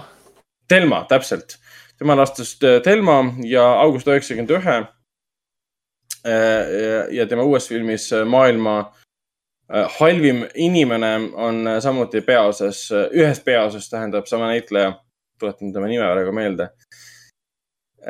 kes mängis ka selles august äh, üheksakümne, üheksakümne, tähendab Oslo august üheksakümne ühes, see oli Anders Danielsen Lie, kes tuletan meelde, mängis ka siis, mängis ka seda hullu killerit äh, äh, filmis kakskümmend kaks juuli Paul Greengrassi lavastatud filmis, tema mängib jaa. Breivikut. aga kui ta ei mängi hullu killereid, siis ta mängib äh, tugevates draamades ja maailma halvim inimene The Worst Person in the World linastus ka Cannes'is, kus siis äh, Renate Rinnisüve võitis äh, ka siis äh, parima näitleja auhinna. et väga ilus ja äge, äge film, mis on ja osa see on, ma vaatasin, see linastub Foorum Cinemas kinodes ka. jah, ja see on äh, nagu, nagu rave review'sid saanud Jah, nagu jah. pööraselt hästi vastu võetud, räägitakse mingist klassikast, uuest klassikast nii-öelda. Äh, jah, ja meil siis kahekümne kaheksandal oktoobril saab teda näha, saab teda näha siis äh, daamide valiku äh, raames ja igapäevaselt, igapäevaselt alustab ta nüüd äh, kahekümne, kahekümne üheksandal oktoobril. vot, aga ongi filmide, tulevaste filmidega kõik, et äh, kas on veel mõtteid, millega me võiksime nüüd lõpetada? see viimane asi siis, ehk siis äh, jagame siis muljeid ka selle, ma ei tea, viimased, viimased viis minutit äkki või? kell on kakskümmend kaks, kas, kell on kakskümmend kaks nelikümmend viis, kakskümmend kaks viiekümnene on aega. ehk siis äh, Resident, Resident Evil äh, Welcome to Raccoon City. Eestikeelse pealkirjaga on ta hetkeseisuga Resi- Resident Evil Raccoon City.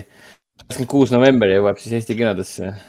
Sony Pictures annab selle välja, samad tegijad, kõik samad tootjad, kes ka tegid siis Paul V. Sandersoni ja Milla Jovovitši äh, seeria, kuueosalise seeria, ma tahan öelda.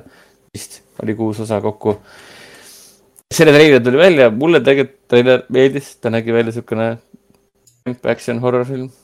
Siis ta nägi välja nagu esimesed kaks äh, mängu kõik, need money, money shot'id olid nagu olemas treileris, et ma saan aru, mida nad selle treileriga teha tahtsid. ainult ühte asja. kuulge, poisid äh,, nad andsid ju remastered versioonid esimesest kahest välja ju. esimest oli ammu antud juba välja ja siis teisest anti välja uus versioon ju. kuule, see on kõige parem aeg üldse seda äh, remake'i praegu siin äh, lavastama, mitte remake'i, vaid reboot'i lavastama hakata teeme asja ära ja paneme treilerisse kõik need tuttavad elemendid, mida mängijad on viimased paar aastat juba, Resident Evil'i austajad on viimased paar aastat nagu harjunud nägema. et nagu, nagu pigem meeldis, aga erilisi lootusi mul küll ei ole, et äh, Claire'i ja Chris Redfieldi äh, seiklused äh, koos äh, väga tuntud nimedega nagu Jill Valentine, Albert Wesker, William Birkin, Leon S Kennedy ja nii edasi, et noh, et need põhitegelased tulevad nüüd siia äh, noh, nii-öelda uude algusesse. et mis sellest nüüd saama hakkab, seda ma küll ei tea. aga ma ei tea, põnev on sellepärast, et me saame nagu uuesti näha. ja võib-olla me saame natuke täpsema versiooni sellest, mis, mis Resident Evil üldse on sest inimesed seostavad ju seda ainult ju äh, lates kostüümis oleva eh, Mille Joovisiga, kes tulistab kahest uusist äh, suvalisse, suvalisse suunda äh, zombisid ja siis samal ajal teeb äh, akrobaatilisi iluvõtteid, mis on asi, mida miskipärast zombifilmides, nendes zombifilmides tehakse. nii, kolm minutit on jäänud. mis sa arvad, Ragnar, kas sa tunned, et äh, uus film annab lootust palju või? uh,? ei, see treiler oli uh, kehva, see treiler mängis uh, fännide ootustega. see oli täis kopitud ikoonilisi, ikoonilisi stseene, mida kõik teavad esimeses Resident Evil'i mängus, kui nad näevad esimest korda zombit uh,. näidati seda lossi või noh, seda häärepärit, mida kõik teavad uh,. ja, ja R RPD, Raccoon Police Department'i sissepääsu ja nad on pannud siis, ma pakun, et see film kestab tund nelikümmend, nad on pannud esimese kaks mängu kokku.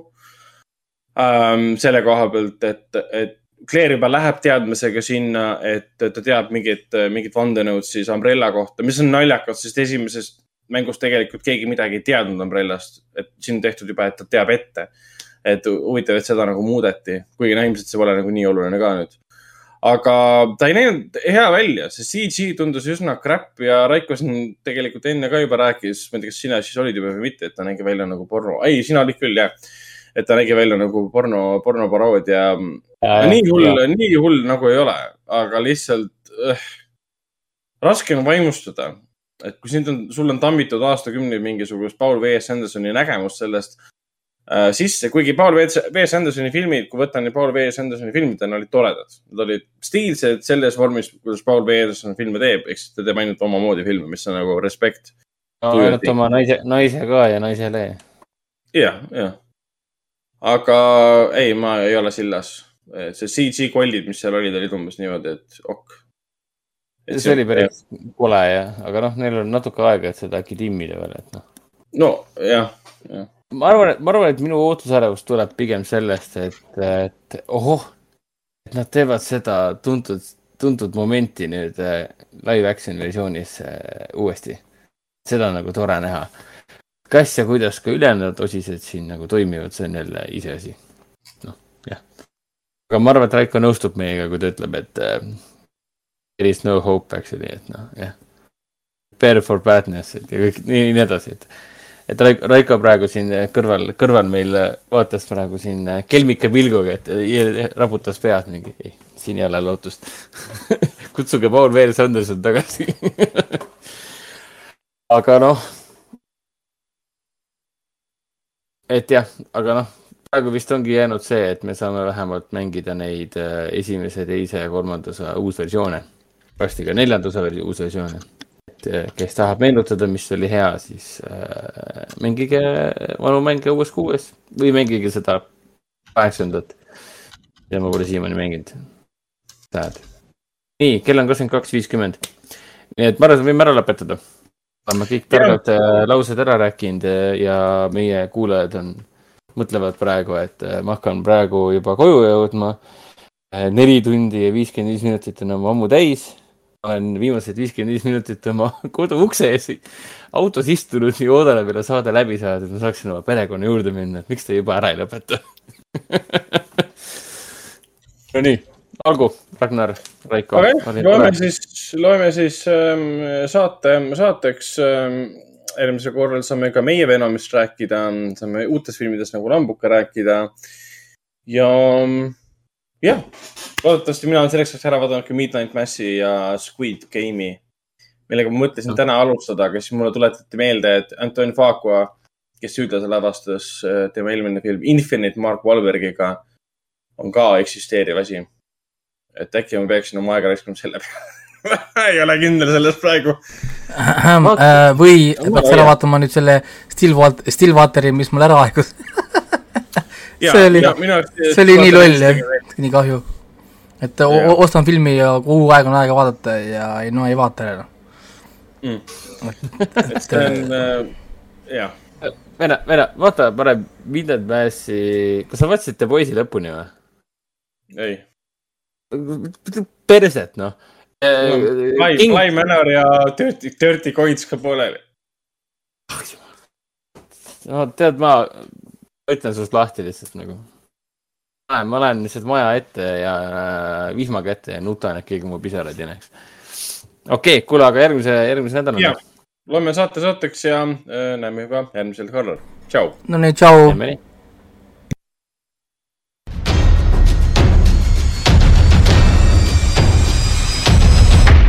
kinoveebi Jututuba podcasti toob teieni Foorum Cinemas